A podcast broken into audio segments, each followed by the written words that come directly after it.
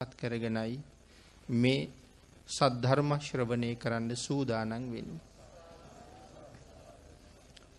පිනතන අද මේ උතුම් පින්කමේ ධර්ම දේශනාවේ ප්‍රධාන අරමුණ හැටියට සෙහිපත් කරන්නට යෙදුනේ ඓතිහාසික සේරුවාවිල මංගල මහා චෛත්‍ය රාජාණන් වහන්සේ පිළිබඳවත් මහසෑය ඉදිකිරීම සම්බන්ධ කරුණු කාරණා ටිකත් විශේෂයෙන් ධර්ම දේශනාවෙන් පැහැදිලි කරන්න කියන ඉල්ලීම. පිනතුන ඒ උතුම් කාරණාව දේශනාවක් හැටියට ගොනු කරනකොට ලොවතුරා සම්මා සම්බුදුරජාණන් වහන්සේගේ තුන්වෙනි ලංකා ගමනය විශේෂයෙන් සෙහිපත් කළ යුතුයි. අපේ බුදුරජාණන් වහන්සේ ලොවතුරා බුද්ධත්වය ලබාගෙන වසර අටක් ගත වෙනකොට. භාග්‍යතුන් වහන්සේ නිමා කළ යුතු. ඒ උතුම් බුද්ධ කෘත්තිය ලෝක සත්‍යයා වෙනුවෙන් නිමා කරලා ඉතිබුණි කෙල සඳහන් කරනවා. ලොවතුරා බුදුරජාණන් වහන්සේ බුද්ධත්වයෙන් අටවෙනි වර්ෂයේ උතුම් වූ වෙසක් පුර පසලොස්සක පෝය දවසේ භික්‍ෂූන් වහන්සේලා ආමන්ත්‍රණය කරලා භික්‍ෂූන් වහන්සේලට දේශනාවක් කළා. මහනෙන මාගේ ශාසනය චිරාත් කාලයක් ලංකා භූමියේ පවතින බවත් බොහෝ ආර්ය වූ භික්‍ෂු භික්‍ෂුණීන් උපාසක උපාසිකාවන් එහි ඇතිවෙන බවත් මහා සංගාරාම ගොඩනැගෙන බවත් මම දන්නවා. ඒ නිසා මහනෙන නැවත වතාවක් ලංකා භූමියයට වැඩම කිරීමේ අවශ්‍යතාවයක් භාගිතුන් වහසට තියෙන බවත් භික්‍ෂූන් වහන්සේලාට සෙහිපත් කොට වදාළ. පිනතින ඒ වෙනුවෙන් මනියක්කිත නම් වූ මහා නාගරාජයන් සැවැත්නුවර ජේතවනා රාමිටම බුදුරජාණන් වහන්සේ දකිින්ට ගිහිල්ල බුදුරජාණන් වහන්සේට මේ ආරාධනාවත් කරලමයි තියෙන්නේ ස්වාමීණි භාග්‍යතුන් වහන්සේ. නාගයන් වෙච්ච අපටත් අනුකම්පා කරලා ලංකා භූමියට නැවත වතාවක් විශේෂයෙන් කැලනියට වැඩම කරන සේක්වා කියන ආරාධනාව සිදු කරලා තිබුණ. ඊට අනුව ලංකා භූමියයට භාග්‍යතුන් වහන්සේත් සමඟ වැඩම කිරීමට කැමති භික්‍ෂූන් වහන්සේලා සූදානන් වෙන්ඩ. පන්සීයක් තරම් වූ භික්‍ෂූන් වහන්සේලාට භාගිතුන් වහසේ සෙහිපත් කිරීම කරහම. විශේෂයෙන් භික්‍ෂූන් වහන්සේලා ඒ වෙනුවෙන් සූදානන් වුණා ඒ වෙනුවෙන් පෙළගෙහුණ. භාගිතුන් වහන්සේගේ ආරාධනාව පිළිගත්ත භික්‍ෂූන් වහන්සේලා බුදුරජාණන් වහන්සේ ලංකා භූමියයට වඩිනතුරු විශේෂයෙන් සූදානන් වෙලා හිටපු ආකාරය පිළිබඳව මෙ තෙවැනි ලංකා ගමනේ සිහිපත් කරන තැන අපූරුවට පැහැදිලි කරලා තියෙනවා. පිනතුන මේ මහාශාසනයේ මහා ප්‍රඥාවන්තය. ලෝතුරා බුදුරජාණන් වහන්සේට විතරක් දෙවනිවුණ කෝටි ලක්ෂයක් සක්වලේ ප්‍රඥාවෙන් නම් තවත් කිසිම කෙනෙකුට දෙවනි නොවිච්ච ලොවතුරා බුදුරජාණන් වහන්සේගේ දක්ෂිණ ශ්‍රාවක. අපේ ගෞතම සම්මා සම්බුද්ධ ශාසනයේ ප්‍රඥාවන්තයෙන් අතර අග්‍රස්ථානය ලබාගත්ත සැරියුත් මහරහතන් වහන්සේ ලංකා භූමියයට වඩින භික්‍ෂූන් වහන්සේලා අතර මුලින්ම පාත්‍රා සිවුරු අරගෙන බුදුරජාණන් වහන්සේ වඩිනතුරු මග පලාගෙන හිටිය කෙල සඳහන් කරනවා. සැරියුත් මහරහතන් වහන්සේගේ ප්‍රඥාව අපේ බුදුරජාණන් වහන්සේ නිතර වර්ණනා කළා. මම සඳහන් කළා කෝටි ලක්ෂයක් සක්වලේ භාග්‍යතුන් වහන්සේට විතරයි දෙවනි වෙන්නේ කියලා. ලෞතුරා භාග්‍යතුන් වහන්සේ වරක් දේශනා කළා මහණෙනි මහා කල්පයක් පුරාවට රෑදවල් පායන්නේ නැතුව වහින වැස්සක වැටුන වැහිබින්දු ගාන කොච්චරද කියලා ඇහුවොත් අහන නිමේෂයට කලින් නිමේෂයත් සමගම ඒ වැහිබින්දු ගණන මෙච්චරයි කියලා පිළිතුරු සපයන්න පුළුවන් මේ සාරිපුත්තයන්ට කියලා. පින්නතින ඒ මහ ප්‍රඥාව ලැබුණේ මහ රහතන් වහන්සේ නමක් වනාට පස්සෙ නෙමෙයි සෝවාන් ආර්ය මාර්ග ඵලයත් ලබන්ඩ කලින් කියලමයි දේශනා කළේ. මහනෙන මෙය උදාහරණයක් දෙනෙමෙයි.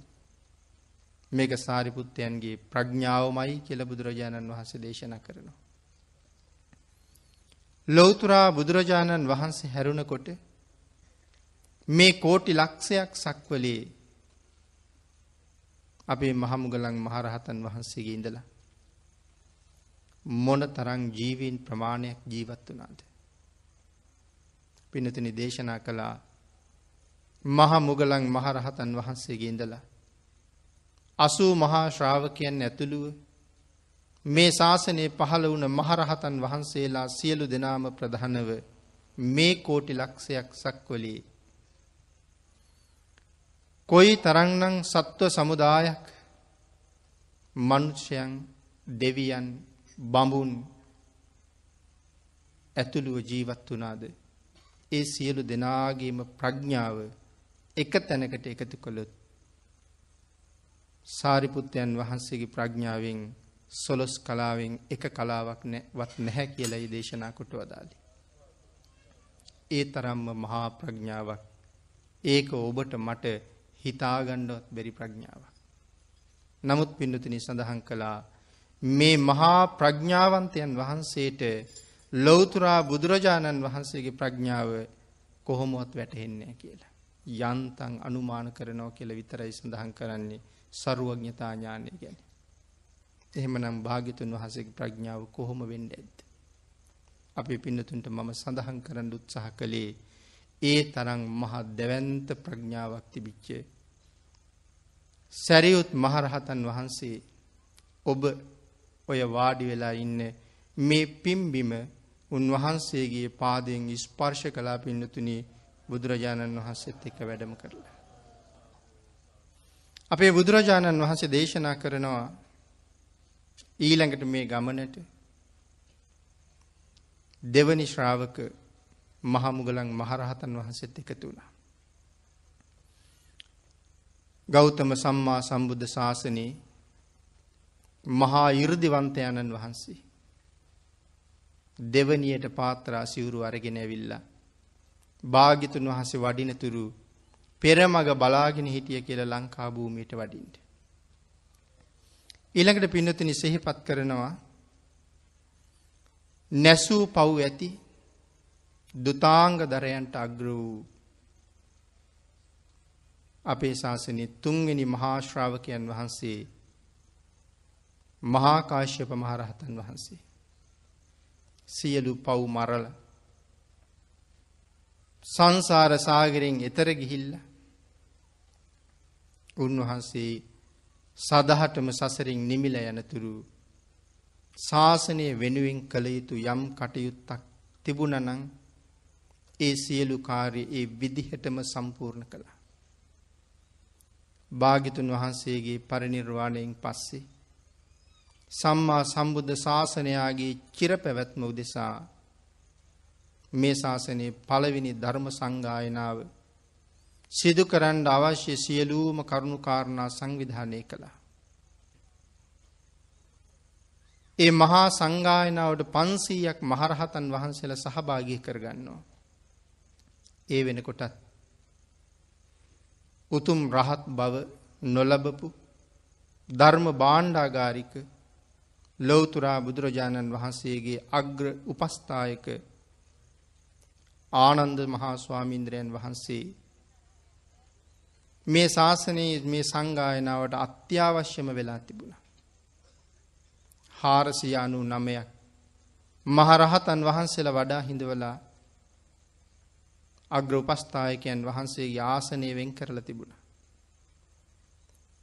පිරිනිවන් පානව කියලා දැනගත්තාම ආනන්ද හාමුදුරුවන්ට පුදුමාකාර ධර්ම සංවේගයක් ඇති වුණා. ඇස් වලින් කඳුළු කඩා වැටෙන්න පටන් ගත්තා. නමුත් භාග්‍යතුන් වහන්සේ ආනන්දයන් වහන්සේට දේශනා කොට වදාලා ආනන්ද ඔබ බොහෝ පින් කළා ඔබ බොහෝ පින් කරලා තියෙනවා ආනන්ද කියලා. ධර්ම සංගායනාව හෙට ආරම්භ වෙන දවස ආනන්දයන් වහන්සේ අද සව් කෙලෙස් නසල සිව් පිළිසිඹියාපත් මහරහතන් වහන්සේ නමක් බවට පත්වෙලා සංගායනා භූමියට වැඩම කරනකොට මහාකාශ්‍යප මහරහතන් වහන්සේ විවේක තැනක වැඩ ඉඳගෙන බලාගෙන ඉන්නවා. උන්වහන්සේ දන්නවා. ආනන්දයන් වහන්සේ සියලු කෙලෙස් නැසුව කියලා. උන්වහන්සේ බොහොම සතුටින් සිහිපත් කරනවා ආනන්ද මගේ භාග්‍යතුන් වහන්සේ අද වැඩ හිටිය නං ඔබේ මේ උතුම් ඵලයේ සම්බන්ධයෙන් සාදුකාර පවත්වනවමයි ආනන්ද භාග්‍යතුන් වහන්සේ විසින් දිය යුතුව තිබූ සාදුකාරය ඔබ වෙනුවෙන් අද මා පැවැත්විය යුතුයි කියලා තුන් වතාවක් සාදුකාර පවත්වපු ඒ මහා කාශ්‍යප මහරහතන් වහන්සේත් අපේ බුදුරජාණන් වහන්සේත් එක්ක මේ තුන්වෙනි ලංකා ගමනයට එකතු වුණා. පිනතුනේ මේ බුද්ධ ශාසනයේ විනය ඥානයන් අතර අග්‍රස්ථානය ලබාගත්ත උපාලී මහරහතන් වහන්සේ පාත්‍රා සිවුරු අරගෙන භාග්‍යතුන් වහන්සේ ලංකා භූමියට වඩින්න සූදානම් වෙලා වඩින තුරු මග බලාගෙන හිටපු මහරහතන් වහන්සේලා අතර තවත් එක රහතන් වහන්සේ නම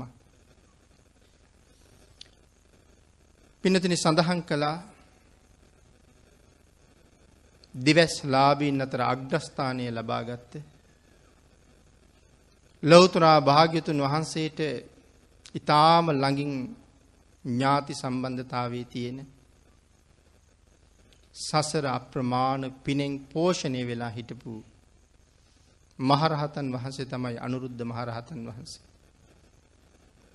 මොන තරං සංසාරි පින් කරල තිබුණද. මේ උතුම් අසූ මහා ශ්‍රාවකයන් වහන්සේ නමක් හැටියට මේ බෝධිය ලබන්ඩ පාරමිතා පුරණ කාලේ කොතරම් දන් දෙන්න ඇද්ද. මේ අන්තිම ජීවිතේ. කුඩා අවදී දරුවන් සමඟ සෙල්ලං කරනකොට සඳහන් කරනවා කැවුම් ඔට්ටු අල්ලලා සෙල්ලං කලා කියලා. ඉතින් නිතරම නිතරම අම්ම කැවුම් හදලය වණ්ඩුවනේ. සෙල්ලමින් පරදිනවා කැවුම් ඉවර වෙනවා ආය පනිවිඩ එවනවා ආය කැවුම් එවනවා මෙහෙම මෙහෙම දරුවන් සමඟ කැවුම් ඔට්ටුවට අල්ලා සෙල්ලං කරනවා. දිගින් දිගටම දිගින් දිගටම කැවුම් ඉල්ලලා පනිවිඩ එවනකොට එක මොහොතක උන්වහන්සේගේ මව සේවකයාතේ පනිවිඩයක් යව්වක් කැවුම් නෑ කියලා. ඒ වෙලාවෙ නැවත ආපහු පණිවිඩයක් කියවෙනවා එහෙමනම් නැති කැවුම් එවන්න කියලා.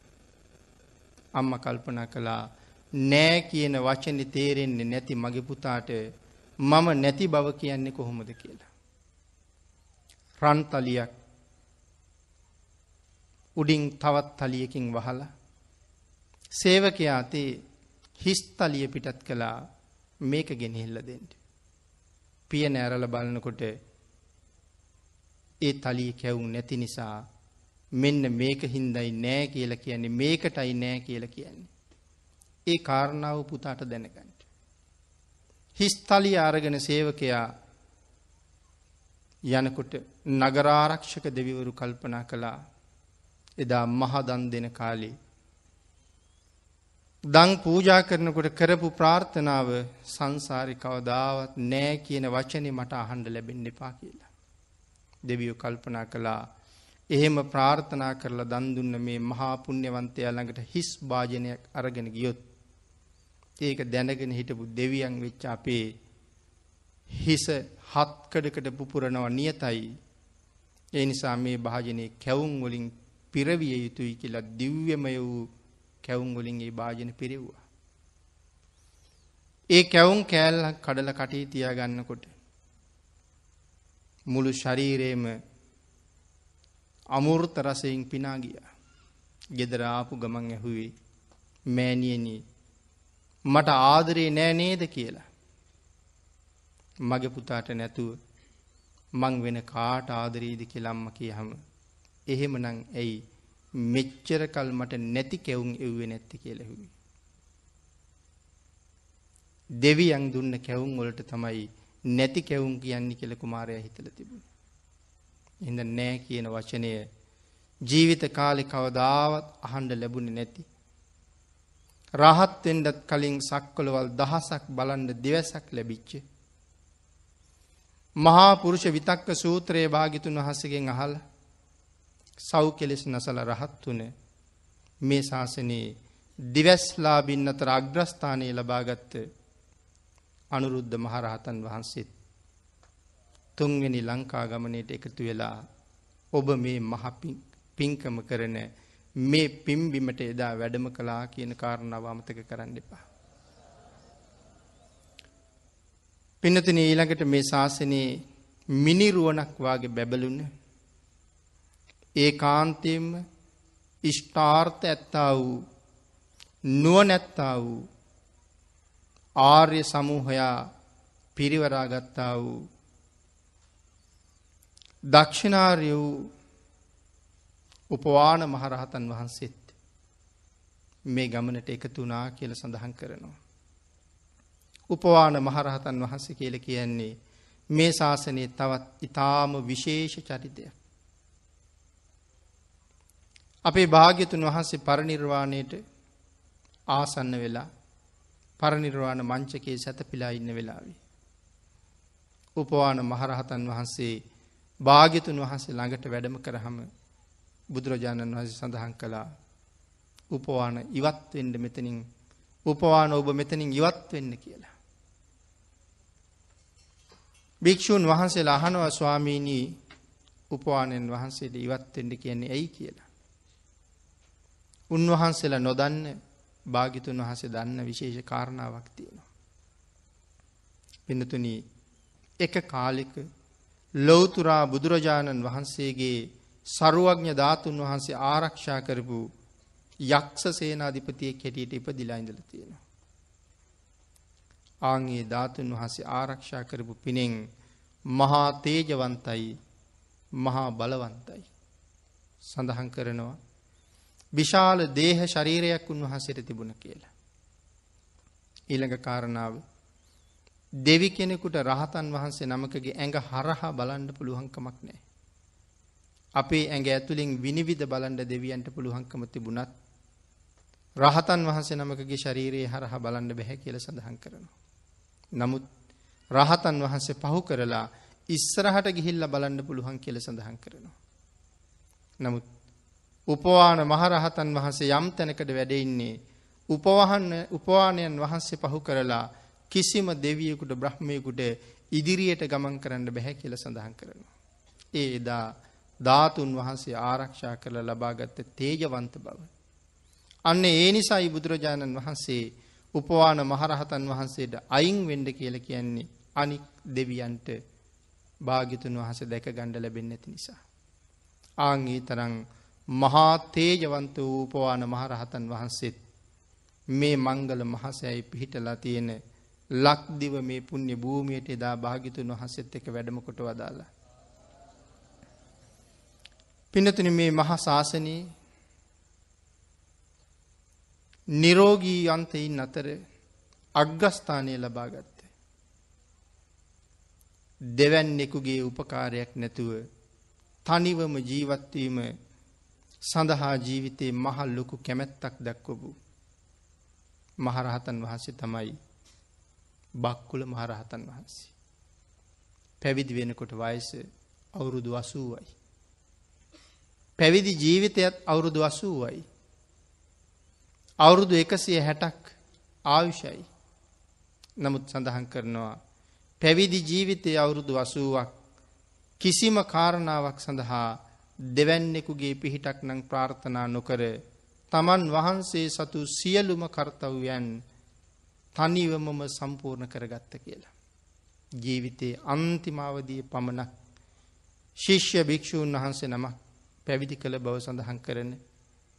නීරෝගිවන්තයන් අතර අග්‍රස්ථානය ලබාගත්ත බක්කුල මහරහතන් වහන්සේත් එදා භාගිතුන් වහන්සේත් එක වැඩම කළා. පිනතන මේ ශාසනයේ මහා තේජවන්ත භික්‍ෂූන් වහන්සේලා අතර අග්‍රස්ථානය ලබාගත්තේ අංගුලි මාල මහරහතන් වහන්සේ. අංගුලි මාල මහරහතන් වහන්සේ පිළිබඳව ධර්ම දේශනාවලින් අපේ අය ඕන තරං අහල තියෙනවා. ඉතාම අහිංසක ඥානයෙන් බොහෝම පරිපූර්ණ හැම දෙනාටම කීකරු වෙච්ච බ්‍රාහ්මණ පුත්‍රයෙක්. අධ්‍යාපනය ලබන කාලි. සහෝදර ශිෂ්‍යයන්ගේ ඊරිසියාවට ලක්වෙච්ච නිසා ආචාර්යවරයට ගතු කියල ආචාර්යවරයා ඒ පිළිබඳව කෝප කරවලා ගුරු පඬුරක් හැටියට මිනිස්සු දහසක් මරලා ගුරු පඬුර ඔප්පු කරන්න කියල සිහිපත් කළේ මෙන්න මේ තේජවන්ත භික්‍ෂූන් වහන්සේ අතර අග තනතුර ලබාපු අංගුලිමාල මහරහතන් වහන්සේට එදා අහිංසක කාලි. තමන්ගේ ගුරුවරයට මොන තරං පක්ෂපාතිී බවක් තිබුණද මුලින් සෙහිපත් කළේ ස්වාමීනී අහිංසක නම් කුලේක ඉපදිච්ච මට මැස්සෙක් මදුරුවෙක් මරාගණ්ඩ තරංවත් ශක්තියක් නැති මට මිනිස්සු දහසක් මරන්ඩ කොහෙන් ශක්තියක්ද ආචාරිවරය සිහිපත් කළේ ඔබට එය කළ නොහැකිනං ශිල්ප පිහිටන්නේ නැති බවයි. එහෙම නං ආචාරිතුමනි මට අවියාවිද සපුවන්ට. කඩුවත් අරගෙන වනගත වනේ ගුරුවරයට තියෙන ගෞරවේ නිසා. නමුත් ගුරුවරය ඒ ඉල්ලීම කළේ මිනිස්සු මරවන්ඩ නෙමෙයි මිනිස්සු ලව්වා අහිංසක මරවන්ඩ ඕන නිසා. ඒ බලාපොරොත්තුව මුදුම් පත් වනේ නැහැ. දහස් ගණන් මිනිස්සු මැරුවා. ලොවතුරා බුදුරජාණන් වහස කල්පනා කළා. මගේ පිහිට නොලැබුණොත් සසරින් එතරවෙඩ තියෙන මේ අවස්ථාව වරදින්න පුළුවන්. භාගිතුන් වහන්සේ අංගුලි මාලයන්ට අනුකම්පා කරලා මහා වනයට නික්මුණා. ඉතාම තිවුණු කඩුවත් අරගෙන බුදුරජාණන් වහන්සේගේ පිටිපස්සෙන් එලවගෙනාව භාගිතුන් වහස මරලදාන්ට. එලවලා එලවලා බැරිතැන. නතර වෙලා බුදුරජාණන් වහන්සේට අනගහල කියනවා තිට්ට ශ්‍රමණ තිට්ට ශ්‍රමණ නවතින්ඩ ශ්‍රමණය නවතින්ද කියලා. නමුත් භාගිතුන් වහන්සේ සඳහන් කළා මම නතර වෙලා ඉන්නේ ඔබ නවතින්ද කියලා. ටිතෝ අහං අංගුලි මාල සබ්බදා සබ්බේසු භූතේසු නිදහය දණ්ඩං තුවංච පානීසු අසං්ඥතෝසී තස්මාටිතෝ හංතු මට්ටිතෝසී. පිනතින මේ හඬ ඇහෙනකොට. අංගුලි මාලයන් වෙවුලුවා කියල සඳහන් කරනවා. මේක සාමාන්‍ය මිනිහෙකුගේ හඬක් නෙමෙයි මේක මහා ගර්ජනාවක් කියල හිතෙනවා. භාගිතුන් වහන්සේගේ අෂ්ටංග සමන්වාගිත බ්‍රහ්මස්වරය අංගුලි මාලයන්ගේ කනට කවදාවත් වැටිල නොතිබුණ මිහිරි හඬක් නමුත් ඉතාම තේජවන්ත හඬක් කල්පනා කළා මේ මහා ගර්ජනාව කාගෙවෙන්න ඇද්ද. මේ ලෝකෙ පහළ වුණා මහා පින් ඇති කාන්තාවක්. එවෙන කවුරුවත් නෙමෙයි මහාමායා දේවින් වහන්සේ. ඇය බිහි කළා මේ ලෝකයට එක පුතේ. ඒ පුතාගේ දානම සිද්ධාර්ථ. ගිහිගී අතහැරලා ලෝතුරා බුද්ධ රාජ්‍ය ලබාගත්ත ඒ සිද්ධාර්ථයන් වහන්සේද මේ. හැබැවින්ම මේ වෙන කවුරුවත් නොවිය යුතුයි. මහාමායාය පුත්තස්ස සිද්ධත් අස්ස සමනරං්ඥෝ ඒ තංගජ්ජිතන්. මහාමායා දේවින් වහන්සේගේ එකම පුත් සිද්ධාර්ථ ශ්‍රමණ මහරජ්ජුරුවන්ගේ ගර්ජනාවයි කියල හිතුණ. චිරස්සං වතමේ මහිසෝ මහේසිං මහාවනං සමනෝ යං පච්චුපාදී. සෝහං චරිස්සාමි පහාය පාපං සුත්වාන ගාතං පලධම්ම යුත්තං. මේ මහා ශ්‍රමණයන් වහන්සේ මටම අනුකම්පා කරලා මේ කැලෑවට වැඩම කළා. ළඟ දන ගහල වැටිලා ස්වාමීනී මව පැවිදි කරගන්න කියලා ඉල්ලීමක් කළා. ආංයදා ඒහි භික්‍ෂු පැවිදි උපසම්පදාවෙන් භාගිතුන් වහන්සේ මහවනය තුළම මේ ශාසනය තුළ හික්මුණ භික්‍ෂුවක් බෝට පත් කළා. කොසොල් මහරජ්ජුරූ කියල කියන්නේ ජම්බුද්ධීපයේ මහා සටන්කාමින් තුන් දෙනාගෙන් එක්කෙනෙ. ඒ කියන්නේ කාටවත් බයනෑ කියන එක යෙදා. නමුත් අංගුලි මාලයන් අල්ලන්ඩ පිටත් වෙලා බුදුරජාණන් වහන්සේ වැඳගණ්ඩ ගිය හම කාරණාව අහල මහරජ අංගුලි මාලයෙන් පැවිදි වෙලා දැක්කොත්. ඔබ මොකද කරන්න කියන අහනකොට රජ්ජුරු සඳහන් කළේ ස්වාමීණී මම දනගහල වඳිනවා කියලා. භාගිතුන් වහසල් ළඟ ඒ වෙනකොටත් ඉන්නවා. නමුත් ඉරදියක් දක්වලා සඟවලයිති. බුදුරජාණන් වහන්සේ දකින්ඩ සලස්සපු හම රජ්ජිරුවොත් එක් කාපු අති දක්ෂ සටන්කාමී රණශූරයෝ අංගුලිමාල හාමුදුරුවන් වහන්සේ දැක්ක ගමන් ආයුධ ටික බිම දාලා තමන්ගේ අස්සයොත් එතනම දාලා මාලිගාවටම දුවලා අට්ටාල උඩත් නැගල තමයි ආපහු හෙරිල බැලුව කිවි. කොසොල් රජ්ජුරුව මහා සටන්කාමිය වුණත් සීතල හැදිච්ච පොඩි දරුවෙක් වගේ අංගුලි මාලයන් වහන්සේ දිහා බලාගෙන වෙවුලනකොට භාගිතුන් වහන්සේ සඳහන් කළා බයවෙන්ඩි පාමහරජ කියලා. ඒ තරම් මහා පුදුම තේජවන්ත බවක් තිබිච්ච ඒ අංගුලි මාල මහරහතන් වහන්සේත් මේ පිම්බිමට වැඩමකුට වදාලා එදා භාගිතුන් වහන්සේත් එක්ක. පින්නතනි ගෞතම සම්මා සම්බුද්ධ ශාසනයේ උදය නැමති පර්වතය තුළ පර්වතය මත දිස්වුන සූර්ය රාජයාවාගේ බැබලිච්ච සිද්ධාර්ථ යුවරජතුමාගේ එකම පුත්‍රයා බවට පත්වෙච්ච පසු කාලෙ ශාසනයට ඇවිල්ලා මහරහතන් වහන්සේ නමක් බවට පත් වන රාහුල මහරහතන් වහන්සේත් මේ ලංකා භූමියට වැඩම කිරීම සඳහා තම පියාණන් එනකං මග බල බලා හිටිය කියල සඳහන් කරනවා.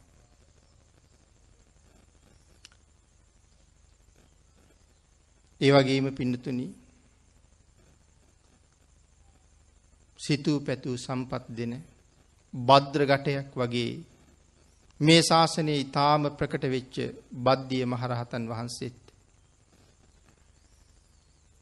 ඒ වගේම සිතූ පැතූ සම්පත් දෙන මහා කල්ප රුක්ෂයක් වැනි වූ ගෞතම සම්මා සම්බුද්ධ ශාසනයේ සේල කියන මහරහතන් වහන්සේත්. මේ සම්බුද්ධ ශාසනයේ සඳ මඩලසේ බැඹලුන අතිශයින්ම ශෝභමාන ශරීර වර්ණයක් තිබිච්ච මහානාම මහරහතන් වහන්සේත් එදා බුදුරජාණන් වහන්සේත් එක්ක තුන්වෙනි ලංකා ගමනට එකතුනා කියල සිහිපත් කරනවා. මනෝසිලා තලයට නැගිලා. සිංහනාද කරන කේසර සිංහරාජීක් වගේ සුභූතිී මහරහතන් වහන්සේත් ගෞතම සම්මා සම්බුද්ධ ශාසනයේ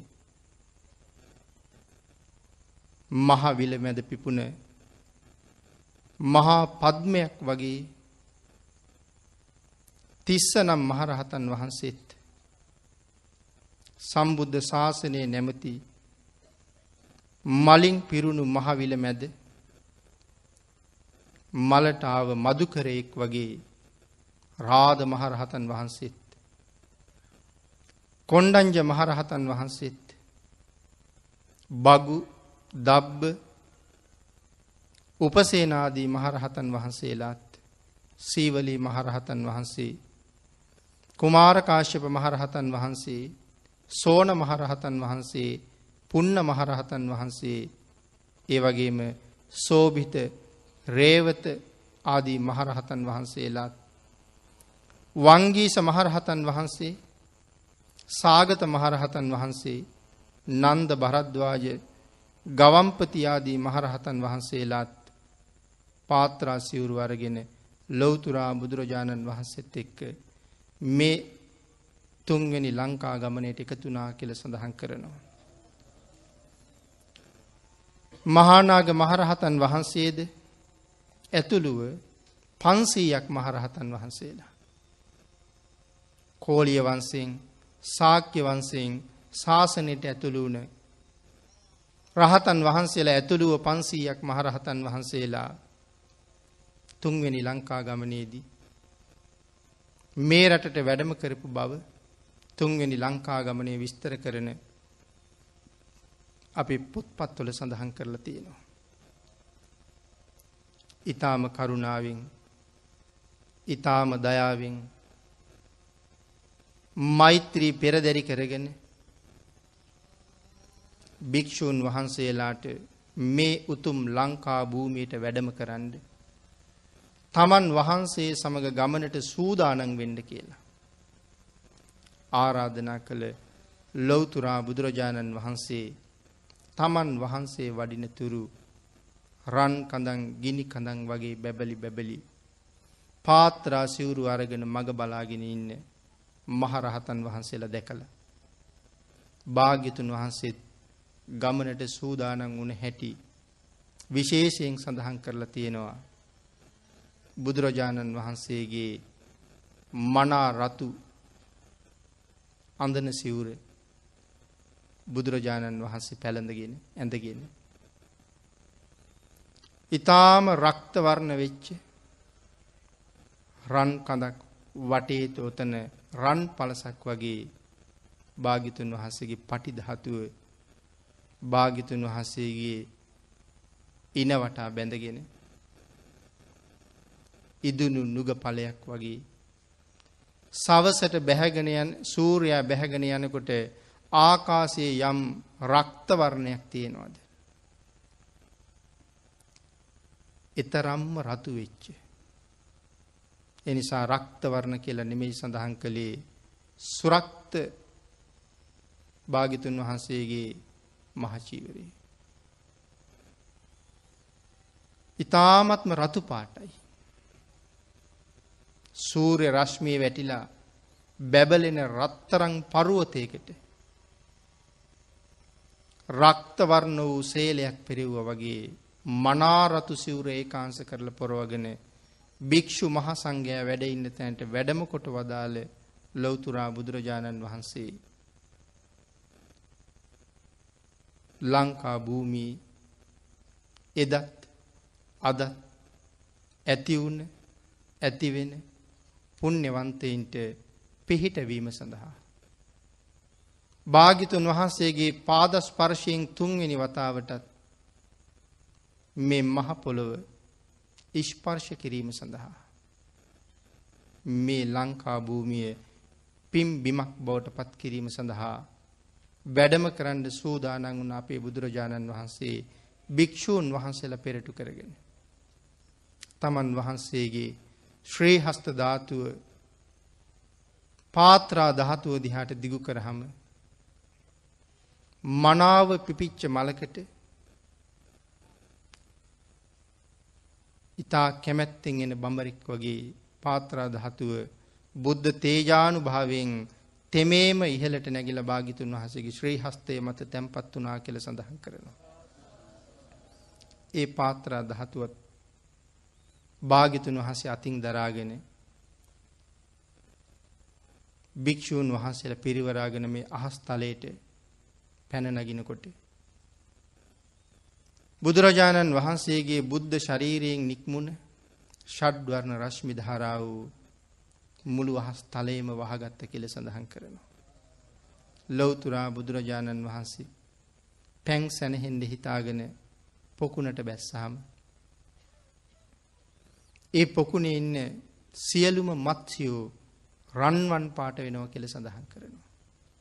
ඒ බුද්ධ ශරීරයෙන් නික්මෙන රන්වන් වූ ආලෝකය නිසා. එහෙමනම් භාගිතුන් වහන්සේ ලංකා භූමියට වැඩම කිරීම සඳහා අහසට පැන නගිනකොට.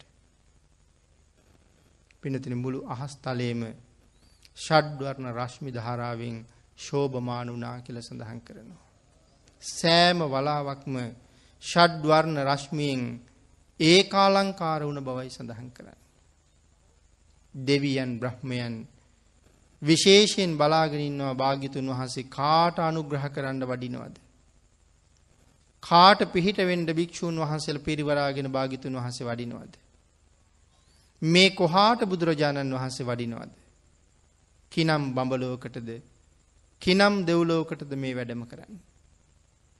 භාගිතුන් වහන්සේ අපට අනුග්‍රහ පිණිස අපේ දෙව්ලෝටම වැඩම කරනවද. එහෙම හිත හිතා දෙවිවරු බුදුරජාණන් වහන්සේ වඩින මග නොඒක් ආකාරයේ පූජාවන් භාග්‍යතුන් වහන්සේටත් මහා සංගරත්නයටත් සිදු කළ බව සිහිපත් කරනවා. සැවැත් නූර ජේතවනාරාමි සලල කුටිය ළඟ තිබුණ අපූරු පොකුණක් මේ පොකුණ නොයෙක් පුෂ්පයන්ගෙන් සමලංකෘත වෙලා තිබිච්ච බව සඳහන් කරනවා.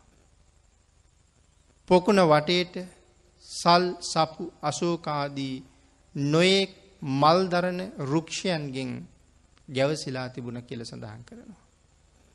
පොකුණට බහින්ඩ ඉතාම පහසු ප්‍රිය මනාප පඩි පෙළවල් හදල තිබුණ කියල සඳහන් කරනවා.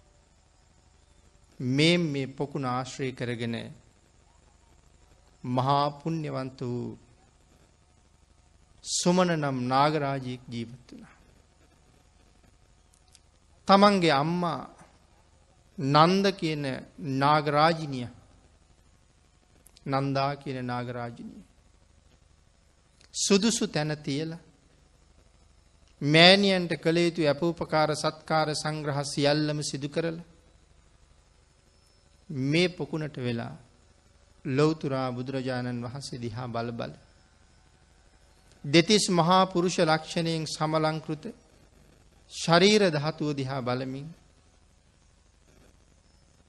අහස් ගඟ ගලනවා වගේ ශ්‍රීමක ධාතුවෙන් ගලා හැලෙන අමා ගඟට කන් යොමු කරමින් මේ නාගරාජය අසූ මහා ශ්‍රාවකයන් වහන්සේලා දිහා බල බල පැහැදෙමින් සතුටු වෙමින් මේ පොකුණේ ජීවත් වුණා එදා බුදුරජාණන් වහන්සේ මේ ලංකා ගමනයට සූදානන් වෙනකොට නාගරාජයත් ළඟ හිටපු නිසා බුදුරජාණන් වහන්සේ කතා කලා සුමන ඔබත් ලෑස්ති වෙන්ඩ මගෙත් එක්ක ලංකාවට යන්න කියලා. බොහෝම සතුටට පත්වෙලා මනාව මල්පිපිච්ච සපු ගහක්. අතින් දරාගෙන භාග්‍යතුන් වහන්සේගේ හිසට සූර්ය රශ්මිය මුවහ කර කර මේ සපු ගහ දරාගෙන සුමන නාගරාජයත් බුදුරජාණන් වහන්සෙත් එක්ක මේ ලංකා භූමියයට පැමිණියා කියල සඳහන් කරනවා. තනියම නෙමෙයි තමන් සමග තමන් යටතේ ඉන්න කෝටි හයක නාගසේනාවකුත් එදා සුමන නාගරජ්ජුරුවොත් එක්ක මේ ස්ථානයට භාගිතුන් වහසෙත් එක පැමිණිය. අපේ බුදුරජාණන් වහන්සේ මුලින්ම වැඩම කළේ මනියක් හිත නාගරජ්ජිරුවන්ට අනුග්‍රහ පිණිස කැලණියට. නාගරජ්ජුරුව ඉතා විශේෂ මණ්ඩපයක් හදල ලොවතුරා බුදුරජාණන් වහන්සේ ඇතුළු පන්සීයක් මහරහතන් වහන්සේලාට දිව්‍යමය ආහාර පානවලින් පිණිගන්වලා සංග්‍රහ කරන්නට යෙදුනා. නා රජු ඇතුළු පිරිස පිළිගැන් වූ දානය වලඳලා අපේ බුදුරජාණන් වහන්සේ නා රජු ඇතුළු පිරිසට ඉතා විශේෂ වූ ධර්ම දේශනාවක් සිද්ධ කරන්නට යෙදුණ. පිනතුන භාගිතුන් වහසේ දේශනා කරපු ඒ උතුම් ධර්ම දේශනාව ඉතාම සතුටින් ධර්ම ප්‍රීතියෙන් යුක්තව නාරජු පිරිස ඇතුළ ඇතුළු පිරිස මනාව ධර්මශ්‍රවනය කළා. භාගිතුන් වහස විශේෂයෙන් නාගයන්ට සඳහන් කළා. මේ ලෝක දහතුව මේ සංසාර සාගරය කොයි තරං දුෂ්කරද කොයි තරං ගැඹුරුද කෙතරම් භයානකද කොයි තරං දීර්ගද මේ කරුණු කාරණා දක්වමින් ලෞතුරා බුදුරජාණන් වහන්සේ මනාව දේශනාවක් තමයි නාගයන්ට සිදු කරන්නට යෙදුනි. විශේෂයෙන් පින්නතිනි සඳහන් කරනවා. බුදුරජාණන් වහන්සේ පංචකාමී පිළිබඳව නාගයන්ට විශේෂ දේශනාවක් සිදු කරපු බව. ඇහෙන් දැකීමෙන් සසර පැටලුන හැටි. කණෙන් ඇහීමෙන් සසර අතර මං වුණ හැටි. රසයට ගිජුවීමෙන් සංසාර සාගරී ගිලුන හැටි විශේෂයෙන් භාගිතුන් වහස විස්තර කර කර අපූරු දේශනාවක් සිදු කළා. එතන පින්නතින විශේෂයෙන් සඳහන් කළා ලෝක සත්වයා ශබ්දයට ඇබ්බැහි වෙච්ච නිසා. ශබ්ද රසයට ගොදුරු වෙච්ච නිසා. සංසාරි කොයි තරං අතරමං වෙනවද. මහා වූ ඉර්දි දක්වන්න තරං පුළුහන් වෙච්ච. අති දීර්ඝ කාලීනව බ්‍රහ්මචරියාව ප්‍රගුණ කරපු අය පවා ශබ්දය නිසා සසර අතරමං වුණා කියලා. ඒ කාරණාව පැහැදිලි කරමින් මහා මෝර ජාතකයේ භාග්‍යතුන් වහන්සේ දේශනා කොට වදාලා මණියක් හිත නාරජු ඇතුළු පිරිසට. මහා මෝර ජාතකයේ අපි බොහොම කෙටියෙන් සිහිපත් කළොත් මනාව වැඩුණු මොනර කිරිල්ලියක් නිරුපද්‍රිත තැනක හෙළපු රන්වන් බිජුවටය. උපද්‍රවවලින් තොරව නිසි කාලී බිජුවටය මෝරලා රන්වන් මොනර පෙටියෙක් එයින් එලියට නික්මුණ බව සඳහන් කළා. ඔලින් දැට දෙකක් වගේ රතුම රතු පාට ඇස් දෙකක් මුතු ඇටයක් වගේ අපූරු හොටක්. ගෙලවටේට තුන් වලල්ලක් ඇති රක්තවර්ණ වූ මනා මාලය පිටදිගේ ගමන් කරපු රක්තවර්ණ ඉරිතුන සහිත රන්වන් පාට මොන්ඩ පැටියෙක්. ඉතාම නිරෝගීව වැඩුණා. අනික් මොනරු මේ රන්වන් වූ මොනරා තමන්ගේ රජු බවට පත් කරගත්තා. එක දවසක් නාගණ්ඩ කියල ගියපු වෙලාවේ. නැතම් පැම්බොන්්ඩ කියල ගියපු වෙලාවේ. තමන්ගේ රුව ජලය තුළින් දැක්කා. එදා තමයි තමන්ගේ ලස්සන දැක්කි. ඉට පස්සෙ තීරණය කළා මේ ලස්සනත් එක්ක ඉන්න මට බොහෝ හතුරු ඇති වෙන්න පුළුවන්. මං සියලු මොනර ගණයාගෙන් වෙන්විය යුතුයි කියලා. සියලු මොනරු නිදාගත්තට පස්සේ මහරාත්‍රියම ඉතා ඈතට පියඹලා ගිහිල්ල හිමාලයේ කඳු වලලු තුනක් පහු කරලා හතරවෙනි කඳු වලල්ලි කිසි කෙනෙකුට ළඟාවිය යුතු ළඟාවිය නොහැකි ගල් ගුහාවක් ආශ්‍රය කරගෙන මහා නුග ගහක් ළඟ මේ මොනර රාජයා තනියම ජීවත් වනා කියලා. පින්නතින එදා රජ්ජුරුවන්ගේ බිසව. දවසක් හීනයක් දැකලා. රන්වන් මොනරෙකුකින් බනාහල. රන්වන් මොනරා ධර්ම දේශනා කරලා. යන්ඩ හදනකොට බිසව මොනර අල්ලගණ්ඩ පැනල දුවනු. නමුත් මොනර අල්ලගණ්ඩ බැරි වෙනවා. එතකොට බිසවට ඇහැරෙනවා. ඇහැරුණත් මොනර ගැන ලොකූ කැමැත්තක් තියෙනවා. මෙහෙම සිහිනයක් දැක්ක කියල කිවත් රජ්ජුරුව මට සලකන එකක් නැහැ. ඒමනං මොනරෙක් හොයාගණ්ඩ ඕන නිසා රජ්ජුරුවන්ට සඳහන් කළා මහරජය දොළදුකක් තියෙනවා. මොකක්ද කියලා අපපුහම රන්වන් මොනරෙකුගෙන් බණ හන්ඩුවනේ. රජ්ජුරුව සඳහන් කළා රන්වන් මොනරු කොහෙද ඉන්න කියලා. බිසව සඳහන් කළේ කොහෙන් හෝරන්වන් මොනරෙක් ඕනේ. නොලැබුණොත් මමත් නැහැ කියලා හිතාගන්න කිව්වා. නමුත් බිරිඳ තමාට නැතිවෙයි කියලා හිතපු නිසා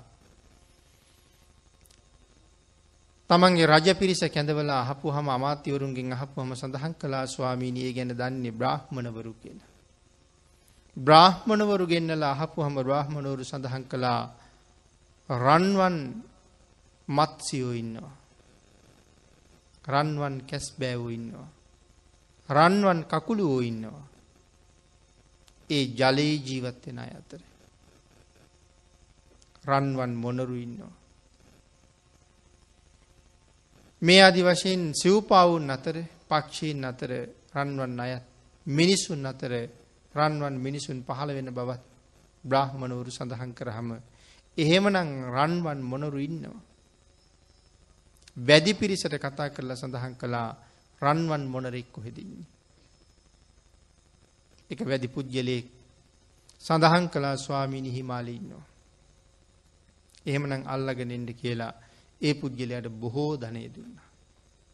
ධනය දරුවන්ට දීලා ඔහු හිමාලයට ගිහිල්ලා උගුලක් හදාගෙන බලාගෙන ඉන්නවා මොනරල්ලන්ට.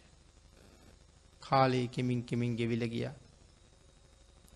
වැද්දට වයස ගිය මොනරල්ල ගණ්ඩ බැරි වුණ වැද්ද හිමාලිම මැරුණ මොනර ලැබුණේ නැහැ රජබිසවත් මැරුණ රජ්ජුරුව කල්පනා කළා මොනරෙක් හින්දයි මගේ බිසව මට නැතිවුණේ. කලින් තිබුණේ රන්වන් මොනර ගැන ලොකු කැමැත්තක් හැබැයි දැන් තියෙන්නේ රන්වන් මොනර ගැන වෛරයක්. ඒ නිසා රන්පතක ලීවා රන්වන් මොනරුන්ගේ මස් කෑවහම අමරණීය වෙනවා කියලා. රන්පතක ලියන්නේ ඉතා විශේෂ දෙයක්. රජ්ජුරුවම එක රන්පතක ලීවේ මොනර පිළිබඳව තියෙන දැඩි තරහව නිසා. කවුරු හරි ලව්ව මේ මොනර මරවන්ඩ මෝන නිසයි. රජ්ජුරුවන්ගේ කාලෙ බැරි වුණා රජුත් මැරුණ. දෙවනි රාජ පරම්පරාව අය මේක දැකලා නැවත වැද්දෙක් යව්වා. ඒ වැදි පුද්ගලයටත් බැරි වුණා මෙහෙම මෙහෙම රාජ පරම්පරා හයක් විනාස වෙලා මැරිල ගියා වැදි පුද්ගලයොත් හය දෙනෙක් හිමාලෙම මරණයට පත් වනා නමුත් මොනරල්ල ගණ්ඩ බැරි වුණ. හත්වෙනි රාජ පරම්පරාවේ හත්වෙනි රජ්ජුරූ හත්වෙනි වැදි පුද්ගලයකුත් හිමාලයට යව්වා ඔහු අවුරුදු හතක් මේ මොනර පිළිබඳව පරීක්ෂණ කළා. නමුත් ඔහු වසර හතක් මුළුල්ලේ පරීක්ෂණ කරනකොට ඔහු දැක්කා. මේ මොනර උදේට ඉන්න තැනින් ගුඩට ඇවිල්ල පර්වත මස්තකයෙහි වහල නැගෙන සූරයා දිහා බලාගෙන මොනවද කියනවා. හවස සූර්යා අස්තංගත වෙලා අඳුර වැටෙන්ඩ වෙනකොට බැහැල යන සූරය දිහා බලලා තවත් යමක් කියනවා. මේ තමයි මොහුගේ ආරක්ෂාව. ඒ නිසා මොහු අල්ලන්න කාටවත් බෑ. එහෙමනම් උදේ නැගෙන සූරයා දිහා බලාගෙන මේ මොනර රජ්ජුරුව මොකක්ද කිය. උදේතයන් චක්කුමා ඒක රාජා හරිස වන්නෝ පටවිප්ප භාසු තං තං නමස්සාමි හරිස්ස වන්නං පටවිප්ප භාසං තයජ්ජ ගුත්තා විහරේ මුදිවස මේ ආදි වශයෙන් මෝර පිරිත. උදේට කියනවා උදේට කිව යුතු ගාථා දෙක. හවසට කියනවා හවසට කිව යුතු ගාථා දෙක. අපේතයන් චක්කුමායේක රාජා හරිස්ස වන්නෝ පටවිප්ප භාසු. උදේට කියනකොට උදේතයන් චක්කුමායක රාජා හවසට කියනකොට අපේතයන් හවසට කියනවා. පිනතන එදා මේ මොනර මොනතරං පාණ්ඩිත්‍යයකින් යුක්ත වෙන්ඩ ඇද්ද මෝර පිරිත ගැන ඔබාපි හැමෝම දන්න. අදත් මෝර පිරිත අපි භාවිතා කරනවා. ආරක්ෂාව සඳහා. ලෞතුරා බුද්ධ රාජ්‍ය ලබාගත් අපේ බුදුරජාණන් වහන්සේ මේ මෝර පිරිතේ එක අකුරක් ඇලපිල්ලක් ඉස්පිල්ලක් වෙනස් කළේ නෑ. එදා තිරිසං ආත්ම ඉපදිලා ඉන්න කාලේ කියපු පිරිත සර්ුවඥතා ඥානයෙන් බැලුවත් හදන්ඩ අඩු පාඩුවක් නං තිබුණ නෑ. ප්‍රඥ්ඥාවෙන් අගතැම්පත්. අපේ සම්මා සම්බුදුරජාණන් වහන්සේ. ලොවතුරා බුදුරජාණන් වහන්සේලගේ ප්‍රබෙහෙදෙන් ප්‍රඥ්ඥාවන්ත භික්‍ෂූන් වහන්සේලා තරාග තනතුර දැරුවා. එහෙමනං බෝධි සත්ව කාලි තිරි සංආත්ම ඉපදිලා ඉන්න කොටත් ඒ ප්‍රඥාව මොන තරං මහා ප්‍රඥාවක් බවට පත්වෙලා තිබුණත්. අදත් මේ පිරිත ඔබට අපට මහත් වූ ආශිර්වාදයක්. මහත් වූ රැකවරණයක් මේ පිරිත තුළ තියෙනවා. අවුරුදු හත්සේයක් මොනර රජ්ජුරු ආරක්ෂා කළේ මේ පිරිත. මෙන්න මේ වැඩි පුද්ගලයා දැක්කා මේ මොනරත් තනියම ජීවත් වෙන බවයි පේන්නේ. දෙන්නෙක් එක්ක නෑ. එහෙනම් මොහු බ්‍රහ්මචාරී. මොහු රකින උතුම් සීලයක් තියෙනවා. මේ සීලය මොහුව තවත් ආරක්ෂා කරනවා. එනිසා මොහුගේ සිල් බිඳල නමුත් මොහු අල්ලගණ්ඩ ඕනි කියල කල්පන කළා. නැවත ඔහු හිමාලින් බැහල ගිහිල්ලා මොනර කිරිල්ලියක් කල්ලගත්තා. ඒ මොනර කිරිල්ලිට හොඳට පුරුදු කළා අසුරක් ගහනකොට කෑගහන්ට. එදත් මොනර කිලිල්ලි ළඟට ගෙනත් තියාගෙන හිමාලයට වෙලා හිටිය. උදේ සූරයා නැගෙනකොට මොනර රජ්ජුරු ගල් පරෝතය මස්තකයට ආව සූරයා දිහ බලලා ආරක්ෂක වාක්‍ය කියන්න කලින් අහුරක් ගැහුවා. ඒත් එක්කම මොනර කිරිල්ලි කෑ ගහන්ඩ ගත්තා.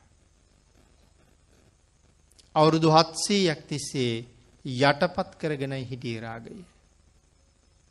නමුත් මොනර කිරිල්ලියගේ හඬ ඇහෙනවත් එක්කම ආරක්ෂාව සිහිපත් කරන්න අමතකුණා රාගෙන් මත් වනා එහෙම්ම මහසට නැගුණා මොනර කිරිල්ලිගේ හඬ ඇහිච්ච දිහාට වේගින් පියාඹලාව. ඔහු පියාඹගනීමත්. මහපොළොව ස්පර්ශ කරලා පාදේ බිම තියෙනවත් වැද්දග මලපුඩුවත් එකට මයි තිබුණේ ඒත් සමගම උගුලට හුුණා ඒත් එක්කම උගුල ගැස්වුනා මොනර රජ්ජුරූ එල්ලෙන්ට පටන් ගත්තා. වැද්ද කල්පනා කළා. බ්‍රහ්මචාරී මහසිල්වත් මොනර රජෙක් මේ රජ්ජිරුවන්ගේ මං සිල් බිඳල කරගත්තේ එසේ මෙසේ පාපයක් නෙමේ. පරම්පරා හයක් මේ රජ්ජුරුව අල්ලන්ඩ බැරූගී සීලේ නිසා. මමත් හත්වෙනි පරම්පරාව හැටියට හත් අවුරුද්දක් තිස්සේ මට බැරි වුණා මොන රජ්ජුරුව අල්ලගන්ට. නමුත් මේ මොනර කිරිල්ලිගේ හඬට වසඟ වෙච්ච මේ මොනරා අද මගේ උගුලට බැදුනා. මම කුමක් සඳහා මොහු මරණවද. මා විසින් මොහු නොමැරිය යුතුයි නමුත් ළඟට යන්ඩ ලොකු බයක් තිබුණ මොකද සඳහන් කරනවා ඇතෙක් වගේ ලොකුයි කියලමුණර. තමන් මරන්ඩ එනවා කියල බයට පාපහරක් එල්ල කළත් බැද්ද මැරෙනවා. තටු ගහනකොට පාරක් වැදුනලං ඒත් වැද්ද මැරෙනවා. කල්පනා කලා මොනර රජ්ජුරූ මරල බෑ. ඔහු මුදවන්ඩ ඔහු බැඳිල තියෙන උගුලේ ලනුවට ඊ තලයක් මුදාහරින්ඩ ඕන කියලා. සැඟවිලා දුනු දයා දිනකොට මොනර රජ්ජුරුව දැකල අහනවා මං මරන්න එපා. මම අල්ලගත්තේ කාට හරි පෙන්නලා ධනය ලබන්ඩනම් මාව ජීවග්‍රහයෙන් ගෙනහිල්ල පෙන්නලා ධනය ලබට. මං මරන්න එපා කියලා. බොහෝම සංවේගයට පත් වන වැදි පුද්ගලය සඳහන් කරනවා මොනර රජුනි ඔබ මරණ්ඩ නෙමේ සූදානම්. මං ඔබ මුදවණ්ඩයි සූදානම්. නමුත් ඒ වෙලාවේ මොනර රජ්ජුරුව මේ වැදි පුද්ගලයට බොහෝ කරුණු කාරණා කියල දුන්න. බැද්ද මෙච්චර කල් සත්තු මරල තියෙන්නේ මොකද.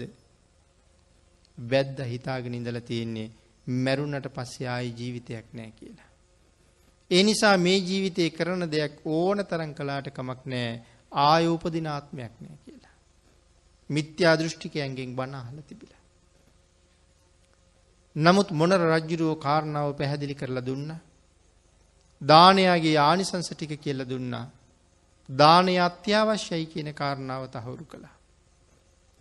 ඒ සියලුම කරුණු ඒ මොහොතෙම පිළිගත්තා. මොනර රජ්ජුරුවන්ගේ දේශනාව ඇතුළේ අනිත්‍ය පිළිබඳවත් කියවුණා. සූරයා නැගීගෙනනවා. බැද්ද පොරුන්දුන අය කවදාවත් කිසිම පාපයක් කරන්නේ කියලා. නැගෙන සූරයා දිහා බැලුව. අනිත්‍ය සංඥාව වැඩුව. පින්නතුන මොනර දඩේමේ ගීපු වැද්දා. පසේ බුද්ධත්වය ලැබවා. පසේ බුදු වෙන බෝධි සත්වය. පසේ බුද්ධත්වය ලබල මොනර රජ්ජිරුවන්ට කියනවා මොනර රජුණී මගේ ගෙදර ඉන්නවා. ගැට ගහල දාලාපු සත්තු ගොඩක්. මං ඔවුන් කොහොමද මුදවන්නේ කියලා. පුදුමයක තරම පසේ බුද්ධත්වය ලබාගත්ත මේ පසේ බුදුරජාණන් වහන්සේ තිරිසං ආත්මයක ඉන්න මහ බෝසතාණන් වහන්සේගෙන් උපදේශයක් ඉල්ලනවා බන්ධනගත සත්වයෝ මරන්නේ කොහොමද නිදහස් කරන්නේ කොහොමද කියලා. මොන රජ්ජුරුව සඳහන් කළා ඔබ ලබාගත්ත උතුම් ඵලය අධිෂ්ඨාන කරලා මේ සක්වලේ බන්ධනගත සත්වයෝ ඉන්නවා නම් සියලු දෙනාම මිදෙන් අධිෂ්ඨාන කරන්න කියලා. ඒ අධිෂ්ඨානයත් එක්කම හැම තැනම බැඳුන සියලු සත්වයෝ නිදහස් වුණා. මේ කාරණාව සිහිපත් කළේ ශබ්දයට වසඟ වෙච්ච නිසා ඔබයි මමයි මේ සංසාරය මොන තරම් දුක්විඳින්ට ඇත්ද. හිනාවට වහල්ලුනා කතාවට වහල්ලුනා ගීතයට වහල්ලුනා හඬට වහල්වීම නිසා සතරාපායි කොයි තරං කාලයක් දුක්විඳින්ට ඇත්ද. ආංගේ කාරණාව දක්වණ්ඩයි ලොවතුරා භාගිතුන් වහන්සේ මෙන්න මේ කාරණාව දේශනා කොට වදාලි. පිනතින බුදුරජාණන් වහන්සේ ඒ කාරණාව මනියක් හිත නාගරජ්ජිරුවන්ට පැහැදිලි කරලා මනියක් හිත නාගරජ්ජිරුවන්ට නැවත කාරණාවක් පැහැදිලි කළා. නාගරජ්ජිරුවනි මෙන්න මේ ස්ත්‍රී රූපය නිසා සංසාරය දික්කර ගත්තාය සසර අතරමං වෙච්චාය මෙතකැයි නිමක් නෑ. ධ්‍යාන වඩල බවුන් වඩල ධ්‍යාන ලබල අහසින් ගියපු මහරිෂිවරු ස්ත්‍රී රූපයට සමාන නාරිලතා පුෂ්පයන් දැකලා තමන්ගේ ධ්‍යාන බිඳගත්ත කෙල සඳහන් කළා. ප්‍රඥාව පාවිච්චි කරලා රූපයට වසඟ නොවී මේ සංසාරෙන් එතරයන්ඩ බුද්ධෝත් පාද කාලයක් ලැබුණ මොහොතක වහ වහා එයින් ප්‍රයෝජන ගණ්ඩ උත්සාහ දරන්න කියන කාරණාව මතක් කළා. අතිශයින්ම දුර්ලභ වූ බුද්ධෝත් පාද කාලයේ බොහෝ කාලෙකින් ලැබෙන උතුම් බුද්ධෝත් පාද කාලය තුළ පමා නොවී මේ සංසාරයෙන් එතර යන්ඩ ජාති ජරා ව්‍යාධි මරණ ශෝක පරිදේව දුක්ක දෝමනස්ස උපායාස කියන මේ මහා දුක්කක් කන්දයෙන් නිදහස් වෙන්ඩ මේ බුද්ධාන්තරය ඔබට මහත් වූ පිහිට මෙයින් ප්‍රයෝජන ලබන්ඩ කියන කාරණාව සෙහිපත් කළා. ඊළඟට පින්නතුන නැවත වතාවක් මොන රජ්ජුරුව සිහිපත් කරනවා. මිනිස්සු ශබ්දයටත් ඇලෙනවා. මිනිස්සු රූපයටත් ඇලෙනවා. මිනිස්සු රසයටත් ඇලෙනවා. මිනිස්සු රසයට ඇලිච්ච නිසත් සංසාරය දික්කරගන්නවා. භාගිතුන් වහස දේශනා කරනවා මහනිනී මාළුවා නැසුනේ රසය නිසා කියලා. මාළුවා අල්ලන්ඩ කල්පනා කරපු අය. බිලී කටුවට තවත් මාන්සයක් අමුණලා පතුරට දානවා. වතුරේ ඉන්න මාළුවාට ඕන තරම් වතුරේ කෑම තියෙනවා. නමුත් රස තෘෂ්ණාව නිසා බිලී කටුවේ දඟලන මත්ස්‍යා ළඟට ඔහු එලව එලව පිටිපස්සෙන් එනවා. ආන්ගේ රස තෘෂ්ණාව නිසා ඒ මත්ස්‍යයා ගිලිනවත් එක්කම ඔහුගේ ජීවිතයේ මහා දුකකට ඇද වැටෙනවා. එමනං ශබ්දයත් එහෙමයි. රූපයත් එහෙමයි. රසයත් එහෙමයි. මේ හැම කරුණක්ම පැහැදිලි කර කර අපේ භාගිතුන් වහන්සේ නාග පිරිසට ධර්ම දේශනා කළා. නාග පිරිසට ධර්ම දේශනා කරලා. නාගයන් ධර්මය තුළ පෝෂණය කරලා භාගිතුන් වහසේ භික්‍ෂූන් වහසේලත් සමඟ සිරිපාඩවියට වැඩම කළා.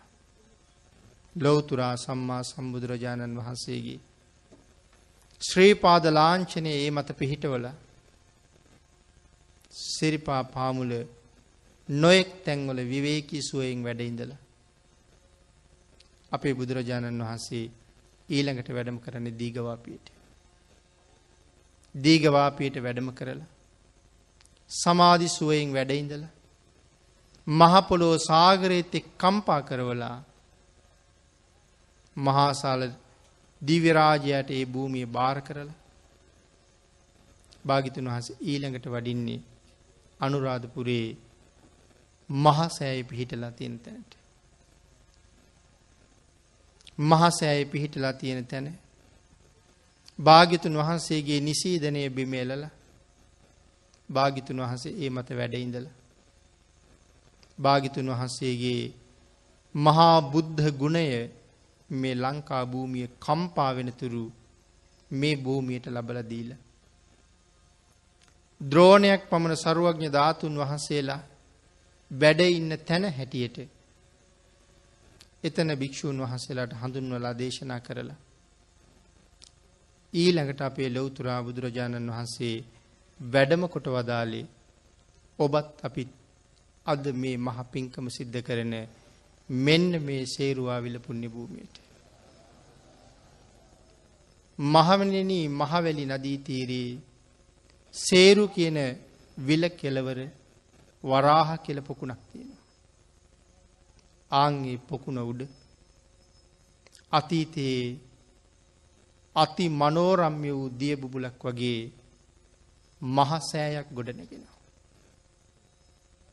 ආංගේ සෑය ගොඩනගන්නේ කාවන්තිස්ස නම් මහරජි මහනනී ආංගේ සෑය පිහිට ඕන තැනට වැඩම කළ යුතුයි කියලා භාගිතුන් වහස භික්‍ෂූන් වහසලට සඳහන් කළා. එදා භික්‍ෂූන් වහන්සේලත් එක වැඩම කරලා මේ ඒ වරාහ කියන පොකුණ තිබුණ තැන ඒ පොකුණ මත තමයි මේ සෑය පිහිටනව කියල සඳහන් කරන්න. අති මනෝරම් වූ දිය බුබුලක් හා සමානයි කියල දේශනා කොට වදාලා. මේ සෑය දකිනකොට හැබෑම දිය බුබුලක ස්වරූපය කොහාටවත් ඇදවුනේ නැති. කොහාටවත් බරවුනේ නැති. මනෝරම් වූ අපි දැකපු දියබුබුලේ හැබෑ ස්වභාවයම මහසෑ රාජ්‍යයනයන්ගින් පිළිබිඹු වෙන බව අපිට පේනවා. ලොවතුරා බුදුරජාණන් වහන්සේ මෙතන වැඩඉඳල සමාධියට සමවැදිල මේ මහපොළොව කම්පා කෙරෙව්ව කියල සඳහන් කරනවා සාගරේති. ආංගේ වෙලාවේ මේ ලක් දෙරන කුඹල් සකක් කැරකෙනවා වගේ කැරකුණා කියල සඳහන් කරනවා. මහපොළොව හත් පොලකින් ස්පර්ශ කරන මහා හස්තිරාජයේ කණඩ නගනකොට කොහොම හඬක් නැගෙයිද එදා මහපොළොව ප්‍රීතියෙන් පිනාගිහිල්ල ඒවාගේ මහා හඬක් නැගුව කියල කියනවා. සුවඳ මිශ්‍රවෙත්‍ය වාතය මේ ප්‍රදේශයේ පුරාම හමාගෙන ගියා ඉතාම මිහිරි සුවඳයි මහපොළොව නගන හඬ සාගරයේ රැලි පෙරෙන්කොට යම් හඬක්ද මහපෘතිවෙන් එවන් මහා හඬක් මේ භූමියේ එදා නැගුණ කියල සඳහන් කරනවා. ඒ තරම් ආශ්චර්ය පුුණ්‍ය භූමියකයි අද අපිට මේ පෑ ගානක් ගත කරන්න අවස්ථාව උදා වෙලා තියෙන්නේ. ලොවතුරා බුදුරජාණන් වහන්සේ සමාධීන් අවදි වෙලා තමන් වහන්සේ වැඩහිටපු මේ බිමදිහා නැවත නැවත හැරි හැරි බලනු. වෙන තැනකින් දැක්කෙ නැති විශේෂ කාරණාවක් දැකපු නිසා සමිද්දි සුමන නාගරජ්ජුරුවන් ඇවිල්ල හනවා ස්වාමීනි භාගිතුන් වහන්ස මොන වගේ හේතුවක් නිසාද කියලා. ඒ වෙලා නැවතත් දේශනා කළා සුමනයිනී මගේ ලලාට ධාතුන් වහන්සේ. පරිනිර්වාණයෙන් පස්සේ.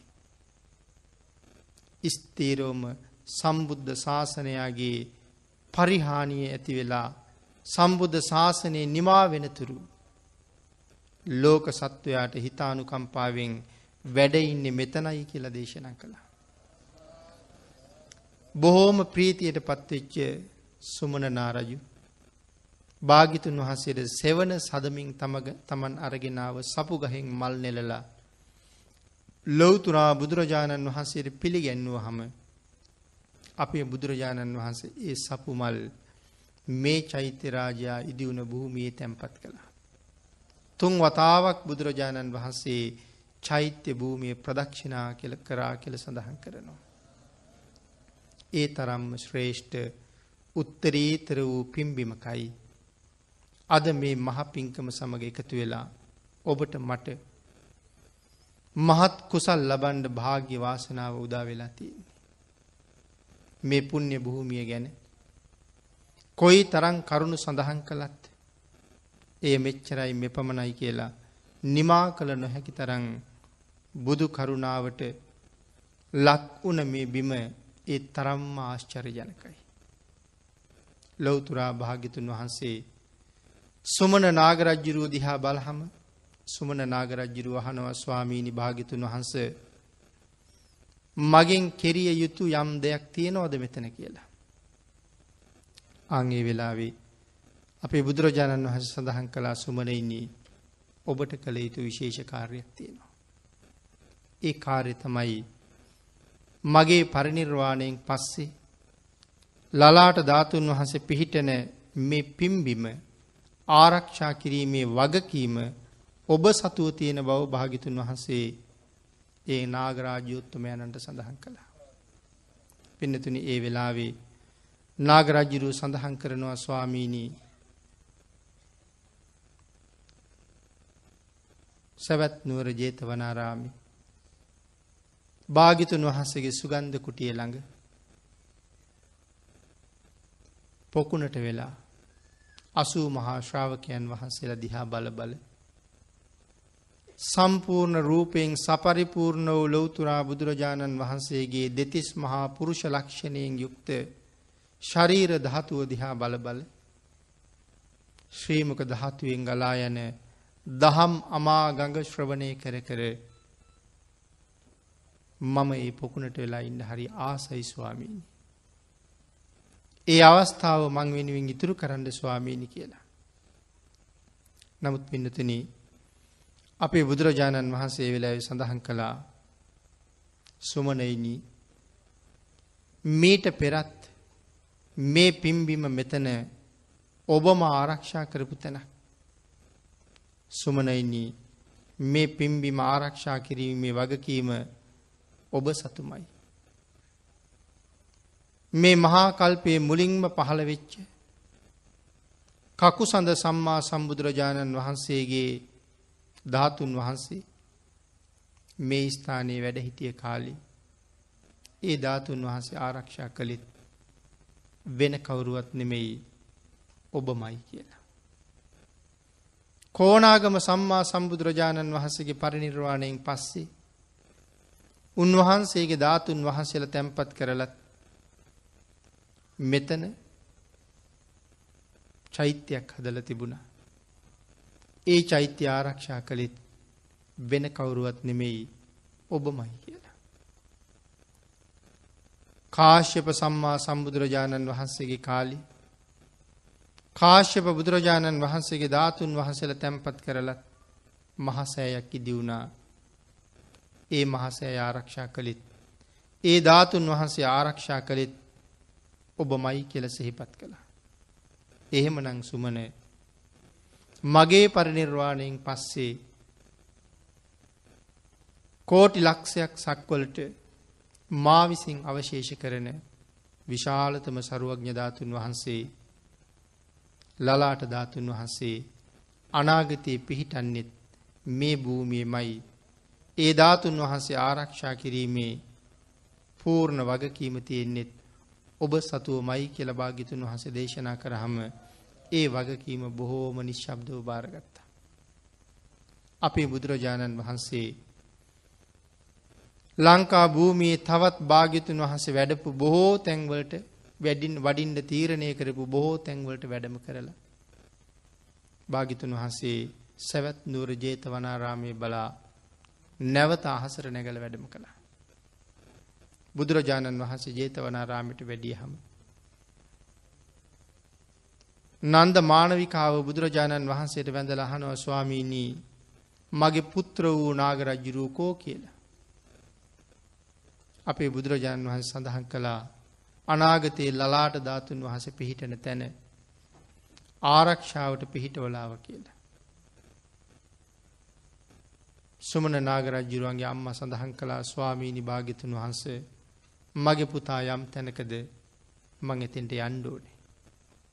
බුදුරජාණන් වහන්සේට පසඟ පිහිටවල වැන්ද වැඳල සඳහන් කළා ස්වාමීණි භාගිතුන් වහන්සේ අදින් පස්සේ බුදුරජාණන් වහන්සේගේ දැක්ම මට දුර්ල බයි ස්වාමීණි. මට අවසර දෙන්න ස්වාමීණි කියල වන්දනා කරලා කෝටි හයක නාගසේනාවකුත් අරගෙන නන්ද මානවිකාව පින්නතින මෙන්න මේ චෛත්‍යරාජයා පිහිටලා තියෙන මේ භූමියයට සැපත් වුණා.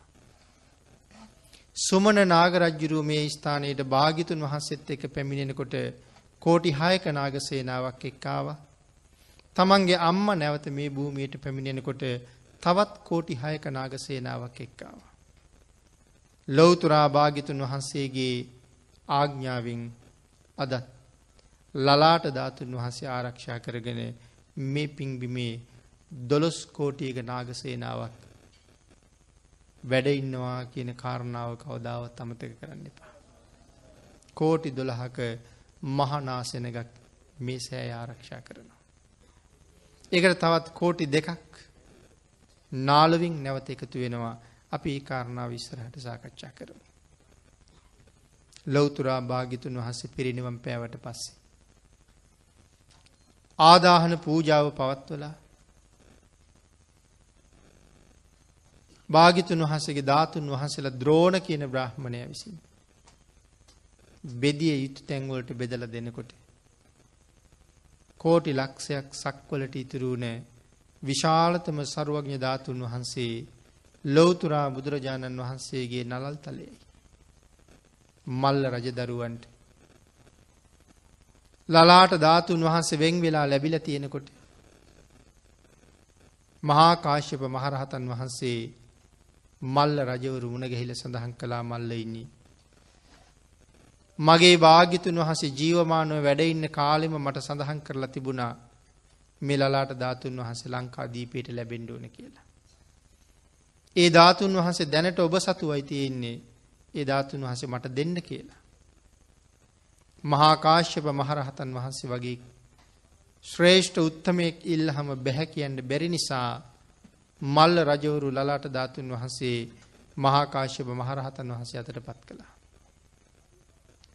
මහාකාශ්‍යප මහරහතන් වහන්සේ ලලාට ධාතුන් වහන්සේ ලබාගෙන කාශ්‍යපයන් වහන්සේගේ කාලය අවසන් වෙන්නෙනකොට උන්වහන්සේගේ ශිෂ්‍ය රතනයක් වෙච්ච නන්ද කියන මහරහතන් වහන්සේට ලබල දුන්නා නන්දයිනී භාගිතුන් වහන්සේ මේ ධාතුන් වහන්සේ ලංකා භූමීට දෙන්ඩ කියලයි දේශනා කළේ. ඒ සඳහා සුදුසු කාලය වෙනකං ධාතුන් වහන්සේ ආරක්ෂා කිරීම ඔබට බාරයි කියලා. නන්ද කියන මහරහතන් වහන්සේ විශාලා මහනුවර කූටාගාර ශාලාවී ලලාට ධාතුන් වහසේ තැන්පත් කරගෙන ලලාට ධාතුන් වහන්සේද පූජා පවත්වන මුලින්ම පූජා පවත්වන මහරහතන් වහන්සේ බවට පත් වන. උන්වහන්සේගේ මුළු ජීවිත කාලෙම එතන ඉඳල ලලාට ධාතුන් වහන්සේ වෙනුවෙන් කැපවුණා. ලලාට ධාතුන් වහන්සේ ආරක්ෂා කරලා උන්වහන්සේගේ කාලයේ නිමා වෙනකොට උන්වහන්සේගේ ශිෂ්‍ය රතනයක් වෙච්ච චන්ද්‍රගුප්ත කියන මහරහතන් වහන්සේට ලලාට ධාතුන් වහන්සේ භාර කළා. චන්ද්‍රගුප්තයන් වහන්සේ සැවැත් නුවර ජේතවනාරාමය බුදුරජාණන් වහන්සේගේ සුගන්ධ කුටිය තුළ ලලාට ධාතුන් වහසේ තැන්පත් කරගෙන ජීවමාන සම්මා සම්බුදුරජාණන් වහන්සේට වගේ ලලාට ධාතුන් වහසට උපස්ථාන කළා. පුද පූජා පැවැත්තුවා. චන්ද්‍රගුප්තයන් වහන්සේගෙන් පස්සේ උන්වහන්සේගේ ශිෂ්‍ය රතනයක් වන බුද්ධසේන කියන මහරහතන් වහන්සේට ලලාට ධාතුන් වහස ලැබුණා. බුද්ධසේනයන් වහන්සේ භාගිතුන් වහසේ මුලින්ම දංසප් දෙසුම දේශනා කොට වදාළ මංගල ධර්ම දේශනාව සිදු කළ බරණැස ඉසිපතනාරාමි. සුගන්ධ කුටිය තුළ ලලාට ධාතුන් වහස තැන්පත් කරගෙන පූජා පැවැත්තුවා. ඉන් පස්සේ බුද්ධසේන මහරහතන් වහන්සේ තමන් වහන්සේගේ අන්තිම කාලි. ජයසේන කියන මහරහතන් වහන්සේට ධාතුවන්සේ සිහිපත් කරලා. භාගිතුන් වහන්සේගේ ආග්ඥාව සිහිපත් කරලා. ලලාට ධාතුන් වහන්සේ භාර කළා ජයසේන කියන මහරහතන් වහන්සේ වේළුවනාරාම සුගන්ධකුටි ලලාට ධාතුන් වහස තැන්පත් කරගෙන පූජා පැවැත්තුවා කියල සඳහන් කරනවා. ජයසේනයන් වහන්සේකින් පස්සේ මහා සංගරක්කිත කියන මහරහතන් වහන්සේ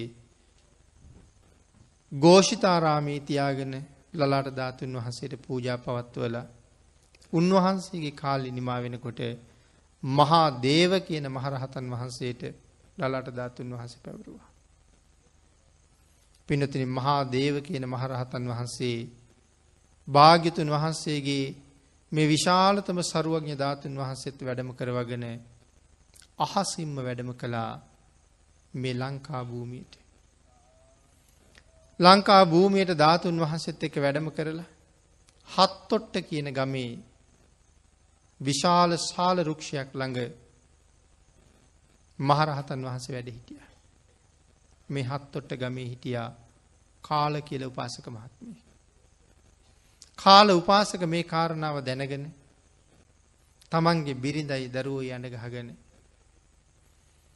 මහාදේව මහරහතන් වහන්සේ ළඟට ගිහිල්ල හැම මාසෙම අටවිනි දවසෙයි පසලොස්සක දවසෙයි ලලාට ධාතුන් වහන්සේට විශේෂ පූජාවක් කළා.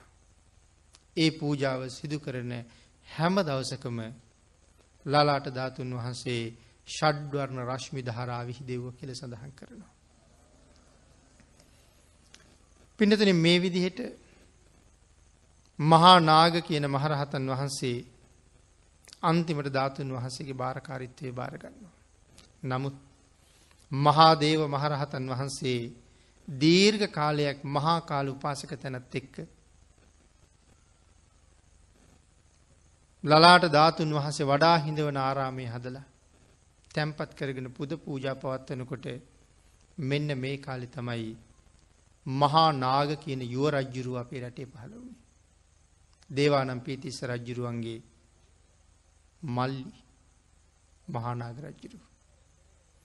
මහානාග රජ්ජුරුවන්ට ආරංචි වුණා. මහා ප්‍රඥාවන්තයි මහානාග රජ්ජුරු. මහා පුුණ්‍යවන්තයි මහානාග රජ්ජුරු. ආරංචි වෙලා පණිවිඩයක් යව්වා අපේ භාගිතුන් වහන්සේගේ ලලාට ධාතුන් වහන්සේ. මේ ලංකා භූමිය යම් තැනක වැඩ ඉන්නව නං ඒ පිළිබඳව තොරතුරු මට කියන්න කියලා. මහා කාල උපාසක තැනට ඒ ආරංචි වෙලා රජු බැහැ දකිින්ට තෑගි බෝගත් අරගෙන ඇවිල්ල. රජ්ජුරුවන්ට ගෙනා තෑගි බෝග පිළිගන්වලා ලලාට ධාතුන් වහස වැඩ ඉන්න තැන පිළිබඳව විස්තර සඳහන් කළා. රජ්ජුරු කල්පනා කළා භාගිතුන් වහන්සේ දැක්ක වගේ ලලාට ධාතුන් වහස දකිනෙක්. හරි දුර්ල බයි මේ ශ්‍රේෂ්ඨ ධාතුන් වහන්සේ. ඒ සඳහා අවශ්‍ය සුදුසු සියලුම දේවල් පිළියල කරලා. මහානාග රජ්ජුරු ලලාට ධාතුන් වහස දැක බලාගණ්ඩ මහාදේව මහරහතන් වහන්සේ ළඟට ගිහිල්ලා වන්දනා කරලා ආගිය තොරතුරු ටිකක් කතා කර ලැහුවා ස්වාමීනී අපේ භාගිතුන් වහන්සේගේ ලලාට ධාතුන් වහස වැඩඉන්න වනේද කියලා. ඔවු මහරජ ලලාට ධාතුන් වහස වැඩඉන්නවා. ස්වාමීනි මට ලලාට ධාතුන් වහස දැක ගණ්ඩෝනේ. මට ලලාට ධාතුන් වහසේ වැඳ ගණ්ඩෝනේ. එහෙම සඳහන් කරහම බොහොම හොඳයි මහරජය. හරි සතුටු ඒ කාරණාව ගැන. රජ්ජුරුවත් අනගහගෙන ධාතු මන්දීරයේ ළඟට මහරහතන් වහන්සේ වැඩම කරලා. ධාතු මන්දිරයේ දොර ඇරල සඳහන් කලා මහරජය ලලාට ධාතුන් වහන්සේ හරි පුදුමයි කියලා. ලලාට ධාතුන් වහන්සේ හරි දුර්ල බයි මහරජ කියලා. පිනතුන මහරජ්ජුරු එහෙනං ස්වාමීණී ලලාට ධාතුන් වහන්සේ දැකගම්මු. එහෙම කියන්න කලින් සුවඳ පැන් කලගෙඩි දාසයකින් නාල. අලුත්ම ඇඳුම් ඇඳගෙන පිරිසිදු වස්ත්‍රාභරණයන්ගෙන් සැරසිලා බුදුරජාණන් වහස දැක ගණඩ ලෑස්තිය. රජුරු ආපු හැටියම ධාතු මන්දිරයට ගියාද. සුවඳ පැංවලින් නාලගී. හේතුව ලොවතුරා බුදුරජාණන් වහන්සේ සමීපේට යන්ඩ ඔබෙත් මගෙත් සුදුසුකමක් නෑ කියල තමයි කියන්නුවෙන්. ධාතුන් වහන්සේලා ඉස්සරලාම ධර්මාශයක රජ්ජුරුව හොයාගන්නකොට පළවෙනි දොර ඇරිය හම ලියල තිබුණේ මෙතනින් එහාට යන්න එපා. අනාගතයේ පහළ වෙන දුප්පත් රජවරුන්ට බුදුරජාණන් වහන්සේ ගාවට යන්න බැරිවෙයි. මේ තියෙන රංග්‍රදී මුතුමැණික් අරගෙන යන්න. දුප්පත් අය බුදුරජාණන් වහන්සේ ළඟට ගියොත් බුදුරජාණන් වහන්සේ මෙතනින් වෙන තැනකට වඩී කියලා. ඒ දුප්පත් කියල කීවේ බවබෝග ධන සම්පත්වලින් දුප්පත් කියන එකද. ඒ කීවේ අපි ගාව සිල් නෑ කියන එක. අපි සීලයෙන් ගුණයෙන් දුප්පත් කියන එක. එහෙමනං අපි කල්පනා කරන්න ඕන බුදුරජාණන් වහස ළඟට යන්ඩ ඇත්තටම සුදුසුද. භාගිතුන් වහන්ස ළඟ තියෙන මහා පුදුම කරුණාව. ඒක මහා පුදුම දයාවක්. දවසක් දෙකක් නාගණ්ඩ බැරිවුණ. ඇඳුම් වලින් දාඩිය දුගඳ හමන. දතකට මැදගණ්ඩ බැරිවුණ කෙනෙ. අපි ළඟ කතා කරනකොට. අපි ළඟින් යන්නකොට. අපිත් නහයාකුල ගන්නවා. ඇයි ඒ පුද්ගලය ළඟ දුර්ගන්ධයි. පින්නතුනී එතකොට භාගිතුන් වහසේට අපේ දුගඳ නැද්ද. මේ කුණු කය කොච්චර හෝදලා පිරිසිදු කළත් මේ කුණු ගයේ කුණු කයේ දුර්ගන්ධය නං වහන්ඩ බෑ. මොනතරං සුවඳ වර්ග මේ කයට පාවිච්චි කළත් මොහොතක් යනකොට නැවත දුගඳ මයිස් පතුුණි. ඉතාම අප්‍රසන්නයි. ඉතාම පිළිකුල් සහගතයි මේ කය. මමය මාගේ කියල ගත යුත්තක් මේ කය තුළ වෙන කොහෙවත්මනෑ. මගේ මගේ කියල හිතාගෙන අගෙයි ලස්සනයි කියල හිතාගෙන මේ ඔසහෝගෙන දරාගෙන ඉන්න මේ කයි ඇටකෝටු තුන්සීය නහරවැල් නවසීය අනූ නම දහසක් පමණ ලෝමකූපයන්ගෙන් ගැවසිලයිතින්. ඇටකෝටුවල මස් ගලතලා ඇතුල් කුහරේ බොහෝ අපද්‍රව්‍යයන්ගෙන් පුරෝලා පිට පැත්තෙන් අමු හමකින් සෙවියකින් වහලා මායාවක් ලෝකට පෙන්නලා තියෙනවා. පිනතුනින් මේ කය මොන තරං පිළිකුල්ද. ඉතාම සුවඳ හමන ආහාරයි. මොකහෙන් ඇතුල් කරලා ඉන පාමුල බහිශ්‍රාවය කරන හරියෙන් පිට කරහම අඩිතුනක් විතර දුරතින්. නමුත් අඩිතුනක් පමණ මේ ශරීරයේ හරහා මේ ගත්ත සුවඳ ආහාරයේ ප්‍රනීත ආහාරයේ ගමන් කරලා පිට වෙනකොට පරම පිළිකුල් තත්ත්වයට පත්වෙලා ඉවරයි. ප්‍රඥාවන්තයෝ හිත යුතුයි එහෙනම් අභ්‍යන්තරයේ කොහොමද කියලා. පොඩි දුරක් යනකොට ඒකට වෙලා තියෙනදී. මේසෙ උඩ තියෙනකොට හරි සුවඳයි බහිශ්‍රාවය කරනකොට බලන්න හිතෙන්නේ. සමහර වෙලාවට නහයත් අකුල ගන්නවා. එහෙම කයක් වහගෙන නේද මේ තරං මේ අහංකාර වෙලා අපි ජීවත්වෙන්නේ කියලා හිතන්ඩුවන. අපේ භාගිතුන් වහන්සේ බිම්බිසාර මහරජ්ජුරුවන්ගේ අගබිසෝ වෙච්ච කේමාවන්ට කාරණාව පැහැදිලි කරනකොට මේ කයේ තියෙන පිළිකුල් බව පැහැදිලි කරලා.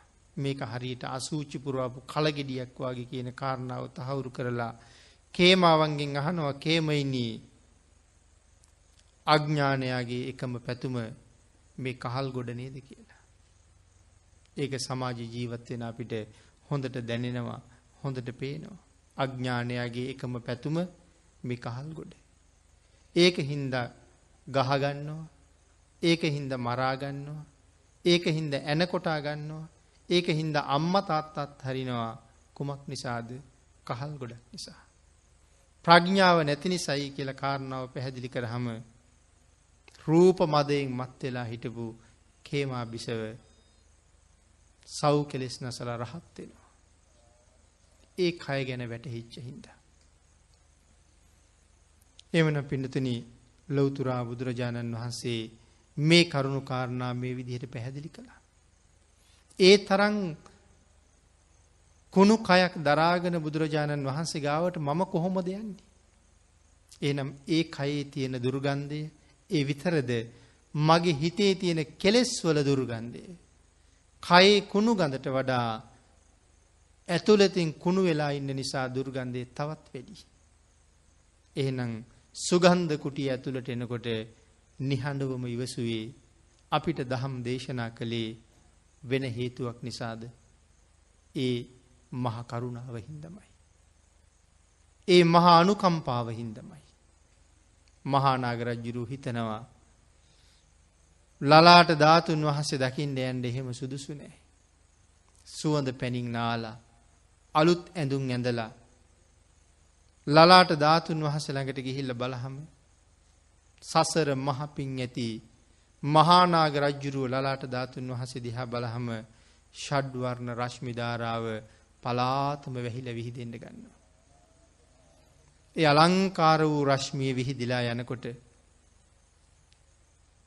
මහානාග රජ්ජුරුවන්ට ඇති වුණ සතුට මෙතකැයි නිම් නැතුව ගිය. මොන තරං නං ප්‍රඥ්ඥාවන්තද මහානාග රජ්ජුරුව. රජ්ජුරුවන්ට එක පාරම කියවුණා නමාමිවීර පාදීතේ චක්තංකිත තලේ සුභේ වන්දිතේ නරදේවේහි අමතං දේහි වන්දිති. නමාමි වීර පාදේති. මහා වීරයන් වහන්ස මහානාගයන් මහානාග රජ්ජුරුවෝ ලලාට ධාතුන් වහන්සේගෙන් දකින්නේ ලොවතුරා බුදුරජාණන් වහන්සේ. මේ ලලාට ධාතුන් වහස කෙළ හිතාගෙන නෙමෙයි වඳින්නේ ෂඩ්වර්ණ රශ්මින් විරාජමාන වෙන ලොවතුරා බුදුරජාණන් වහස කියල හිතාගෙන. ඒකයි මෙහෙම කියන්නේ. මහා වීරයන් වහන්සේ ඔබ වහන්සේගේ චක්‍ර ලක්ෂණයන්ගෙන් යුක්ත වූ මනා මංගල ලක්ෂණයන්ගෙන් යුක්ත වූ මේ සිරිපතුල මම වන්දනා කරනවා. ස්වාමීනි භාගිතුන් වහන්ස මේ උතුම් පතුල වන්දනා කරන දෙවි මිනිසුන්ට අමුෘර්තය දානය කරන සේක්වා. බුදුරජාණන් වහන්සේ ළඟ යම් කෙනෙක් ශ්‍රද්ධාවෙන් යුක්තවම වැන්දනං පින්නතුනී ඒත් දෙව්ලොව යන්ඩ ඒක මග නමුත් රජ්ජුරුව ඉල්ලන අමුෘතය. මොකක්ද මේ අමුෘතය කියලකිවී. මෘත කියලකිවේ මරණයට. අමුෘත කියලකිවේ මරණයක් නැති අමරණීයත්වයට. මහානාග රජ්ජුරුව බුදුරජාණන් වහන්සේ දිහා බලනවා වගේ ලලාට ධාතුන් වහන්සේ දිහා බලාගෙන ඉල්ලන්නේ ස්වාමීනී භාග්‍යතුන් වහන්සේගේ සුභ වූ පතුල් වන්දනා කරන දෙවි මිනිසුන්ට නිවන දෙන්න කියලා. භාගිතුන් වහන්සේගේ එක ගුණයකට කොච්චර දේ කරන්න පුළුවන්ද.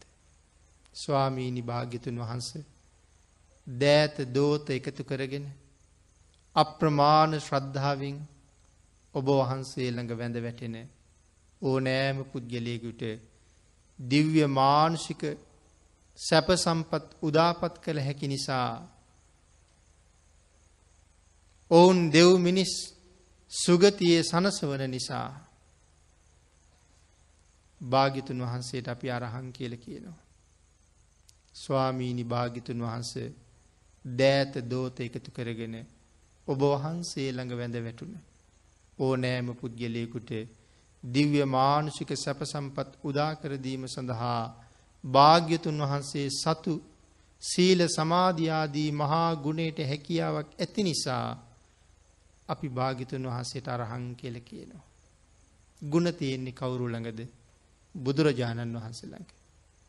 මොන තරං සීලස්කන්දයක් විය යුතුද ඒ ගුණයට වඳින ඕනෑම කෙනෙ. දෙව් මිනිස් දෙගතියේ සැපවිදිනව කියල සඳහන් කළා. පව්කාරා අපිට සුගතියට පාරහදන්ඩ භාගිතුන් වහන්සේගේ ගුණයට පුළුවන්. මහානාග රජ්ජිරුවත් බුදුරජාණන් වහන්සේගෙන් ඉල්ලනවා. සැදැහෙන් වඳින සියලු දෙනාටම අමුෘත්තය දානය කරන්න කියලා. මහානාග රජ්ජිරු නැවත කියනවා. මේ රජ්ජිරුවන්ටම එවලෙම හිතිල කියන ගාථාමිතියෙන්. ලෝකනාත තුවන් ඒකෝ සරණං සබ්බ පාන්නන්.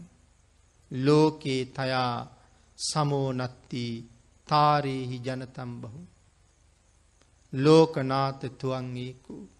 ස්වාමීණි භාගිතුන් වහන්සේ මේ ලෝකෙට තියෙන එක පිහිටයි. මේ ලෝකෙට තියෙන එක සරණයි. ස්වාමීණි භාගිතුන් වහන්සේ එකම සරණක්වත් නැතුව හිටපු අපිට දැන් තිසරණයක්ම තියෙනවා. ස්වාමීණි සතුටුයි ලෝකේ තයා සමෝනත්ති තාරේහි ජනතම් බහු. ලෝක සත්වයා සංසාර සාගරයෙන් එතර කරන්න භාග්‍යතුන් වහන්සේ තරං සමත් තවත් කෙනෙක් නං මේ ලෝකෙ නැහැ කියලා ලලාට ධාතුන් වහස ළඟ වන්දනා කරනවා.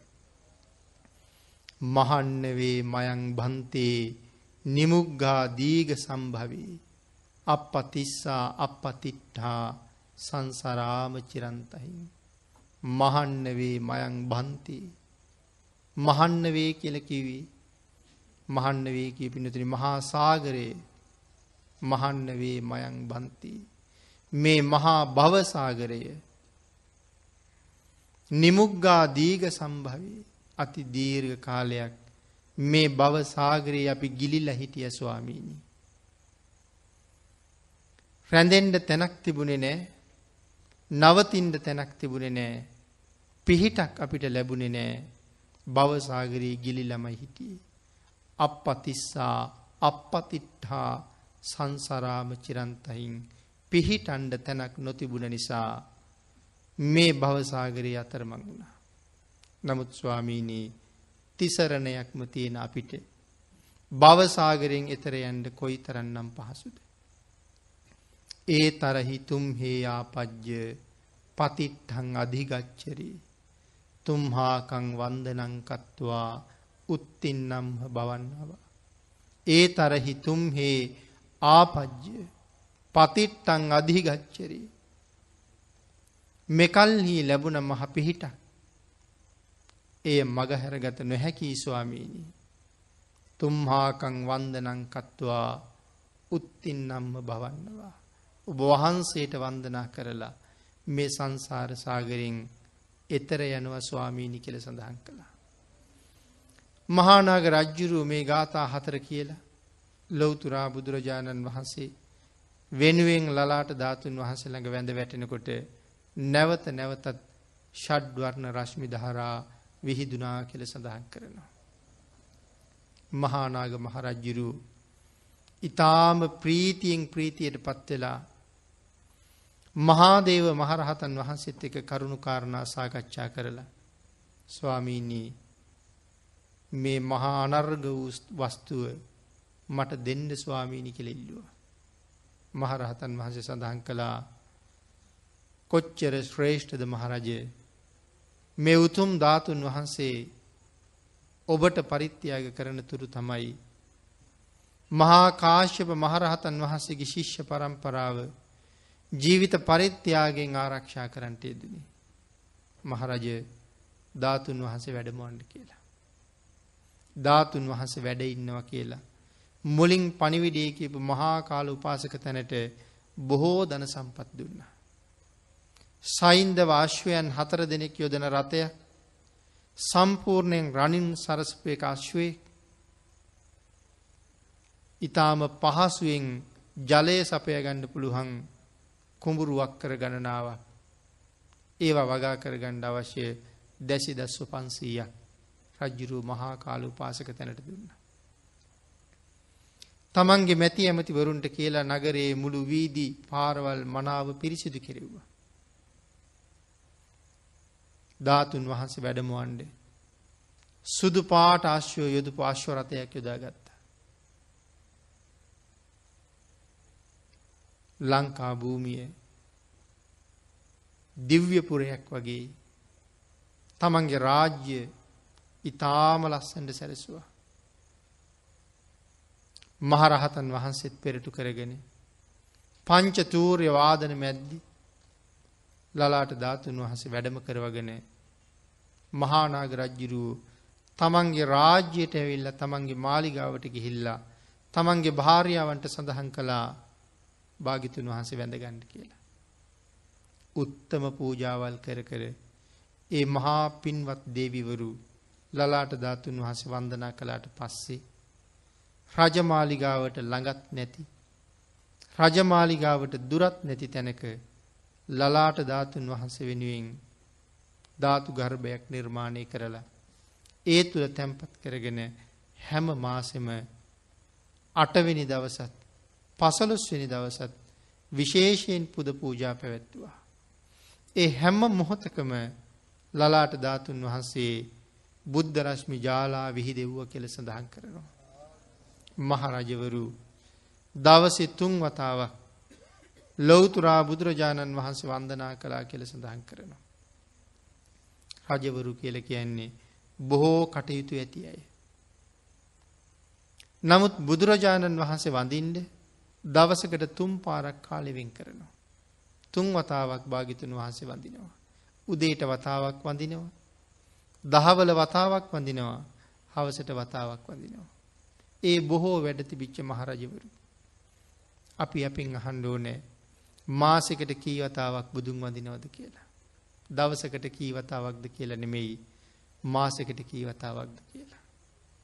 සමහර අයට තමන්ගෙන් අහන්ඩ පුළුවන් දෙදස් විස් අවුරුද්ධට කීවතාවක් බුදුන් වැන්දද කියලා. එනම් සඳහන් කළා අපි හරි දුප්පත් කියලා. මුලින් ඒකයි මතක් කළේ දුප්පතුන්ට භාගිතුන් වහසගාවට යන්ඩ වාසනාවනය කියලා. එමනම් මේ මහරජවරු දවසට තුන්වේල බුදුන් වඳිනවා. මේ රජවරු සියලු දෙනාම ඒ විදිහට භාගිතුන් වහසට වැන්ද. මහානග රජ්ජුරුවෝ ඉතාම උත්තම පූජාවල් පැවැත්තුවා. මහාදේව මහරහතන් වහන්සේ මහානාග රජ්ජුරුවන්න සඳහන් කලා මහරජය ඔබේ පරපුරේ අනාගතය පහළ වෙනවා කාවන්තිස්ස කියල මහරජෙක්. ලොවතුරා බුදුරජාණන් වහසේ දේශනා කළා ආංගේ කාවන්තිස්ස මහරජ්ජිරුව තමයි.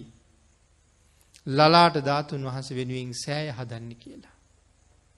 මහවැලි ගංතීරි සේරු කියන විල කෙරවල වරාහ කියන පොකුණ මත ඒ මහසෑයේදාට කාවන්තිස්ස මහරජු හදනව කියලා මහාදේව මහරහතන් වහස දේශනා කළා.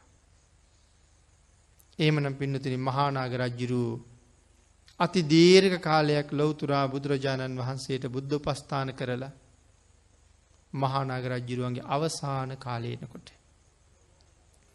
විශේෂයෙන් තමන් වහන්සේගේ පුත්‍රයා ළඟට කැඳවලා තමන් වහන්සේගේ පුත්‍රයාට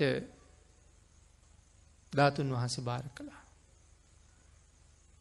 මහානාග රජ්ජිරුවන්ගේ පුතා යටාල තිස්ස මහරජ්ජිරුව. තාත්තගෙන් ලැබුණ දායාදේ. පුංචි කාලින්දල තාත්තගෙන් ලැබිච්ච ආභාෂය ඒ සියල්ලම ඇතුව යටාල තිස්ස මහරජ්ජුරු ලලාට ධාතුන් වහන්සේට මහා පූජාවල් සංවිධානය කරලා පැවැත්තුවා. අති දීර්ඝ කාලයක් ලැබිච්ච උතුම් වාසනාවන්ත අවස්ථාවෙන් මහා ප්‍රයෝජනයක් ලැබුවා. උතුම් ඵලයක් ලැබුවා. මහානාග රජ්ජුරුව මරණයෙන් පස්සේ සුගතියේ උප්පත්තිය ලැබුවා යටාල තිස්ස මහරජ්ජිරුවොත් ධාතුන් වහන්සේට උපස්ථාන කරලා මරණින් පස්සේ සුගතිය උප්පත්තිය ලැබුවා. පින්නතුන යටාල තිස්ස මහරජ්ජිරුවන්ගේ අවසාන කාලය වෙනකොට තමන්ගේ වැඩිමල් පුතා වෙච්ච ගෝටාභය කියන මහරජ්ජිරුවන්ට ධාතුන් වහස භාර කළා. රජකම දීල ධාතුන් වහස භාර කළා. ගෝටාභය කුමාරයා එදන එදා ඉඳලා ජීවිත පරිත්‍යයාගෙන් ලලාට ධාතුන් වහසට උපස්ථාන කළා. නොයෙක් නොයෙක් අවස්ථාවන් වල මහපින්කං කළා. මහා පූජාවල් කළා. නිතර නිතර ලලාට ධාතුන් වහන්සේගෙන් බුද්ධ රශ්මි ජාලා විහි දෙනවා දකින්න පුළුවන්. ඒ හැම අවස්ථාවකම ලංකාවාසින් ප්‍රීතියෙන් ප්‍රීතියට පත්වෙමින් තමන්ගේ සංසාර මග කෙරවල කරගන්නම කටයුතු කළා. ගෝටාබේ රජ්ජිරුවන්ගෙන් පස්සේ. ගෝටාබේ රජ්ජිරුවන්ගේ වැඩි මහල්පුතා කාවන්තිස මහරජ්ජිරුව. ලලාට ධාතුන් වහන්සේගේ අයිතිය කාවන්තිස මහරජ්ජිරුවන්ට ලැබුණ ඊට පස්සේ. කාවන්තිස මහරජ්ජිරුවෝ බොහෝ කාලයක් බොහෝම ශ්‍රද්ධාවෙන් යුක්තව ලලාට ධාතුන් වහන්සේට පූජ පැවැත්තුවා. නිසි කල් පූජා පවත්වලා මහරහතන් වහන්සේලාගේ අවවාද අනුශාසනා ලබමින් භාගිතුන් වහන්සේගේ ධාතුන් වහන්සේ තැන්පත් කරන්න සුදුසු තැන කොතනද කියන කාරණාව මහරහතන් වහන්සේලගෙන් දැනගත්තා. කාවන්තිස මහරජ්ජිරුව දැනගෙන මෙන්න මේ පුුණ්‍ය භූමියයට පැමිණිය. මේ පිම්බිමට පැමිණිලා මේ පිම්බිම තුළ ධාතුන් වහන්සේ තැන්පත් කරලා මේ මහසෑය හදන්නේ කොයි විදිහටද කියන කාරණාව කල්පන කළා. නමුත් බුදුරජාණන් වහන්සේ දේශනා කළා මනෝරම්ය වූ ජල බුබුලක් වගේ. මේ මහසෑය මෙතන හැදෙනවා කියලා. රජ්ජුරුව ඒ සඳහා අවශ්‍ය සියලූම කටයුතු සංවිධානය කළා. විශේෂ වූ මංගල වෙස් අරගත්ත විශේෂ වඩු පස් දෙනෙක් මෙතෙන්ට කැඳව ගත්තා. භික්‍ෂු සංගරත්නයටත් විශේෂයෙන් සුවඳ මල් පූජා කරලා අවස්ථා තුනක් මේ ස්ථානය මනාව ප්‍රදක්ෂිනා කරලා හතර තැනක නතර වෙලා මේ භූමියයට පසඟ පිහිටුවල වැඳලා සුදුසු දිසාව බලලා ප්‍රධාන වඩුවට සඳහන් කළා සුබ මොහොතින් ගඩොල් තැන්පත් කරන්න කියලා. සුබ මොහොත එළඹෙනකොට ප්‍රධාන වඩුවා මේ මහසෑය හදන්ඩ පළවෙනිම ගල මහපොළුවේ තැන්පත් කළා.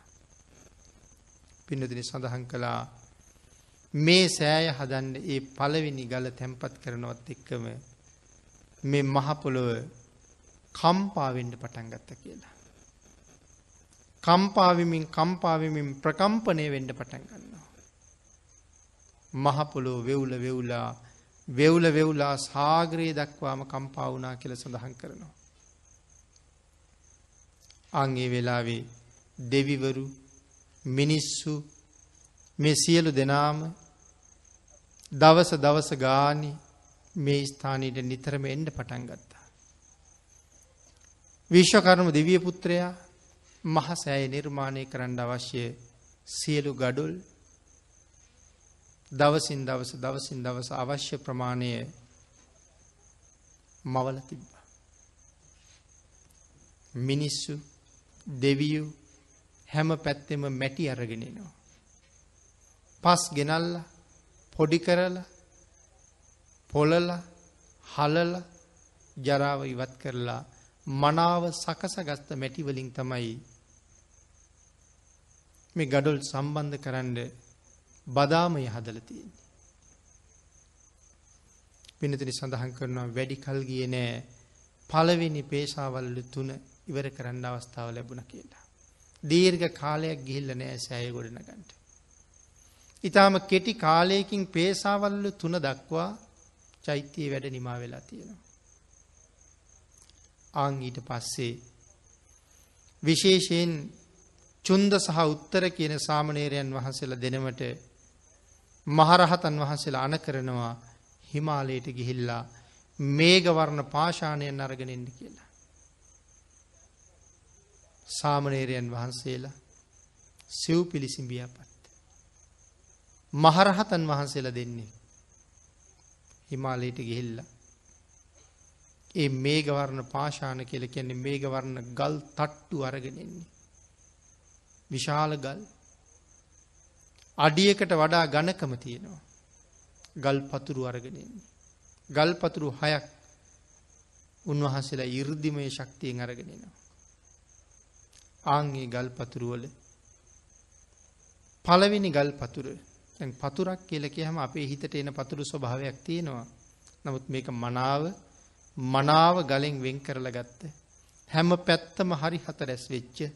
එකම උස සමාන්තර වෙච්ච මනා අපි කපල සකස් කරගත්ත ගල් කුට්ටියක් හා සමානයි. ආංගේ ගල් කුට්ටි හයින් පළවෙනි එක ධාතු මන්දිරයේ නිර්මාණය කිරීම සඳහා මේ චෛත්‍ය රාජාණන් වහන්සේගේ තැන්පත් කළා. එනම් මුලින්ම නිමා වුණේ පේසාවල්ලු තුන.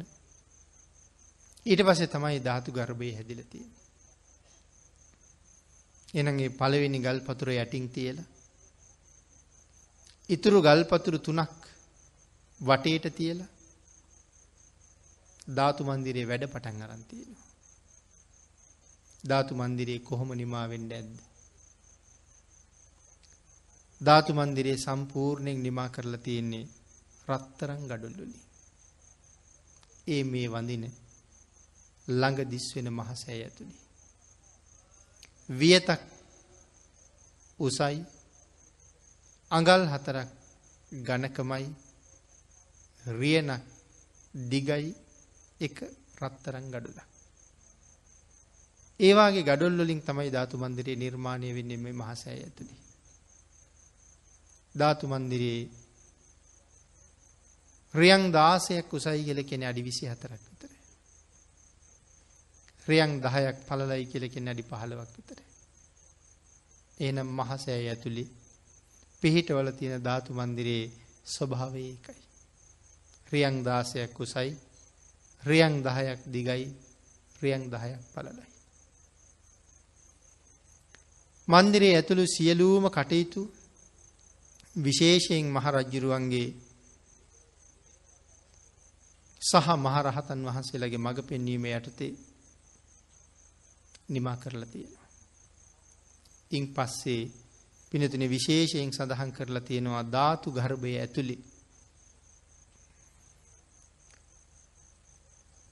මැද්දෙ සප්ත රතනවලින් මහාමේරු පර්වතය හදල තියෙනවා කියලා. සප්තමයි රතනයන්ගෙන් මහමේරු පර්වතය ඇතුළි නිර්මාණය කරලා තියෙනවා. මහාමේරු පර්වතය උඩ පාණ්ඩු කම්බල සෛලාශනය හදල තියෙනවා. පාණ්ඩු කම්බල සෛලාශනය කොහෙද තියෙන්නේ. තවතිසාවි. එවනම් මහමෙර මුදුනේ තවතිසාවයිති. අපි කලින් බණට අහලතියනවා. මේ ඉන්න මහපොළොවේ ඉඳලා යොදුන් හතලිස් දෙදාහක් කුඩින් තියෙන්නේ චාතුම් මහාරාජකේ. එතන ඉඳලා යොදුන් හතලිස් දෙදාහක් කුඩින් තියෙන්නේ තවතිසා භවන. එකනෙ තවතිසා භවන තියෙන්නේ අපි ඉන්න තැන ඉඳලා යොදුන් අසූහාරදාහක් කුඩින්. එහෙමනම් මහාමේරු පර්වතය යොදුන් එක්ලක් සැහැට අටදාහක් උසයි. ඒකෙන් යොදුන් අසූ හතරදාහක් මහසාගරයේ යටට තියෙනවා. යොදුන් අසූ හතරදාහක් මහසාගරයෙන් උඩට තියෙනවා. එනම් යොදුන් අසූ හතරදාහක් උඩට ගියා කියල කියන්නේ හම්බ වෙන්නේ තවතිසා බවන. අන්නේ නිසා ධාතු ගර්භය ඇතුළේ සප්තරතනවලින් මහාමේරු පර්වත රාජයා නිර්මාණය කරලා ඒ මත පාණ්ඩු කම්බල සෛලාසනය හදල තියෙනවා. සප්ත රතනයෙන් පාරිත්තච්චක රුක්ෂය හදල තියෙනවා. මොකක්ද මේ පාරිත්තච්චක රුක්ෂය කියල කියන්නේ. අපි කියන්නේ දෙවිය ලෝකෙ තියෙන පරසතු මල් කියලා. එනම් පරසතුරුක තවතිසාවේ පරසතු ගහතියන්නේ. යොදුන් සීයක් වට ප්‍රමාණය වහගත්ත විශාල රුක්ෂයක්. යොදුන් සීයක් කියල කියන්නේ සැතපුම් දහසකට ආසන්නයි ගහේ වට ප්‍රමාණය අතුවල. මෙ මේ පාරිච්චත්තක රුක්ෂය යට තමයි පාණ්ඩු කම්බල සයිලාශනය තියන්නේ. සක්‍ර දේවේන්ද්‍රයන් වහන්සේට කුමක් කරපු නිසා මෙහෙම ගහක් දිවියලෝක පහළ වුණාද අම්බලම ළඟ කොබෝනීල පැලයක් හිටෝපු හින්දා. ඒ කොබෝනීල ගහයට කළුගල් වලින් ආසනයක් හදපු නිසා පාණ්ඩු කම්බල සෛලාසනය ලැබෙන්නේ. ඒ ආසනය ගල් අසුනක්. යොදුන් පණහක් පලලයි යොදුන් හැටක් දිගයි යොදුන් පහළවක් උසයි ගලින් නිර්මාණය වෙලයි තියෙන්නේ වාඩි වුණහම ශරීරයේ භාගයක් ඉතාම පහසුවට ආසනය ඇතුළට එරෙනව කියල සඳහන් කරනවා. සක් දෙවිඳු නැගුට්ට හම නැවත තිබුණ වගේ සමතුලිත පතු මතු පිටක් තියෙන. මෙතමයි පාණ්ඩු කම්බල සෛලාශනය හැටි. එනම් මහමෙර මුදුනේ හදල තියෙන්නේ පාණ්ඩු කම්බල සෛලාශනය. එහෙම කරලා සඳහන් කළා මැද සප්ත රතනයන්ගෙන් මහාමේරු පර්වතය හදලයි තියෙන්නේ. මහාමේරු පර්වතය උඩ පාණ්ඩු කම්බල සෛලාසනය හදලයි තියෙන්නේ. ඒ මත පාරිච්චත්තක රුක්ෂය හදලයි තියෙන්නේ. ඊළඟට සඳහන් කළා රිදීවලින් ස්වේත චත්‍රය හදල තියෙනවා කියලා. සම්පූර්ණ රිදියෙන් ස්වේත චත්‍රය හදල තියෙනවා. මේ සඳහන් කරන්නේ ඔබේ මගේ ඉදිරි පිට දිස්වෙන මේ මහා චෛත්‍යරාජයාගේ ගර්භය ඇතුළි හැබෑ ස්වභාවය. එමන පිනතන මහා බ්‍රහ්මරාජයා බුදුරජාණන් වහන්සේට මේ චත්‍රය අල්ලගෙන ඉන්නවා වගේ තමයි රිදියෙන් මේ චත්‍රය හදල තියෙන. බුදුරජාණන් වහන්සේගේ පිළිමයක් හදල තියෙනවා පාණ්ඩු කම්බල සෛලාසනය උඩු. විශේෂයෙන් සඳහන් කරනවා. මහාමේරු පර්වතය පාමුල සුවඳ මඩ පිරුණ නිල් මානෙල් මල් වලින් හදපු රත්තරං බඳුන් එකසි අටක් තියෙනවා කියලා. සුවඳ මඩපුරෝල ඒ මත නිල්මානෙල් හදල එවන් බඳුන් එකසිය අටක් තියෙනවා. ඒ බඳුන් ඔක්කෝම රත්තර. මේව තියෙන්නේ මහාමේරු පර්වතය පාමුල. ඒකෙන් අපි නොදැක්ක මහමෙර නෙමෙයි මේ සෑය ඇතුළි තියෙන මහමෙර. ඒ පාමුල නිල් මානෙල් සහිත රන් බඳුන් එකසි අටක් තියෙන. සුවඳ මඩ පුරුවපු රත්තරං භාජන එකසියාටක නෙළුම් මල් පිපිලතියෙන. රිදී කල එකසියාටක සුදු නෙළුම් මල් පුරෝපු මානික්‍යමය කලාටක් තියෙනවා කෙල සඳහන් කරනවා. එමනං ඒ සුදු නෙළුම් පුරුවපු මැනික් වලින් හදාපු කල එකසියාටක සුදු නෙළුම් තියෙනවා. ඉළඟට සඳහන් කළේ රෙදී වලින් හදපු කල එකසියාටක රතු නෙළුම් තියෙනවා. ඊළඟට පින්නතිනේ මේ සියල්ලම පර්වතය වටේටම තැන්පත් කරලා. සුදුමානෙල් මල්දාපු වෛරෝඩියෝලින් හදාපු කල එකසිය අටක් තියෙන බවත් සපු මල් පුරෝපු රතු මැනික් කල එකසිය අටක් තියෙන බවත්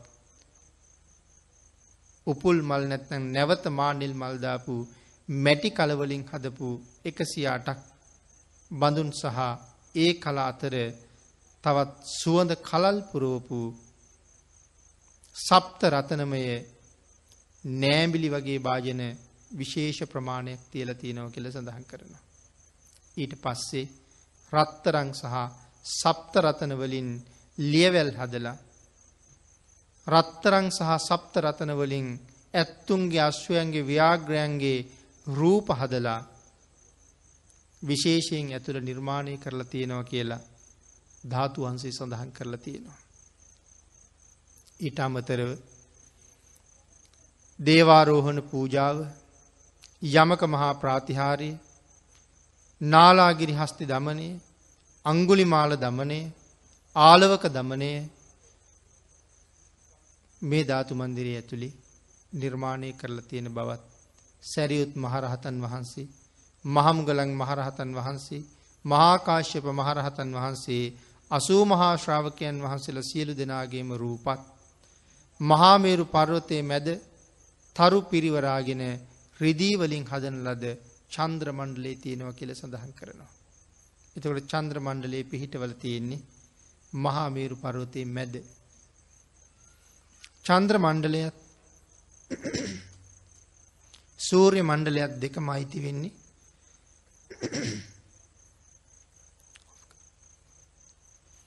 මේ දෙකම අයිති වෙන්නේ සතරවරං දෙවියන්ට. සතරවරං දෙවියන්ගෙන් පාලනය වෙන චාතුම් මහා රාජිකයට තමයි සූර්ය මණ්ඩලයයි චන්ද්‍ර මණ්ඩලය දෙකමයිති. ඒ ඇන පින්නතුන සූර්ය මණ්ඩලයට අධිපති දිව්‍ය රාජයත් චන්ද්‍ර මණ්ඩලයට අධිපති දිව්‍ය රාජයත් චාතු මහරාජිකයේ යටතේ ඉන්න අය.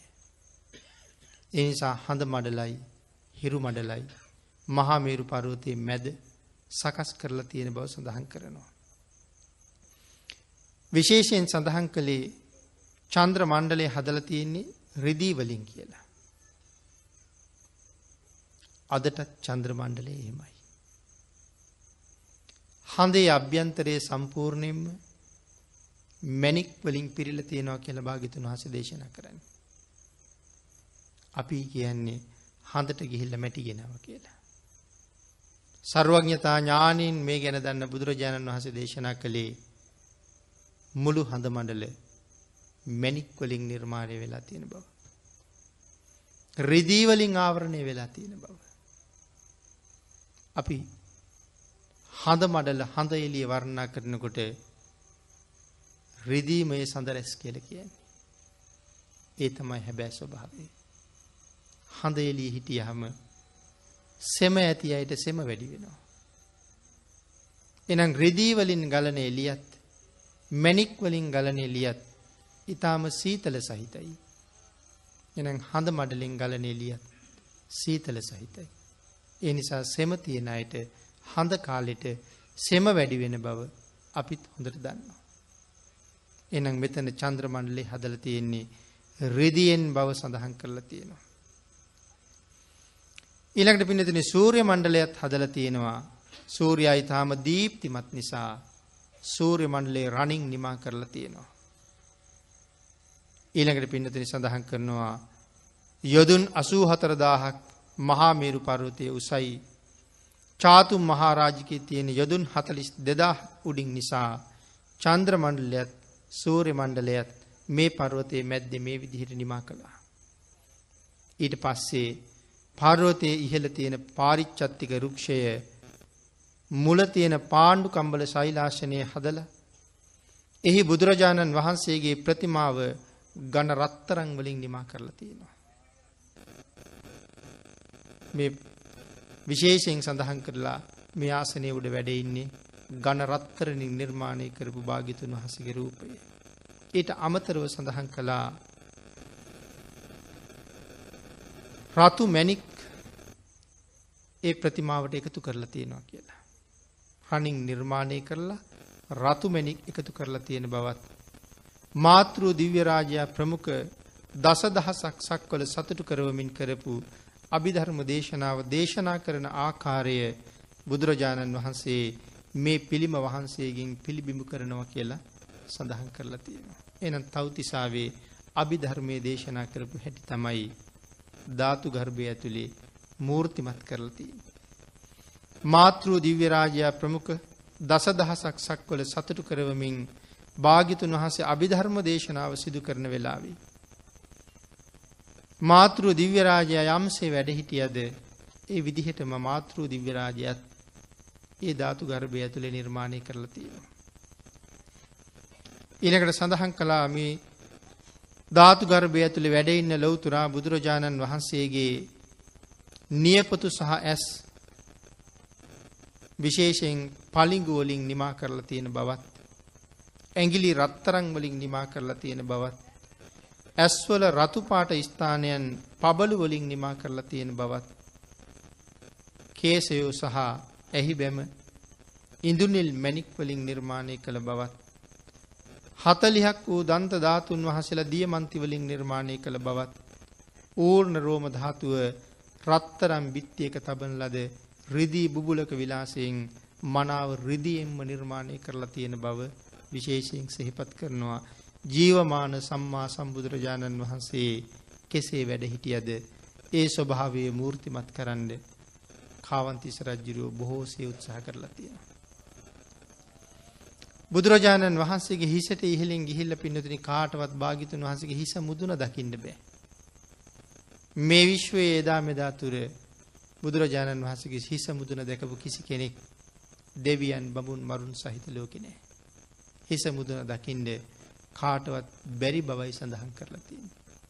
අන්න ඒ නිසා විශේෂයෙන් මේ ධාතු ගර්භය ඇතුළේ බුදුරජාණන් වහන්සේගේ හිසට උඩින් රත්තරං වලින් හදාපු දැලක් මූර්තිමත් කරලා තියෙන බව සඳහන් කරනවා හිසට උඩින් කාටවත් යන්න බැරි බව අඟවන්න ඕන නිසා.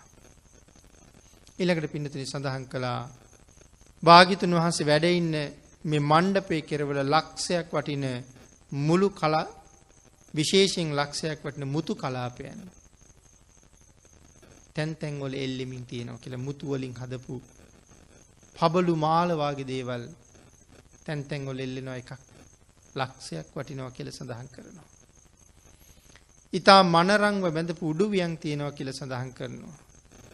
මණ්ඩපේ කෙරවල මුතු දැලක් හදලා කිංකිණි දැලක් හදලා තියෙන බවත් ඒවා හෙළ වෙනකොට අපූරු මිහිරි හඬ නැගෙන බවත් සඳහන් කළා. බුදුරජාණන් වහන්සේගේ මාතෘ දිව්‍ය රාජයා සප්ත රතන වලින් නිර්මාණය කරලා තියෙනවා. මාතෘ දිව්‍ය රාජයා සප්ත රතනම එකතු කරලා නිර්මාණය කරනවා. අයිරාවන හස්ති රාජයත් නිර්මාණය කරලා තියෙනවා. සක්‍ර දේවේන්ද්‍රයන්ට සක් දෙවිඳු බවට පත්වෙන්න පාරමිතා පුරපු කාලේ මෛත්‍රී බලයේ ආනිසංසය නිසා ලැබිච්ච මහරජ්ජිරුවන්ගේ මංගල හස්තිරතනය සක් දෙවිඳුත් එක දිවිය ලෝකෙම ඉන්නවා. මගමානෝක කාලේ සත්පුරුෂෝ හම්බවෙලා බොහෝ පින් කරපු තිරිසං මංගල හස්තියා දිවිය ලෝකෙම උපත්තිය ලැබවා. ඒ තමයි සත්පුරුෂාශ්‍රී පිහිට.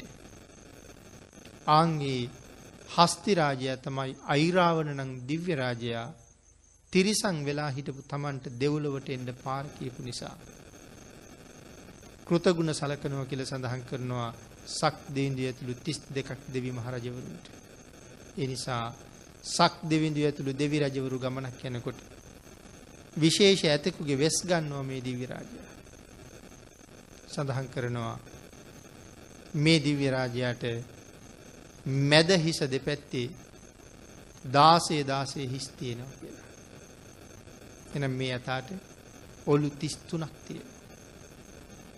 හස්තියා ගැන දීර්ඝ විස්තරයක් ධර්මය විශේෂයෙන් පැහැදිලි කරන.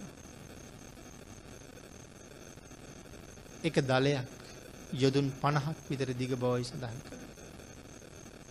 නමුත් එක ඔළුවක දල හතක් තියෙන බව සඳහන් කරනවා අන්නේ අයිරාවන හස්තියත් මේ ධාතු ගර්භය ඇතුළේ නිර්මාණය කරලා තියෙනවා කියල සඳහන් කරනවා.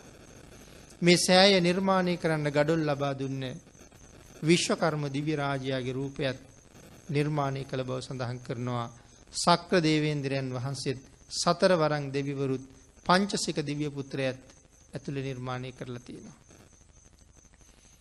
ගන්ධබ්බ දිව්‍ය පුත්‍රයත් සහම්පති මහා බ්‍රහ්මරාජයත් මහා බ්‍රහ්මරාජයු තව බොහෝ දෙනෙකුගේ රූපත් ඇතුළේ නිර්මාණය කලා වගේම වෙස්සන්තර ජාතකයේ නිරූපණය කරපු බවත් පුසති දේවිය සංජය මහරජතුමා විශේෂයෙන් නිරූපණය කරන බවත් මන්ත්‍රී දේවියත් දරුවන් දෙදෙනත් ජෝතක බමුණත් මනාව මේ ධාතු ගර්භය ඇතුළේ නිර්මාණය කරලා තියෙනවා ලෞතුරා බුද්ධ රාජ්‍ය ලබන්න කලින් මනුලව ඉපදිච්ච අන්තිමාත්ම භාවේ දාන පාරමිතාව සම්පූර්ණ කරපු ස්වභාවය. විදුර ජාතකයේ සෝන දණ්ඩ ජාතකයේ මහාකාශ්‍ය මහා නාරද කාශ්‍යප ජාතකයේ සුතසෝම ජාතකයේ සුප්පාරක ජාතකයේ සංකපාල ජාතකයේ ධම්මචක්කක් පවත්වන සූත්‍ර දේශනාව මහා සමේ සූත්‍ර දේශනාව සිදු කළ ආකාරයේ සහ සුද්ධෝදන මහරජතුමත් මහාමායා දේවියත් මහා ප්‍රජාපති ගෝතමින් වහන්සේත් ධාතු ගර්භය ඇතුළේ වැඩ ඉන්නවා කියලා සිහිපත් කරනවා. ඊට අමතරව පින්නතුනි බද්ද කච්චායනා දේවින් වහන්සේත් රාහුල කුමාරයත් චන්න ඇමතිත් කන්තකාශ්වයත් මහබිනික්මන කලාකාරයත් මහාබෝධි මණ්ඩලයත් කොසොල් රජතුමා අනාත පිණ්ඩික සිටිතුමා විශාකා මහදේවිය සුප්පාවාසා රාජදේවිය සහ චූල පිණ්ඩ පාතික තිස්ස තෙරුන් වහන්සේත් කාවන්තිස්ස මහරජ්ජිරුවන්ගේ රූපයත් ධාතු ගර්භය ඇතුළේ අවසන් වරට නිරූපණය කරලා තියෙනව කියල සඳහන් කරනවා. ඉන් පසුව ධාතු ගර්භය හදලා තෙරුන් වහන්සේ සමඟ අවශ්‍ය කාරණා සාකච්ඡා කරලා. මේ නිරූපණ ටිකින් පස්සේ ධාතු ගර්භය කටයුතු ඉවරයි. ඉදිරියට කටයුතු කරන්නේ කොහොමද කියලා කාවන්තිස්ස රජ්ජුරු මහරහතන් වහන්සේත් එක සාකච්ඡා කරනවා. මහරහතන් වහන්සේට සඳහන් කරනවා ස්වාමීනී මේ ධාතු ගර්භය තුළ කළ යුතු යමක් තියෙනවනං ඒ සියලු දේවල් දැන් කරලා ඉවරයි. තවත් යමක් කළ යුතු නං මට ඒ පිළිබඳව සඳහන් කරන සේක්වා නැත්තං ඉතිරි වෙලා තියෙන්නේ ධාතු නිධාන උත්සවේ විතරයි කියලා. මෙන්න මේ වෙලාවේ තිස්ස කියන මහරහතන් වහන්සේ විශේෂයෙන් සඳහන් කරනවා කේසධාතුන් වහන්සේල පිළිබඳව. මොකද මේ ධාතු නිධානය කරනවා කියල සඳහන් කරහම තපස්සු බල්ලුක වෙළඳ දෙබෑයන්ට අපේ භාගිතුන් වහන්සේ ලබල දුන්න ධාතුන් වහන්සේලා. දෙනමක් නාගරාජය විසින් අවස්ථාව බල්ල නාගලෝකට අරංගෙහිල්ල තිබුණ. ආංගේ ධාතුන් වහසල දෙනම නැවත මේ මහසෑය තැන්පත් කරන්න ලබාගණ්ඩ වුවමනාව තිබුණ. ආගේ නිසා තිස්ස තෙරුන් වහසේද කියනවා ස්වාමීණී කේෂ ධාතුන් වහසල රැගෙන එන්න කියලා. හොඳයි මහරජ මම ගෙනත් දෙන්නම්. තිස්ස මහරහතන් වහන්සේ තමන්ගේ උපස්ථායක සාමනේරයන් වහන්සේ නමකට සඳහන් කළා භූමින්දර කියන නාග විමානයේ ජයසේන නාග රජ්ජිරුව ළඟ කේසධාතුන් වහසල වැඩඉන්නවා. වැඩමවාගෙනෙන්ට කියලා. මහරහතන් වහන්සේ මෙ මහපොළොවේ යටට කිමිදිලා නාගලෝකයේ දක්වා වැඩම කළා. ජයසේන නාග රජ්ජුරුව ඈතිම්ම දැක්කා ශ්‍රමණයන් වහන්සනමක් වඩිනවා. ජයසේන රජ්ජුරු කියනවා ශ්‍රමණයන්ට මෙහි කරන්න දෙයක් නෑ. ශ්‍රමණයන්ට මෙහි කළ යුතු කාර්යක් නෑ. තමන්ගේ බෑනට කතා කරලා තියෙනවා කියනවා එකත් එකට මෙන්නේ කේස ධාතුන් වහසේ ගෙනියන්ඩ මයියෙන්නේ. සියලු දෙනාටම හොරෙන් කේත ධාතුන් වහස ගණ්ඩ කියලා. ජයසේන නාගරජ්ජුරුවන්ගේ බෑන ධාතුන් වහන්සේ සහිත ධාතු කරනුව ගිල්ලා. ජයසේන නාගරජ්ජුරු අහනවා ආර්යන් වහන්සේ ඔබ වහන්සේ කුමකට මෙහි වැඩියද කියලා.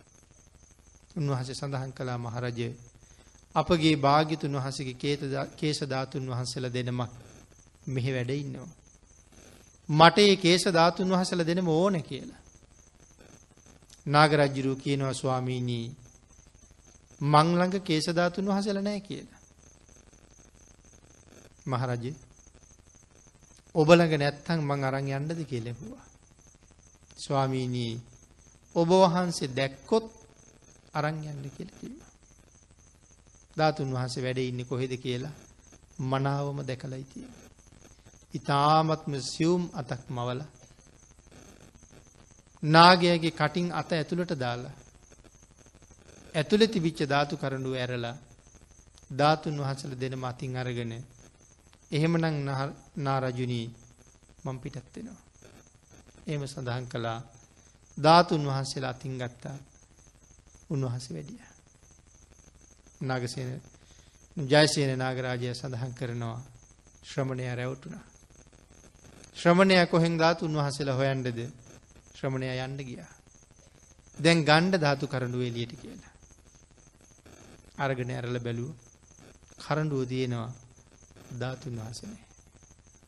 ආංගේ වෙලාවේ නාගරජ්ජිරුවන්ට මහාලුකු දුකක් ඇති වෙලා අත් දෙක මහසට ඔසවලා කෑගහල ඇඩුව කියල කියනවා. මුළු නාග භවනටම කියනවා අපේ ඇස් දෙකම ගලවගෙන ගිහිල්ල කියලා. මේ ශ්‍රමණයා පස්සෙන් යමු කියලා කෝටි දෙකක නාගසේනාව රහතන් වහස පිටි පසින් පන්නගෙනෙනවා හසින්න. රහතන් වහස දන්නවා පස්සෙන් එනවා කියලා. රහතන් වහසේ විටක මහපොලෝට බහිනවා නාගියොත් මහපොලෝට බහිනවා. ඒ වෙලාවට රහතන් වහන්සේ අහසට නගිනවා නාගි වහසට නගිනට නැවත පොළොවට බහිනවා. මේ මේ විදිහ අසිරිමත් ප්‍රාතිහාරයක් දක්වමින් නාගලෝකෙන් කේශධාතුන් වහසල දෙනමත් වැඩමවාගෙන මහරහතන් වහන්සේ මෙන්න මේ පුුණ්‍ය භූමියයට වැඩම කරලා කාවන්තිස මහරජිරුවන්ට සඳහන් කලා මහරජය ධාතුන් වහන්සේල වැඩමෝන මගේ කාර්ය නිමා කලා කියලා. කාවන්තිස රජ්ජිරුවන්ට පුදුමාකාර සතුටක්. හැබැයි වැඩි වෙලාගිය නෑ නාගයොත් එතන. නාගව ඇවිල්ල රජ්ජුරුවන්ට කියනවා මහරජය මේ ශ්‍රමණයන් වහන්සේ අපේ කේසධාතුන් වහන්සේලා අරගෙනාව. අරගනාවේ අපිට නොදන්වා බලින්මයි. අංගේ වෙලා රජ්ජුරු යහුව ස්වාමීනී එහෙම දරගෙනාවේ. මහරජය මට දුන්න ධාතුන් වහසල ගත්තා මිසක් මං කාගෙන්වත් බලෙන් ගත්තනේ. ඇයි නාගරජ්ජුරු සඳහන් කළේ ඔබෝහන්සේ දැක්කොත් අරංයන්න කියලන්නේ. එනම් තියෙන තැන තියෙන තැන දැක්කා. එ අවසරයෙන්ම අයිතම ගෙනල්ල තියෙන්නේ. එනිසා සඳහන් කළා ජයසේන නාරජ්ජිරුවන්ගේ බෑන හොඳටම දන්නවා ස්වාමීනයේ විස්තරී දන්නවා මහරජයේ විස්තරී. රජ්ජුරුවට වසේ එක පිළිගත්තා. රජ්ජුරුව මහරහතන් වහන්සේට පසඟ පිහිටවල වැන්දා. නමුත් මහානාග රජ්ජිරුවන්ට මේ රාජ්‍ය තුළ අනාගතයේ සිදුවෙන මේ දේවල් සියල්ලම මනාව දකිින්ට ලැබිලත් තිබුණ. එමන පිඩතන ධාතු නිධානයට පැමිණෙන සියලූම භික්‍ෂු මහා සංගරත්නයට මනාව දම් පිළියල කරලා තිබුණ. මහානර්ග වස්තෘ වස්තුවලින් භික්‍ෂූන් වහන්සේලට පරිෂ්කාර පූජ කළා. නොෙක් නොෙක් ආකාරයේ රස භෝජනයන් උන්වහන්සේලාට අනුභව කරවලා උපෝසතසිල් අධිෂ්ඨාන කරලා මැනික් ආදී ආභරණවලින් රජ්ජිරුවොත් සැරසිලා දිව්‍යාංගනාවන් වගේ පරිවාර ස්ත්‍රීන් සරසගෙන ධාතු නිධානය කරන ස්ථානයට රජ්ජිරුව සූදානන් වෙනෝයන්ට. එහෙම ගිහිල්ලා භික්‍ෂු මහා සංගරත්නයට වැඳලා මහරජ්ජුරු එතන හිටගෙනම හිටිය කියල සඳහන් කරනවා. එතන කියල කීවට ඒ වෙන තැනක නෙමෙයි ඒ අපි වාඩි වෙලා ඉන්න මෙතනමයි. සෝම නගරයේ ගිරියවේ රජ්ජුරුව සියලු නගර වැසියෝම එකතු කරගෙන පුළුවන් තරන් උපරමයෙන් සැරකිලා මෙතෙන්ට ඇවිල්ල තියෙනවා. එකනෙ කාවන්තිස රජ්ජිරුවන්ගේ නංගි සහ නංගිගි ස්වාමිය. සෝමාදේවියත් හිස පටන් අලුත් වස්ත්‍ර ඇඳගෙන සියලු අලංකාරවලින් සැරසිලා දිව්‍යාංගනාවක් වගේ පැමිණිලා පන්සීයක් කුමාරිකාවන් නිල් වස්ත්‍රාන්දවල පුන් කලස්දීල පන්සීයක් කුමාරිකාවන්ට කහපාට වස්ත්‍රාන්දවලා ඒ සියලු දෙනාටම නොෙක් පූජා බහන්්ඩාරගෙන අතට දීලා ඉන් පසුව රතු වස්ත්‍රාන්දවලා පන්සීයක් කුමාරිකාවන්ට මල් කළඹොල් අතර දීලා ඊට පස්සේ සුදු වස්ත්‍ර ඇඳගත්ත පන්සීයක් කුමාරිකාවන්ට සුවඳ දුම් කබල් අතර දීලා මනා පෙරහැරක් සංවිධානය කරගෙන මේ අවස්ථාවට සෝමාදීවිය සහභාගි වුණා කියලා සේපත් කරනවා.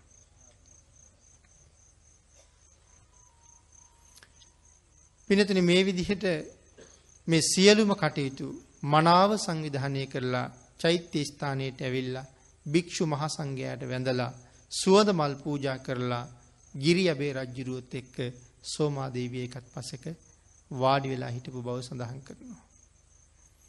පිනතින ලෝන කියන නගරයේ හිටපු නාග රජ්ජුරු නොෙක් ආකාරයෙන් සැරසිලා දුම් කබල් අරගෙන විල්ලතිය. ඒකෙන් අපි සඳහන් කරන නාග ලෝකෙන් ආපු නාග රජ්ජුරුව නෙමෙයි ලෝන නගරයේ හිටපු රජ්ජිරුවන්ගේ නමත් නාග ඒ නාග රජ්ජිරුව තමයි එහෙම විල්ලතිය. රජ පිරිසත් සමඟ මේ විදිහට ඇවිල්ලා විවිධ ආභරණ වලින් සැරසිලා හරියට නිකං දෙවිවරු පැමිණියාවාගේ. පුදුමාකාර අලංකාර උත්සවයක් සංවිධානය වෙලා තිබිලතියෙන. විශේෂයෙන් සඳහන් කරනවා නොෙක් ආකාරයේ දජවලින් මේ ප්‍රදේශයේ මනාව සරසලා විශේෂ රථසේනාවත් එකත් පසික ඉඳවලා බ්‍රාහ්මණ පුත්‍රයෝ ආදී පිරිස් සෝභමාන විදිහට ඇඳගෙන තවත් පසක ඉඳගෙන හිටිය කියලා. බොහෝම ඇමතිවරු තමන්ගේ රූපයට අනුරූප නොයෙක් ආකාරයේ වස්ත්‍රවරින් සැරසිලා හිටිය බවත් සුවඳ ජලය පුරෝණ ලද දක්ෂිනාවර්තව හක්ගෙඩි අරගෙන කරේදාගෙන වස්ත්‍රයක එක පැත්තක උරය අයින් කරලා එක පැත්තක උරේ පේනවා. අනික් පැත්තේ උරය වහල තියෙනවා. හරියට නිකං බ්‍රාහ්මණයෝ ඉන්න විදිහට උරයක් ඇරගෙන උරයක් වහගෙන පුරෝහිත බ්‍රාහ්මණයා මහත් වූ පිරිවරක් සමඟ චෛත්‍ය ස්ථානයට පැමිණියා කියල සඳහන් කරනවා. දක්ෂිනා වර්තව කැරකිච්ච හක් ගෙඩි අරගෙන ඒවට සුවඳ පැන් පුරවලා තිබිල තියෙනවා. අතීතය අය භාගිතුන් වහන්ස ළඟට යනකොට එක උරයක් විවෘත කරලා ගිහෙල්ල තියෙන. භික්‍ෂූන් වහන්සේ නමකටවත් සිවුරෙන්වත් හිස වහගන මේ මළුවේ නමුත් ඉන්න එක සුදුසු නෑ. බුදුරජාණන් වහන්සේ ළඟට එහෙම කවදාවත් ගිහිල්ලනෑ. භික්‍ෂූන් වහන්සේල ගියත් නෑ ගිහි අය ගියත් නෑ.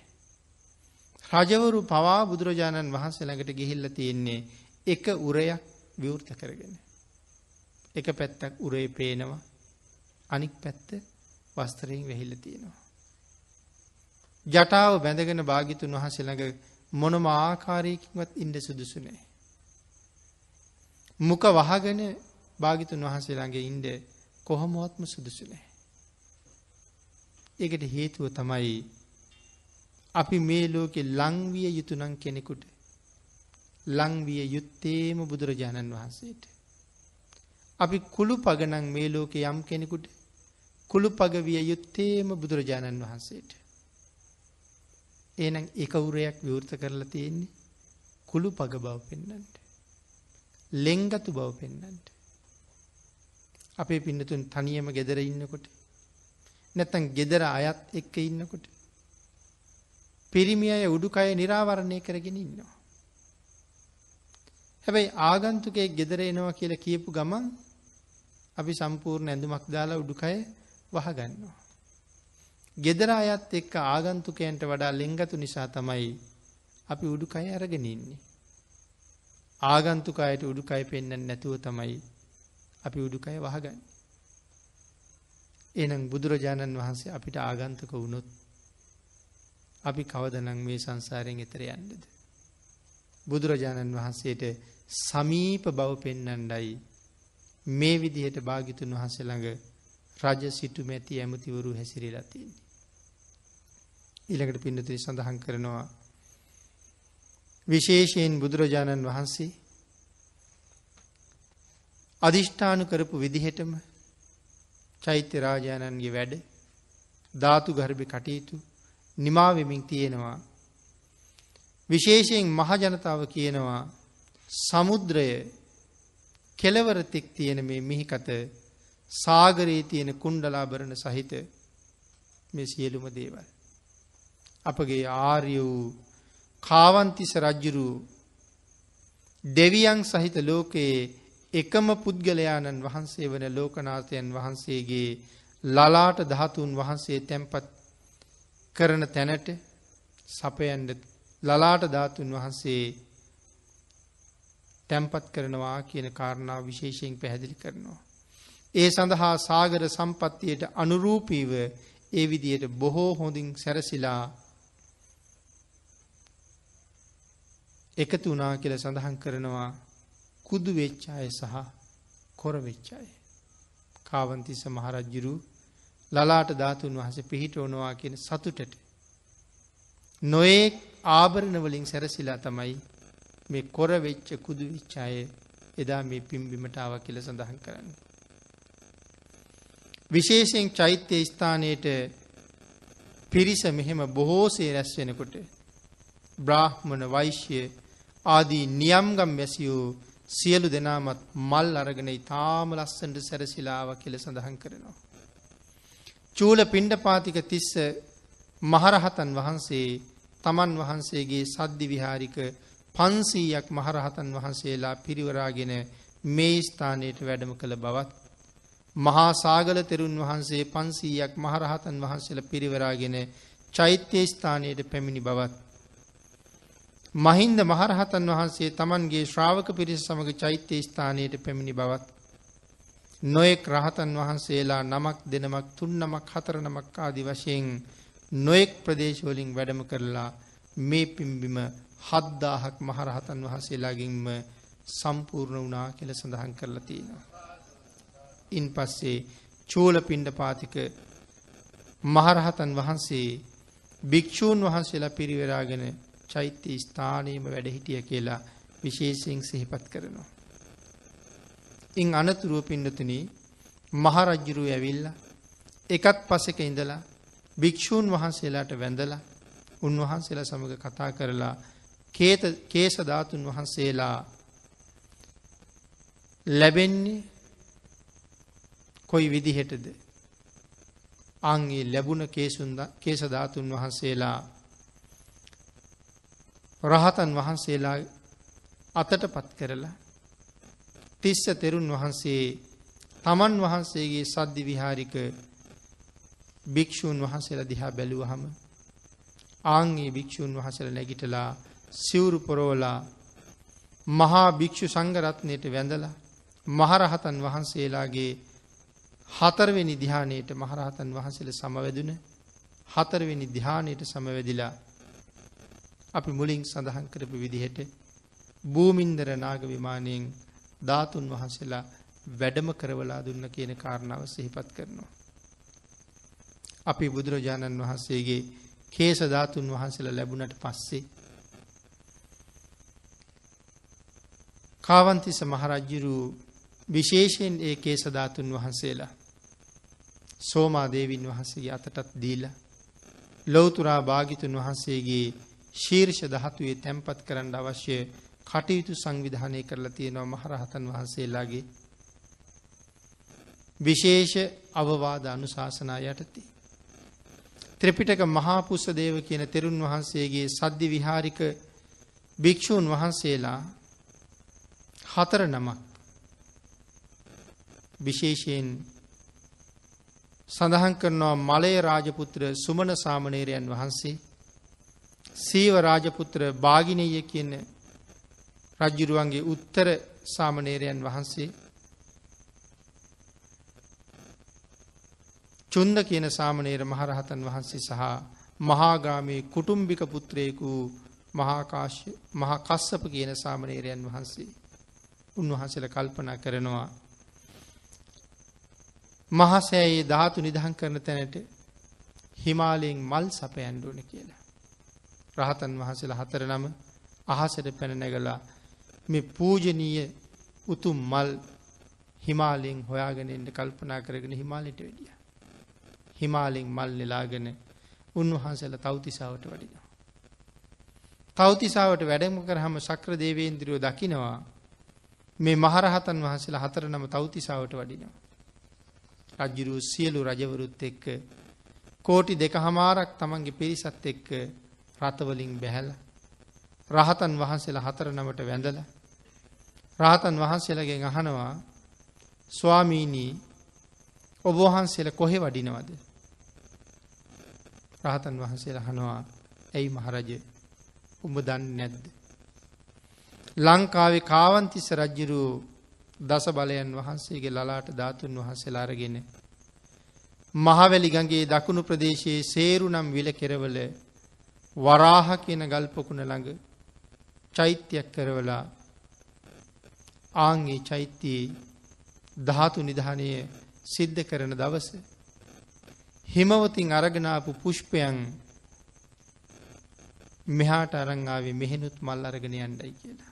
හිමාලිනුත් මල් අරගෙන දිවිය ලෝකනුත් මල් අරං යන්ඩයි ඇවිල්ල තියෙන. සක්‍ර දේවේන්ද්‍රයන් වහන්සේ සඳහන් කරනවා ස්වාමීනී ඔබ වහන්සේලාගේ අතේ තියෙන මල් සිළුමිනි සෑයට පූජ කරන්න. අපගේ උද්‍යානයෙන් නෙලාගන්න මල් ධාතු පූජාවට අරගෙනයන් කියලා. හිමාලෙන් නෙලපු මල් සිළුමිනි සෑයට පූජ කරලා. දෙව්ලවින් නෙලාගත්ත මල් උන්වහන්සේලා විශේෂයෙන් ධාතුන් වහන්සේලා තැන්පත් කරන තැන්ට අරංගෙනවා. සක්‍ර දේවේන්ද්‍රයන් වහන්සේගේ විශේෂ උද්‍යාන පහක් තියෙනවා කියල සඳහන් කරනවා නොයෙක් නොයෙක් මල්වලින් ඒ උද්‍යාන පිරිලයි තියෙන්නේ. ආංගේ උද්‍යානවලින් නෙලාගත්ත මනා සුවඳවත් වූ මල් මේ පූජාවට අරගෙන වෙල්ල තියෙන දෙව්ලවින් ගෙනාව මල්. ඒ මල් තාමත් මේ ධාතු ගර්භය ඇතුළේ සුවඳ හමමින්ම පවතිනවා. ඊළඟට පින්නතින විශ්වකරණම දිවිය පුත්‍රයා විසින් නිර්මාණය කරලා දුන්න ගඩොලින් හැදෙන මේ මහසෑය හිමවතින් ගෙනාපු පුෂ්පයන්ගෙන් දෙව්ලවෙන් ගෙනාපු පුෂ්පයන්ගෙන් මනාව අලංකාර කලා කියල සේපත් කරනවා. ඊළඟට කියනවා ඔබ වහන්සේලාගේ අතේ තියෙන මේ සියලුම මල් මෙහෙ තියලා ඔබ වහන්සේල නැවතත් මේ උද්‍යානයේම මල්ගෙනියන්ට. සක්‍ර දේවේන්ද්‍රයෝ උද්‍යාන පහේම මල් විශේෂ විශේෂ මල් නෙල්ල දීලා සක්‍ර දේවේන්ද්‍රය යනවා මැනික් වලින් ගැවසී ගත්ත විශේෂ උද්‍යානයකට. ආංගේ උද්‍යානයේ සක්‍ර දේවේන්ද්‍රයෝ දවසම ගත කරනවා මේ මැනික් පිරිච්ච උයනක. හැන්දෑවයා පහු යන්ඩ කල්පනා කරනකොට සක්‍ර දේවේන්ද්‍රයන්ට හදිස්සිය දකිින්ට ලැබෙනවා ඉතාම සුවිශේෂී වූ මැනික්ගල් හතරක්. ඒ මැනික්ගල් ඉතාම දීප්තිමත් ආලෝකය විහිදුවනවා. සක් දෙවිඳූ මෙන්න මේ මැනික් අංගනී තිබිච්ච මේ මැනික් හතර අතට ගන්නවා. සඳහන් කරනවා එකක් නිල් මැනිකක් තව එකක් වයිරෝඩියක් තව එකක් ඉඳුනිල් මැනිකක් තවත් එකක් පබස්සර ජෝති අංගන කියන මැනිකක් මේ වගේ මැනික් හතරක් තමයි තිබිලතිය. අන්නේ මැනික් ඒ වගේම දිව්‍යමය මල් අරගෙන ඇවිල්ල තෙරුන් වහන්සේට පෙන්නනවා. තෙරුන් වහන්සේ බොහෝම සතුටට පත්දලා රජ්ජුරුවන්ට කාරණාව සඳහන් කරනවා. රජ්ජුරුව ඉතාම සතුටින් ප්‍රීතියෙන් ප්‍රීතියට පත්වෙලා සාමනේරයන් වහන්සේලාට පසඟ පිහිටවල වන්දනා කරනවා. උන්වහන්සේලාට පසඟ පිහිටවල වැඳල. අරගනාපු මැනික් මහා නන්ද කියෙන අමාත්‍යවරයට දීලා මේ ධාතුන් වහන්සේල වැඩඉන්න මේ ධාතු ගර්භයේ විශේෂ මැනික් කරඩුවෙන් ධාතුන් වහන්සේලා අරගෙන මහරජ්ජිරුවන්ගේ හිස මත තියෙනවා. පෙනතුන හිස මත ධාතුන් වහන්සේල තැබූ හම ඊට උඩින් ධාතුන් වහන්සේලට කුඩයක් කියලෙනවා. සුවිශේෂී චත්තරයක් ඉහළුව හම මේ චෛත්‍ය රාජාණන් වහන්සේගේ වටේ කාවන්තිස්ස මහරජ්ජිරුවූ තුන් වතාවක් ප්‍රදක්ෂිනා කරලා නැගෙන හිර දවාරය ළඟට ඇවිල්ලා රජ්ජුරු අධිෂ්ඨානයක් කරනවා. ලොවතුරා බුදුරජාණන් වහන්සේගේ ජීවමාන සම්බුද්ධ රූපය ශක්ති ප්‍රමාණයෙන් සෑය තුළ නිර්මාණය කරලා තියන්නේ. භාගිතුන් වහන්සේගේ අනන්තානුභාවයෙන්. ලලාට ධාතුන් වහන්සේ ඌල්න රෝම ධාතුව නිර්මාණය කරලා තියෙන තැන තමන් වහන්සේ විසින්ම පිහිටන සේක්වා කියලා අධිෂ්ඨාන කරහම රජ්ජුරුවන්ගේ හිස මත තියෙන මැනික් කරඩුවෙන් අහසට පැනනැගෙන ලලාට ධාතුන් වහන්සේ තල්ගස් හතක් තරම් ඉහල අහසට නැගිලා මේ චෛත්‍ය රාජානන් වහන්සේ ළඟ ලෞතුරා බුදුරජාණන් වහන්සේ විහිදවපු ඒ ෂඩ්වර්ණ රශ්මි ධාරාව විහිදවන්න පටන් ගත්ත කියලා. මුළු ලංකා භූමියම භාග්‍යතුන් වහන්සේගේ ෂඩ්වර්ණ රශ්මියෙන් ඒ කාලෝක වෙලා යනවා. මුළු ලංකාවම බුද්ධ රශ්මියෙන් පිරෙනවා. ප්‍රාතිහාරය දක්වපු ලලාට ධාතුන් වහන්සේ ධාතු ගර්භය ඇතුළි නිර්මාණය කරපු ලොවතුරා බුදුරජාණන් වහන්සේගේ රන්වන් බුද්ධ රූපයේ නලල් තලේ මත තමන් වහන්සේම පිහිටනු ලැබුවා. මෙන්න මේ වෙලාවේ විශේෂයෙන් සඳහන් කරනවා රජුරු අධිෂ්ඨාන කරනවා දස බලයන් වහන්සේගේ ලලාට ධාතුන් වහන්සේ මේ නලල් තලේ මත පිහිටන්ඩ. ඒ හිතපු මොහොතේම ධාතුන් වහසේ ප්‍රාතිහාර දක්වලා ප්‍රජ්ජුරු අධිෂ්ඨාන කරපු ආකාරයෙන්ම පිහිටනවා. විශේෂයෙන් සඳහන් කරනවා පින්නතන මේ කාරණාව දැකල එක බ්‍රාහ්මණය ගාථාවන් ගණනාවක් කියල බුදුරජාණන් වහන්සේට වන්දනා කරනවා නොයෙක් රතනයන්ගින් විචිත්‍ර වෙච්ච නොයෙක් ආකාරයෙන් අලංකාර වෙච්ච නොයෙක් ආකාරයෙන් ප්‍රතිමණ්ඩිත වෙච්ච මහ වටින ඔසවන ලද දජපතාක ආදීන් කුසුම් වලින් ප්‍රධාන පූජා විදි සකස් කරලා මනුෂ්‍යෝද නොයෙක් ආකාරයෙන් පැමිණිලා දෙවිවරු මල්වෙහි වස්සවලා මහානුභාව සම්පන්න නාගයෝ පූජා පවත්වලා සියලු දෙවිවරු නාගයෝ මිනිස්සු සාධකාර පවත්වන්න පටන් ගන්නවා ධාතුන් වහන්සේ බුදුරජාණන් වහන්සේගේ නලල් තලී පිහිටනකොට. විශේෂයෙන් සඳහන් කරනවා ඒ වෙලාවේ මුළු ලංකා දීපේම හිටපු ඇත්තු කුංචනාද කරන්න පටන් ගන්නවා. අශ්වයෝ හේෂාරාව කරන්න පටන් ගන්නවා. මහපොළොව වෙවුලන්ඩ පටන් ගන්නවා. අහසේ විදුලි රේකානගෙන්ට පටන් ගත්ත කියලා. සියලු ශ්‍රී ලංකා දීපයේ ශ්‍රීපාදය ආදී මහා පර්වතවලින් මල් නැගිල මල්වලින් වැහෙන්ඩ පටන් ගන්නවා. ශ්‍රීපාදය ඇතුළු ලංකාවේ සියලුම පර්වත. තනිකරම මලින් වෙහිල ගියා කියල සඳහන් කරනවා ධාතුන් වහන්සේ මේ චෛත්‍යරාජයාගේ ධාතු ගර්භය තුළ පිහිටන වෙලාවේ. ඉළඟට පින්නතිනි සඳහන් කරනවා සියලුම ජලාසයන් නොයෙක් මල්වලින් පිරෙන්ඩ පටන් ගත්ත කියලා.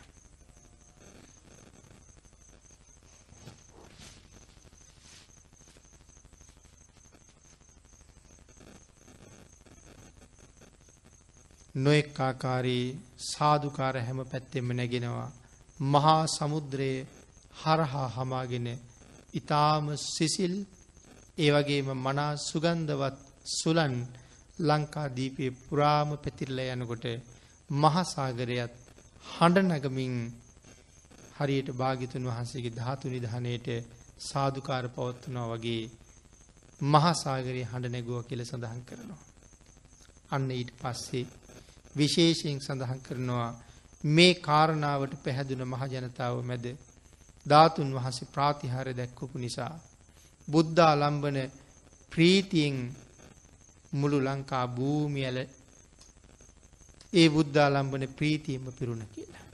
ඊට පස්සේ රජ්ජුරුව මහානන්ද කියන ඇමතිවරේ කැඳවලා කේස ධාතුන් වහන්සේලා අරගෙන විහාර මහාදේවීගේ අතර දෙනවා. අතර දීල සඳහන් කරනවා ඔබ කේසධාතුන් වහන්සේලා දස බලයන් වහන්සේගේ හිස මත පිහිටන්ඩ කියලා අධිෂ්ඨාන කරන්න කියලා. කේසධාතුන් වහන්සේලා අරගෙන එම ස්ථානයේදීම විශේෂයෙන් අධිෂ්ඨාන කරනවා භාග්‍යතුන් වහන්සේගේ ශීර්ෂ ධාතුවේ මේ කේසධාතුන් වහන්සේලා සුදුසු විදිහට පිහිටත්වා. ධාතු කරඩුව ආකාසයට පැන නැගලා හරියට කේසධාතුන් වහන්සේලාගෙන් මොනරෙකුගේ බෙල්ලෙ තියෙන නිල්වන් ආලෝකය වගේ. දීප්තිමත් නිල්වන් බුද්ධ රශ්මිජාලා විහිදවල විහිදවල විහිදවලා කේසධාතුන් වහන්සේලා බුද්ධ ප්‍රතිමා වහන්සේගේ ශීර්ෂය මත විශේෂයෙන් පිහිටියා කියල සඳහන් කරනවා. ඊට පස්සෙ පිඩතුන රජ්ජුරුව තෙරුන් වහන්සේගෙන් අහනවා ස්වාමීනී තවත් කළ යුතු යමක් තියෙනවද. රජ්ජුරුව තෙරුන් වහන්සේත් සමඟ ධාතු ගර්භය ඇතුළටම පිවිසෙනවා නැවත වතාව. දැන් ධාතු ගර්භය වහන්ඩයි සූදානම. ඇතුළෙ කළ යුතු සියලුම දේවල් නිමා කරලයි තියෙන්නේ. දිවිය ලෝකෙන් ගෙනාපු සඳුන් නොෙක් ආකාරයේ දිව්‍ය මේ සුවඳ පාරිච්චත්තක රුක්ෂයේ කොළවල තැවරුවා. ඒ කොළවල නොයෙක් සුවඳ තවරලා රැස් විහිදුවන මැනික් හතර විශේෂයෙන් ඇතුළි තැන්පත් කරනවා. මැනික් අංගනයෙන් ගෙනාපු අර මුලින් සඳහන් කරපු රැස් විහිදපු මැනික් තැන්පත් කරහම ධාතු ගර්භය ඒ මැනික් කොලෙලියෙන් ඒ කාලෝක වෙනවා. මනා ආලෝකයක් මැනික් වලින්ම ධාතු මන්දිරයට සපේනවා. ඒ ආලෝකෙන් ධාතු මන්දිරයේ තවත් ආලෝකයෙන් ආලෝකමත් වෙලා ඉතාම දීප්තිමත් වෙන්න පටන් ගත්තා සප්ත රතන රිදී රත්තරං පලිඟු මේ නොයෙක් ආදී දේවල්. මානික්ක මේ එළියමයි ධාතු ගර්භය ඇතුළේ තියෙන්නේ. බුද්ධ රශ්මියෙන් ඇතුළ පිරෙන්ඩ පටන් ගත්තා. ලලාට ධාතුන් වහන්සේ රැස් විහිදවන්න පටන් ගත්තා. රජ්ජුරු අවසානම වතාවට ධාතු ගර්භයට ගිහිල්ලා. ලොවතුරා බුදුරජාණන් වහන්සේගේ ප්‍රතිමාව නිර්මාණය කරපු තැන ධාතු ගර්භයේ තමන් වහන්සේගේ හිස තියලා මැනික් වලින් බැබලෙන ධාතු ගර්භය තුළ විශේෂයෙන් මෙතෙන්ට මේ අවස්ථාවේ ආපු සියලූම ස්ත්‍රීන් පැළඳගෙනාපු ඉතා වටිනා ඉතාම අලුත් ආභරණවලින් මුළු ධාතු ගර්භය නැවත වතාවක් පුරවලා බුද්ධ රූපයේ පාදතලය මත හිස තියලා බුදුරජාණන් වහන්සේට දණ්ඩ නමස්කාර කළා. කාවන්තිස්ස මහරජ්ජුරුව. කාවන්තිස්ස රජ්ජුරුවෝ බුදුරජාණන් වහන්සේට දණ්ඩ නමස්කාර කරලා පිනතනි රජ්ජුරුව අණ්ඩනවා ධාතු මන්දිරය ඇතුළට වෙලා. විශේෂයෙන් සඳහන් කරනවා මාගේ පියා මගේ පියාගේ පියා මගේ පියාගේ පියාගේ පියා තුන්වෙනි පරම්පරාව. මෙන්න මේ ආදි වශයෙන් ඈතට ඈතට ඈතට සඳහන් කරලා සඳහන් කරනවා පරම්පරාගතව පැමිණිච්ච ධාතුන් වහන්සේ අද පටන් මෙතැන් සිට අපාතරින් සදහටම වියෝ වෙනවා. ඒ වියෝ වෙනවා කියල කියන්නේ අය කවදාවත් ධාතුන් වහන්සේ ස්පර්ශ කරන්න ලැබෙන්නෙත් නෑ අය කවදාවත් ධාතුන් වහන්සේ බලන්ඩ ලැබෙන්නෙත් බලන්ඩ ලැබෙන්නෙත් නෑ. ඒ නිසා සඳහන් කළා මම දැන් ඔබ වහන්සේව රමණීය රෝහණ ජනපදයේ ඉඳලා මේ ස්ථානයට වැඩම කරවාගෙන ඇවිල්ල මේ ස්ථානයේ ධාතු ගර්භය තුළ වඩා හිඳෙව්වා. මහමෙර මුදුනේ දල්වන ලද මහා ප්‍රදීපයක් වගේ භාගිතුන් වහන්සේ මෙතනම වැඩ සිටින සේක්වා මම දැන් මෙතනින් යන්නෑ භාගිතුන් වහන්සේ ආංහිම සඳහන් කරනකොට කාවන්තිස රජ්ජිරුවන්ට සිහිනැතු වැටුණ.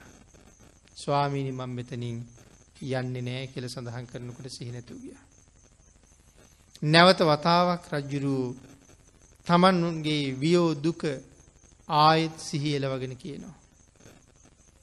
විශේෂයෙන් රජ්ජුරුව හඬමින් හඬමින් ධාතු ගර්භයේ මෙහාට මෙහාට පෙරලෙනවා. මම යන්නෑ ස්වාමීනි මම යන්නේ. මම මෙතනව මැරෙනවා ස්වාමීනි මම මැරෙනවා. භාගිතුන් වහසේ නොදැක මම නැවත කොහොම ඉන්නද. භාගිතුන් වහන්සේගේ වියෝව මම කොහොම ඉවසන්ඩද. රජුරු නොඒ ආකාරයෙන් තමන්ගේ දුක කිය කියා ධාතු මන්දිරය ඇතුළේ අඩනවා. මෙන්න මේ වෙලාවේ මහරහතන් වහසේ නමක් අධිෂ්ඨාන කරලා බැලුවා ඇත්තටම කාවන්තිස්ස රජිරුවන්ට මොනෝවේද කියලා. ඇත්තටම උන්වහසේ අදහස් කරපු විදිහට කාවන්තිස රජ්ජිරුව ධාතු ගර්භය ඇතුළේ සදහටම ජීවිතෙන් සමුගන්නවමයි. භාගිතුන් වහසේ දාලා රජ්ජිරුවන්ට පිටවෙන්ඩ බැරි තරමයි. කාවන්තිස රජ්ජුරුව බුදුරජාණන් වහන්සේට මොන තරං ලෙංගතුව ඉන්ඩ ඇද. කාවන්තිස රජ්ජුරුව බුදුරජාණන් වහන්සේට කොයි තරන්නම් ගරු කරන්න ඇද. නැවත කවදාවත් නොදකින නිසා භාගිතුන් වහස වෙනුවෙන් ජීවිතයමත් හරින්ඩයි සූදාන්න. පිනතුන අපි ගැනත් හිතල බැලුවොත්. මෙවන් මහ උතුමන් වහන්සේලා බුදුරජාණන් වහන්සේ වෙනුවෙන් ජීවිතයත් හරින්න යනකොට.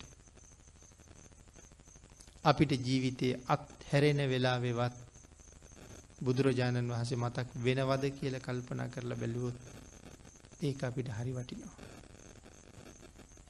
ජීවිතය අත්හැරෙන තැන කාටවත් අපිට ආපහු ජීවිතය දෙන්න පුළුවන්කමක් නෑ. නොයෙක් තැන්වල ඔසවාගෙන ගිහිල්ල. එහාට මෙහාට පෙරලලා ආරෙන් මෙහෙන් කටු ගහලා රේදවලා වේදනාවට පත් කරලා කේන්ති අවුස්සලා පවින් පුරුවනෝට වඩා සියල්ල අනිත්‍ය වුණ ලෝකේ අපේ කවුරුවත් සදාකාලික වෙන්න ඇවිල්ලනේ. ඔවුන් කරගත්ත යම් පිනක් වෙයිද ඒ කරගත්ත කුසලය අවසාන මොහොතේ මතක් කරගන්න නිදහසේ ඉඩ දීලා අයින් වෙන පිරිසක් හිටියොත් මං හිතන්නේ ඔවුන් හරි වාසනාවන්තයි කියලා. එහෙම නැත්තම් කරගත්ත කුසල් සිහිපත් කර කර සතුටින් මැරෙන්න ඉඩ ලැබෙන අය නම් ධර්මයේ මනාව දන්නේ නැති උන් පිරිච්ච ලෝකේ බොහොම අඩුයි කියලාමයි කියන්නේ. ආන්ගේ නිසා මැරෙන වෙලාවටවත් බුදුරජාණන් වහන්සේ මතක් වුණොත් ඒක හරි ලොකු සුබ නිමිත්තක්. සක්‍ර දේවේන්ද්‍රයන්ගේ ආයුෂ පිරිහෙනකොට සක් දෙවිඳුට මතක් වුණෙත් බුදුරජාණන් වහන්සේ. භාගිතුන් වහන්සේගෙන් එක බණක් අහනකොට මැරිලා නැවත සක් දෙවිඳි වෙලා එතනම පහළ වුණා. එනම් අවසන් වෙනකොට මතක් වුණේ භාගිතුන් වහන්සේ. රජ්ජුරුවන්ටත් බුදුරජාණන් වහන්සේ දාලා යන්න බෑ. මහරහතන් වහන්සේ විශේෂ සෝභමාන රූපයක් මවල රජ්ජුරුව ධාතු ගර්භෙන් එලියට ගත්තා. මහරහතන් වහන්සේලා අධිෂ්ඨාන කරලා ඉතුරු මේගවර්ණ පාෂාණයන් ධාතු ගර්භය උඩින් තියලා අධිෂ්ඨාන කළා මේ ධාතු ගර්භය ඇතුළේ යම්සේ භාගිතුන් වහන්සේගේ සරුවඥ ධාතුන් වහසේ වැඩ ඉන්නවද. ආගේ ධාතුන් වහන්සේ වැඩ ඉන්න ධාතු ගර්භය තුළ විශේෂයෙන් මේ දල්වලා තියෙන පහන් නොනිමේවා. මේ පූජා කරලා තියෙන සුවඳ මල් කවදාවත් පර නොවේවා. මේ ඇතුළේ තවරලා තියෙන දිව්‍ය මේ සුවඳ කවදාවත් අතුරු දහම් නොවේවා. ලෝතුරා බුදුරජාණන් වහන්සේ වෙනුවෙන් තැන්පත් කළ ජෝතිරංග පාෂාන ධාතු ගර්භය ආලෝකමත් කරත්වා. මේ තැන්පත් කරලා තියෙන පූජා බාණ්ඩ නොනැසේවා. මේ තැන්පත් කරලා තියෙන රතනයෝ දුර්වර්ණ නොවේවා. සතුරන්ට අවකාශයක් විවරයක් කවදාවත් නොවේවා. මේ ධාතු ගර්භය කිසිම සතුරෙකුට කිසිම දවසක කිසිම හේතුවක් නිසා පළුදු කරලා ඇතුළේ තියෙන වටිනා දේවල් වලට අත තියන්න නොලැබේවා කියලා රහතන් වහන්සේලා අදිෂ්ඨාන කරලායි තියෙන්නේ ආන්ගේ අදිෂ්ඨානයට අනුව පින්නතුනි සම්මා සම්බුද්ධ ශාසනය පවතින තුරු මේ වස්තුව කිසි දෙයකට කාටවත් අත තියන්න බැරි බවයි එකකින් කියන්නේ. ඊළඟට සඳහන් කළා රජ්ජුරුව ධාතුන් වහන්සේලාට පූජා කරන මේ මංගල චෛත්‍ය වටේට මනාව සකසලා සුදු පිරියම් කරලා වැලිමලුවේ ඉඳලා කරන්න ඕනේ සියලුම දේවල් කරලා යහපත් ජනතාවගේ පැහැදීම පිණිස අන්‍ය තීර්ථකයන් මර්ධනය කරමින් මංගල ස්තූපය රජ්ජුරුව බලාපොරොත්තිච්ච ආකාරයෙන් මේ ඉදිකරපු තැන මේ විදිහට එදත් විරාජමාන වුණා අදත් ඒ විදිහටම බැබලෙනවා. මේ චෛත්‍ය රාජාණන් වහන්සේ ළඟ ජීවිත පරිත්‍යාග කරන්න සූදානම් වෙච්ච අය මෙතකයි සීමාවක් නෑ. ඒ ලෞතුරා බුදුරජාණන් වහන්සේ වෙනුවේ. ඒ උතුම් චෛත්‍ය රාජාණන් වහන්සේ ළඟ මේ විශාල පිරිසක් දවස් ගණනාවක් මේ ස්ථානයට ඇවිල්ලා අති සුවිශේෂී පින්කම. ලෞතුරා බුදුරජාණන් වහන්සේ වෙනුවෙන්ම සිදු කරලා නිමා කර ගන්ටේදුන. එදා මහරජවරු කරපු පූජාවල් මහරහතන් වහන්සල කරපු පූජාවල් සැදැහැවන්තයෝ කරපු පූජාවල් මාසි අටවෙනි දවසෙත් පසලොස්සක දවසෙත් පූජා කරනකොට රැස් විහිදුන ලලාට ධාතුන් වහන්සේ අදත් ධාතු ගර්භය ඇතුළේ බුද්ධරශ්මීන් විහිදවමින් ඔබට අපට අනුකම්පාවෙන් මේ සියලු පූජාවල් ඉවසන බව අපි සියලු දෙනාටම විශ්වාසයි. ලොවතුරා බුදුරජාණන් වහන්සේ පිරිනිවන් පාණ්ඩ කලින් මේ සියලුම පූජාවල් භාරාරගෙනයි තියෙන්නේ. මේ සියලුම පූජාවල් භාගිතුන් වහන්සේ ඉවසලයි තියෙන්නේ. මේ පූජාව මේ විදිහට සිදුවෙන බව ලොවතුරා බුදුරජාණන් වහන්සේ මනාව දැකලයි තිබුණේ. භාගිතුන් වහන්සේ මනාව දැනගෙන හිටියේ. ආං ඒකයි සඳහන් කරන්නේ ලොවතුරා බුදුරජාණන් වහන්සේ අපිට තවත් පිහිට වෙන එක ක්‍රමයක් මේ ලෝකෙ තියෙනවා කියලා. ඒ ක්‍රමය තමයි පිරිනිවම් පාණ්ඩ කලින් මේ කරන සියලුම පූජාවල් දැකල බලලා ඉවසලා අපිට රැස්වෙන කුසල් ප්‍රමාණය භාගිතුන් වහන්සේ අනුමෝදන් කරලා තියෙන්නේ. මෙතෙක් කාලයක් ලැබිය යුතුව තිබුණ කුසලය හිමි කරගත්ත දවස අද දවසයි. ඒ ඔබ සියලු දෙනාගේම ශ්‍රද්ධාව ඒ ඔබ සියලු දෙනාගේම ඇප කැපවීම ඒ ඔබ සියලු දෙනාගේම වෙහෙස මහන්සිය ඔබ රැස් කරගත්ත මහානු භාව සම්පන්න කුසල සම්පත්තිය දුගතියෙන් අතමුදෝලා සුගතියෙන් සුගතියට පත් කරන්න අපේ ශ්‍රද්ධාවේ ප්‍රමාණයට ඒ කුසල් පිහිටලයි තියෙන්නේ කියන කාරණාව සියලු දෙනාම හිතල සතුටු වෙලා පින් අනුමෝදන් වෙන්න වටිනවා. ලෞතුරා බුදුරජාණන් වහන්සේ වෙනුවෙන් අති සුවිශේෂී වූ පුෂ්ප පූජාවක් ශ්‍රද්ධාවන්තයන්ගේ මැදිහත්වීමෙන් පේසාවල්ලු තුන මතම තැන්පත් කරලා තියෙන බව අපි බොහෝම සතුටු සිතින් යුක්තව දැකල බලලා සාදු කියල පින් අනුමෝදන් වුණා. ලොවතුරා භාග්‍යතුන් වහන්සේ වෙනුවෙන් අප්‍රමාණ ආනිසංස ලබන්ඩ පුළුවන් තවත් මහා පූජාවක් හැටියට රන්වන් පාටින් දිලිසෙන මේ කංචුක හතරක් විශේෂයෙන් සකසලා පූජා කරලයි තියෙන්නේ.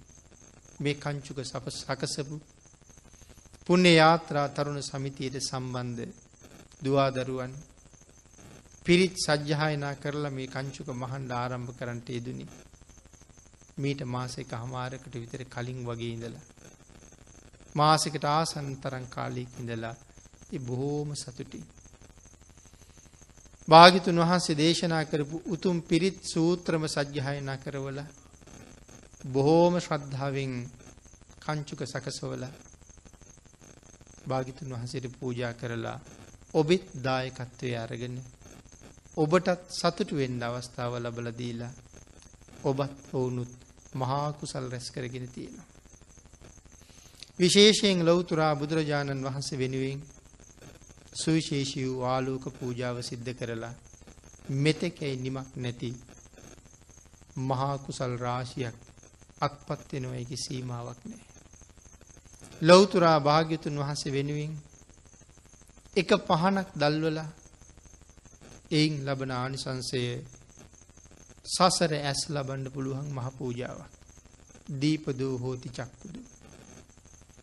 පහන් දුන්නනං යම් කෙනෙ ඔවුන් ඇස් ලැබුව කියල සඳහන් කළේ.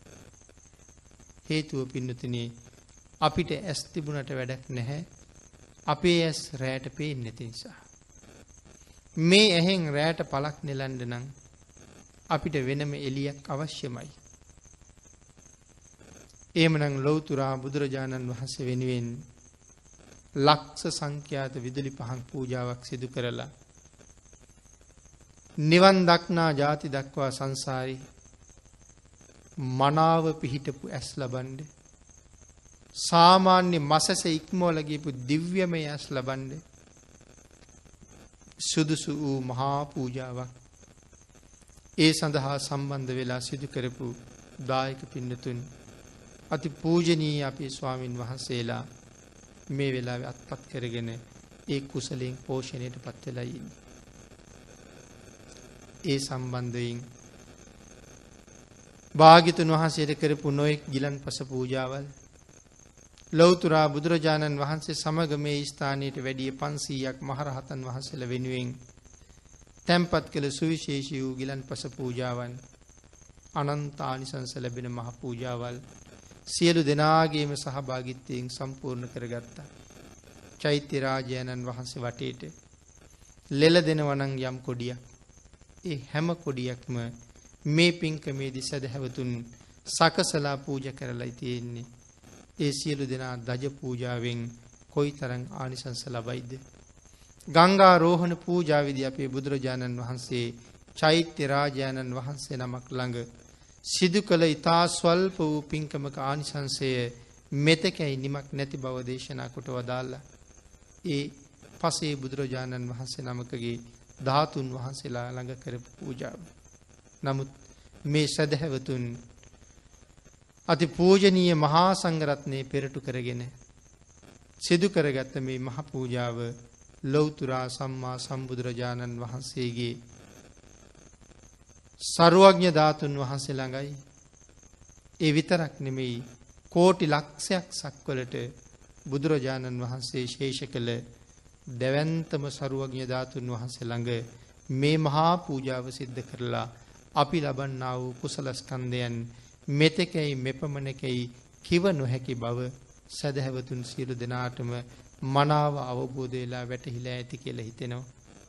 එනිසා මේ රැස් කරගත්ත උදාර පුණ්‍ය සම්භාර ධර්මයන් දැකල බලල හිතල සතුටු වෙලා සාදු කියලා අනුමෝදන් වෙලා නිවන් දක්නා ಜಾති දක්වා කවර කවමදාකවත් සතර අපායාදී දුගතියකට පත් නොවි නිවන් දක්නා ಜಾති දක්වා සාපිපාසාදී දුර්ගතයකට භාජනය නොවී. විස කණු කටු උල්මුල් ආදීන් කරදරයකට හිරිහැරයකට පත් නොවී. මනු සතාගේ ඉඳලා මදුරු කූම්බියාදී තා කුඩා සතුන්ගේ ඉඳලා අලි ඇත්තු කොටියාදී මහ භයානක සත්තු දක්වා කිසිම සතිකුගෙන් කරදරයකට උපද්‍රවයකට භාජනය නොවී. ඉතාම කුඩා කටුවක ඉඳලා පිහියක් කිනිස්සක් කඩුවක් තුවක්කුවක් බෝම්භයක් දක්වා කිසිම ආයුධයකින් කරදරයකට පත් නොවී. සත්පුරුෂයන්ම ලබමින් පාප මිත්‍රයන් දුරලමින් සත්පුරුෂයන්ගේ අවවාද අනුශාසනා ලබන්ඩ නිහතමානී බව ඇති කර ගනිමින් ඒ උතුම් දහම් මග ගමන් කරමින් සංසාර සාගරයේ කෙරවල කරගණ්ඩ සසර සාගරයෙන් ඉහලට ගොඩවෙන්ඩ මේ උදාර්තර වූ පින්කමේ අනන්තානු භාවය අපි සියලු දෙනාටම හේතු වාසනාවේවා කෙල සාදු කියල ප්‍රාර්ථනා කරමු. මහා පූජාව මේ විදිහට සම්පූර්ණ කරන්න නොයෙක් ආකාරයෙන් දායකත්වයන් ලබල දුන්න දායක කාරකාදී පින්නතුන් විශාල පිරිසක්. ඒ පිරිස් මෙතකැයි සඳහන් කරන්න නොහැකි තරං විශාලයි.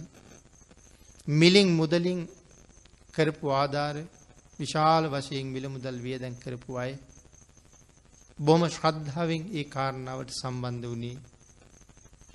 ඒ සියලු දෙනාම අත්පත් කරගත්ත කුසල් බොහොමයි. ඒ හැම කෙනෙක්ම ලබන උතුම් කුසල්. තම තමන් පින් අනුමෝදන් කරන්න බලාපොරොත්තු වුණා නම් යම් කෙනෙකුට අම්ම තාත්ත දූපුතුන් සහෝදර සහෝදරියන් ඒ සියලු දෙනාටම මේ රැස් කරගත්ත සියලුම පුණ්‍ය ධර්මයන් අනුමෝදන් වේවා කියලා අපි ප්‍රාර්ථනා කරමු. මේ උතුම් දේශනාව ලෝකේටම දකින්ද බෞද්ධයා මාධ්‍යයෙන් විසිරුවා හරින්ද දායකත්වය ලබා දුන් සත්පුරුෂ දායක පින්නතුන් එසේම අරමුණු කළා නම් පින් අනුමෝදන් කරන්න. ඒ අරමුණු කළ ආකාරයටම පින් අනුමෝදන් කළ යුතු සියලු දෙනාට පින් අනුමෝදන් වේවා. තම තමන්ටත් රත්නත්‍රේ අනන්ත ආශිර්වාදයෙන් නිදුක් බව, නිරෝගී බව, චිරජීවනය ලබන්න මේ කුසල ශක්තිය හේතු වාසනා වේවා කියලා ප්‍රාර්ථනා කරමු. විශේෂයෙන් පින්නතුනි ලෞතුරා බුදුරජාණන් වහන්සේට ගුවනින් පුෂ්ප උපහාර දක්වන්ඩ කටයුතු සිදු කරන්ට යෙදුන එක මාතාවක් ජීවිතය කරගත යුතු උතුම්ම පින්කමක් අතර බොහෝ පින් කරලා තියෙන මට මේ පින්කම කරගන්න බැරි වුණා කියලා බොහෝම සතුටින් ඒ සඳහා අවශ්‍ය සියලුම මිල මුදල් ලබලා දුන්නා. ඒ මෑණියන්ටත් තවත් නොඑක ආකාරයෙන් මේ සඳහා කටයුතු කළ අති ගෞරවනීය මහා සංඝරත්නය දායක පිරිස් ඒ සියලු දෙනාටමත් මෙහි අනන්ත පුණ්‍ය ධර්මයන් අඩු නැතුව අනුමෝදන් වේවා කියලා ආශිර්වාද කරනවා. ඒ වගේම පින්නතුනි මේ මහ පිංකම නිමා කරන්න සූදානම් වෙන මොහොතේ අපි සියලු දෙනාම දැන් මනාව දන්නවා අපි මේ මහ පිංකම සිදු කරන්නට යෙදුන මේ පිම්බිම කොයි වගේ පිම්බිමක්ද කියන එක පිළිබඳව. මහරහතන් වහන්සේලාගේ පාද ස්පර්ශය ලබලා ලෞතුරා බුදුරජාණන් වහන්සේගේ ශ්‍රේපාදයෙන් ස්පර්ශ ලබල මේ මහපොළොව සියවර දහස්වර කම්පා වෙලා මේ මහපොළොවට බුදුගුණේ කැටි කරලා කිඳා බස්සවල ලක් දෙරණ සම්මා සම්බුදුරජාණන් වහන්සේගේ ශාසනයේ චිරාත් කාලයක් පවතින දෙරණ බවට පත්වෙන්ඩ භාගිතුන් වහන්සේම අධිෂ්ඨාන කරපු මෙවන් මහපින් බිමක ඉපදිච්ච අපි අපි ජීවිතවල මෙවන් උතුම් පින්කං කරලා මෙවන් උතුම් පින්කං ඔල්ට සම්බන්ධ වෙලා මෙවන් උතුම් පින්කං දැකලා තමන් ලබාගත ජීවිතයට මනා සාධාරණය කරගත යුතුයි කියන කාරණාව මත පිහිටලා අපි හැමෝම ඒ සියල්ල සම්පූර්ණ කළා. ධර්මයේම මනාව සඳහන් කළා කෙනෙක් ලැබුවනං ඇහැක් ඒ ඇහැට කලානං උතුම් සාධහරණයක් ඒ ලොවතුරා බුදුරජාණන් වහන්සේ සහ භාග්‍යතුන් වහන්සේ වෙනුවෙන් කරන පූජාවන් දැකලා සතුටු වෙන එකයි ඒ හැට කරන්න තියෙන හැබෑම සාධහරණය. යම් කෙනෙක් ලැබුවනං හඬනගණ්ඩ පුළුවන් මුකයක් තමන්ගේ මුකහෙට කලානං උතුම් සාධහරණයක් ඒ ලොවතුරා බුදුරජාණන් වහන්සේගේ ගුණය සජ්්‍යහයනා කිරීමමයි. භාගිතුන් වහස දේශනා කරපු ධර්මය දේශනා කිරීමමයි. දහම් අහල පැහැදිලා සාධකාර පැවැත්වීමමයි ඔහු ඔහුගේ වචනයට මනා සාධාරණයක් කරපු කෙනෙක්. මේ ලෝකෙ පහළ වෙච්ච යම් කෙනෙක් තමන්ට වචන හසරුවන්ට ලැබිච්ච උතුම් මේ ජිව්හා ධාතුවට දිවට කලානම් යම් සාධාරණයක් ඒ මේ ලෝකෙ තියෙන අපිව කාමයෙන් රාගෙන් තෘෂ්ණාවෙන් බඳවන රසයන් ලබලදීල නෙමෙයි ඒ දිවට සාධහරණයක් කළේ ලොවතුරා බුදුරජාණන් වහන්සේගේ අනන්ත බුදුගුණ සජ්්‍යහායනා කරවලා තමන්ගේ දිවට තමන් සාධහරණයක් කලා විය යුතුයි. අපිට ලැබුණනං අත් දෙකක් ලොවතුරා බුදුරජාණන් වහන්සේට උපස්ථාන කරලා ලොවතුරා බුදුරජාණන් වහන්සේට පුද පූජා කරලා භාගිතුන් වහන්සේ වෙනුවෙන් සුවඳ මල් නෙලල භාගිතුන් වහන්සේ වැඩඉන්න සුගන්ධකුටි යමදලා භාගිතුන් වහසගේ ධාතුන් වහන්සේල වැඩඉන්න සෑමලුව පිරිසිදු කරලා දෝත නගල බුදුරජාණන් වහන්සේට වැඳපු කෙනා තමන්ට පෙරපින් මහිමයෙන් ලැබිච්ච දෑතට හැබෑම සාධහරණය කරපු කෙනෙක්. තමන්ට ලැබුණ නං පාද දෙකක් පිනතුනි ඒ පාද ලැබුණේ පෙරපින් තියෙන නිසා සමහර වෙලාවට මේ ලෝක ඉපදිච්ච හැමෝටම පාදනෑ තිබුණට සමහරයට ඇවිදින්න බැහැ. නමුත් ඇවිදින්න පුළුවන් ශක්තිමත් පාද ලැබුවනං ඒ කරපු පෙරපිනක් නිසාමයි. හැබැයි මේ පාදක ලැබුණේ අකුසලය හොයන්ඩ ගමන් කරන්න නෙවෙයි. පාපය ළඟට ගමන් කරන්න නෙමෙයි සංසාරයෙන් එතරයන්ඩ කුසල් සම්පාධනය කරන්න සුගතියෙන් සුගතියට යන්ඩ පාර හදන්ඩ ගමන් කරන්නයි මේ පයි ලැබිලතිීම. ඔබට ලැබුණ නං ඇහැක් ඔබට ලැබුණ නං කටක් ඔබට ලැබුණ නං අතක් ඔබට ලැබුණ නං පයක් ඔබට ලැබුණ නං කයක් මේ සියල්ලම පෙර සම්මා සම්බුදුරජාණන් වහන්සේ ළඟ ඔබ අපි සිදු කරගත්ත මහා පුුණ්‍ය බලශක්තියේ මහිමයෙන් මයි මේ ශ්‍රේෂ්ඨ මනුස්ස ජීවිතයේ. ඒ නිසා ඒට කළයුතු උතුම් සාධහරණය නොවඩුව නොමදවම අපි විසින් සම්පූර්ණ කළ යුතුමයි. ඒනං ඒ ලැබුණ උතුම් ජීවිතයට කළයුතු හැබෑ සාධාරණයන්ගෙන් එකක් මුදුම් පත් කරගණ්ඩ අද දවස ඔබ අපි සියලු දෙනාම මහත් භාග්‍යවන්තයෝ බවට පත් වුණා. බොහෝ දෙනාට ඒ භාග්‍ය ලබන්ඩ රූප මාධ්‍යීන් ලෝකේටම මේ පින්කම ප්‍රචාරය කරවලා අවස්ථාව උදා කරලා දෙන්න සැදැහැවතුන් කටයුතු සංවිධානය කළා. ඒ සියලු දෙනාම ණය නැති ජීවිතයක් ලැබුවා. ණය නැති කුසලයක් රැස් කරගත්තා. තමන්ගේ ජීවිතයට හැබැයි සාධාරණයක් කරගත්තා. ඒ නිසා සතුටු වෙන්න ඉඩ තියලා අපි හැමෝම මහපින් රැස් කරගන්න මේ මොහොතේ මේ පින්කම වෙනුවෙන් කැප වෙලා මේ පින්කම වෙනුවෙන් අප වෙලා මාස ගණනාවක් වෙහෙසිච්ච තරුණ දුවල පුතාල පිරිසක් ඒ හැම කෙනෙක්ම තමන් ලබාපු උතුම් ජීවිතේ කරගත්ත පළවෙනි මහානීය මහපින්කම සම්පූර්ණ කරගෙන කොයි තරම් වෙහෙසුනත් මහන්සි වුණත් මේ වෙලාව සතුටු වෙන මොහොතයි ඒ එහි අග්‍ර ඵලය දකින මොහොත. කායික වෙහෙස මානසික වෙහෙස කොයි තරම් තිබුණත් ලෞතුරා බුදුරජාණන් වහන්සේ ළඟ තමන්ගේ මහන්සියෙන් කරගන්න පුළුවන් දේ ගැන හිතලා ඔවුන් සතුටට පත්වෙනවා. පින්කමට සූදානන් වෙන වෙලාවේ පින්කමට පිටත් වෙන වෙලාවේ මේ ස්ථානයේ මොන කරදරයක් තිබුණත් මේ ස්ථානයේ මොන අපහසුතාවයක් තිබුණත් මේ ස්ථානයේ මෙරිල වැටුණත් ලෞතුරා බුදුරජාණන් වහන්සේ වෙනුවෙන් කරන මේ කර්තව්ය අත්හරින් නෑ කියන පොරොන්දුව මත සහභාගි වෙච්ච ඒ අය ජීවිත පරිත්‍යාගෙන් කටයුතු කරලා අසීමාන්තික කුසලයක් රැස් කරගත්තා. ලෞතුරා බුදුරජාණන් වහන්සේගේ අනන්ත ආශිර්වාදය නොවඩුවම ලැබේවා. නිවන්දක්නා ජාති දක්වා සතරාපායාදී දුගතියකට භාජනය නොවේවා ප්‍රාර්ථනා කරන උතුම් බෝධියෙන් සැප සහිත ප්‍රතිපදාවෙන් අමාමහනිවලින් සැනසේවා.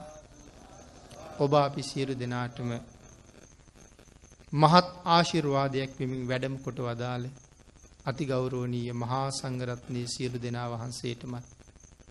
මේ මහපින්කම සිදු කරන්න මේ ස්ථානය අපිට ඉඩහසර ලබල දුන්න සේරුවාවිල් අපේ නායක මාහිමිපාණන් වහන්සේටත්. මාගේ ගුරුදේවෝත්තමයන් වහන්සේටත් මේ සඳහා බෙහෙස මහන්සි වෙලා කටයුතු කළ කල්්‍යාන මිත්‍ර සහෝදර අපේ පොඩි හාමුදුරුවන් වහන්සේලා සියලු දෙනා වහන්සේටමත් මේ පුුණ්‍ය ධර්මයන් අඩු නැතු අනුමෝදන් වේවා. මාගේ දයාබරණීය දෙමව්පියන්ටත් සහෝදර සහෝදරියන්ටත් මේ අවස්ථාවට සහභාගිනු ලොකු කුඩා ඔබ සියලූම දෙනාටමත් නොෙක් ආකාරයෙන් උදව් උපකාර කරපු හැමටත් ඒ කුසල් එසේ මනුමෝදන් වේවා. මේ ස්ථානයේ භාරධාරීව කටයුතු කරන මහා බල සම්පන්න වූ සුමන මහා නාගරාජෝත්තමයාණන් වහන්සේටත් උන්වහන්සේ ළඟ වැඩඉන්න කෝටි දොළහක මහා නාග සේනාවට සුමන නාගරාජයුත්තමයන්ගේ සදාදරණීය මෑණියන්ටත් නාගලෝකෙන් වැඩම කරලා ධාතුන් වහසේ පිටිපස්සෙන් ඇවිල්ලා මෙතන නතර වුණ ආරක්ෂාවට රැඳුන කෝටි දෙකක නාගසේනාවටත් විශේෂයෙන් මේ රැස් කරගත්ත සියලූම පුුණ්‍ය ධර්මයන් අඩු නැතුව අනුමෝදං වේවා ඒ වගේම පිනතුනි කෝටි ලක්ෂයක් සක්වලේ සියලුම ආර්යයන් වහන්සේලාට සත්පුරුෂයන් වහන්සේලාට මේ පින් අනුමෝදන් වේවා. සහම්පති මහා බ්‍රහ්මරාජයන් වහන්සේ සනංකුමාර ගටීකාර තිස්ස කියන බ්‍රහ්මරාජයුත්තමයන් වහන්සේලාත් සුද්ධවාස වාසියූද බ්‍රහ්මලෝක වාසියූද දිව්‍යලෝක වාසියූද සියලුම ආර්යයන් වහන්සේලාට සහ සත්පුරුෂයන් වහන්සේලාටත් මේ පින් අඩු නැතුව අනුමෝදන් වේවා. සියලුම වලාහක දෙවි දේවතාවුන් වහන්සේලාට මේ පින් අනුමෝදන් වේවා. විශේෂයෙන් අපි මේ මහපින්කම සිද්ධ කරලා ලෝකයාටම මේ පින්කම සකල ලෝකයට දකිින්ට අවස්ථාව උදා කරලා දුන්නේ. අපවත් වී වදාළ අති ගෞරවානී ගෞරෝණීය බෞද්ධයා මාධ්‍යජාලයේ නිර්මාතුරුරෝ වැඩ සිටි දරනාගම කුසල දම්ම නායක මාහිමිපාණන් වහන්සේ නිසයි. අපි රැස් කරගත්ත මේ සියලුම පින් අපවත් වී වදාළ ඒ මහා සංඝ පීතෘවරයන්න් වහන්සේටත් අනුමෝදන් වේවා. උන්වහන්සේ ප්‍රාර්ථනා කළා නම් යම් බෝධියක් උතුම් බෝධියෙන් උන්වහන්සේගේ සැනසීම උදා කරගනිත්වා. බෞද්ධයා මාධ්‍යජාලයේ තව චිරාත් කාලයක් ලෝක සත්වයාගේ යහපත උදෙසා දියුණුවෙන් දියුණුවට පත්වෙන්ඩත් අද මේ මොහොතට සහභාගි වෙච්ච කාර්ය මණ්ඩලයේ ලොකු කුඩා සියලුම දෙනාටමත් අපි සිද්ධ කරගත්ත සියලුම පුණ්‍ය ධර්මයන් අඩු නැතුව අනුමෝදන් කරවමින් ඒ සියලු දෙනාටමත් ඔබ අපි සියලු දෙනාටමත් පින්කම වෙනුවෙන් හැම පැත්තෙම වෙහෙසුන හැම කෙනෙකුටමත් ඊටාම ඉක්මන් භවයක ඊටාමත්ම කෙටි කාලයකින් සැප සහිත ප්‍රතිපදාවකින් උතුම් චතුරාර්ය සත්‍ය ධර්මය අවබෝධ කර ගැනීම සඳහා මේ මහා කුසලයේ හේතු වාසනා වේවා කියලා ප්‍රාර්ථනා කරමු.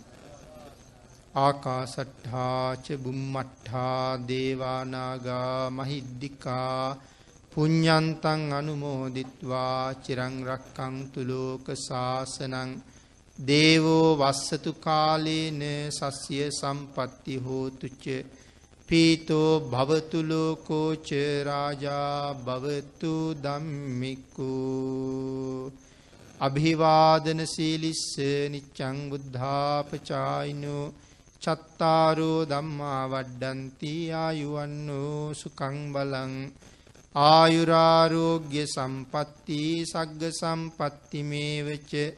අතෝ නිබ්බාන සම්පatti ඉමිඤාතේ සමිජ්ජතු. සාධු සාධු නෙත සැනසිල්ල බුදු හිමිරුව දැකීමය. ගත සැනසිල්ල බුදු හිමිහට වැඳීමය. සිත සැනසිල්ල හිමි දෙසු බණ ඇසීමය. බව සැනසිල්ල හිමිගත් මග ගැනීමය. ඒ සැනසීම වෙනුවෙන් අපි අපේ ජීවිතේ වටිනා පැය 6කට ආසන්න කාලයක් වෙන් කළා කැප කළා. සදහැවතුනි මේ උත්තරීතර සද්ධර්මානුශාසනාව පවත්වමින් අපට භාග්‍යවතුන් වහන්සේගේ අගය පමණක් නොවේ.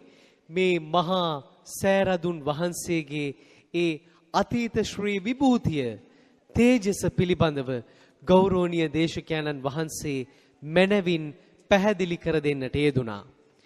අද පුණ්‍ය යාත්‍රා තරුණ බෞද්ධ සංගමේ සුද්ධිමතුන් ඒකරාශීව මේ සංවිධාන කරන්නට යෙදුණු මංගල මහා සෑ වන්දනා 2020 පින්කමේ අපි ඒ සුමధుර මහා සෑ වර්ණනාවයි ශ්‍රවණය කළේ බෞද්ධයා නාලිකාවෙහි විචිත්‍ර ධර්ම කතිකයාණන් වහන්සේ නමක වුණු පූජනීය කෝරළයාගම සරණතිස්ස පින් ඇති ස්වාමින් වහන්සේ වෙනදා මෙන්ම ශ්‍රද්ධාසිත වඩවමින් එතුලින් ජීවිතයට ප්‍රඥාව ඒකරාශී කරගන්නට අපට මඟ පෙන්වා වූවා.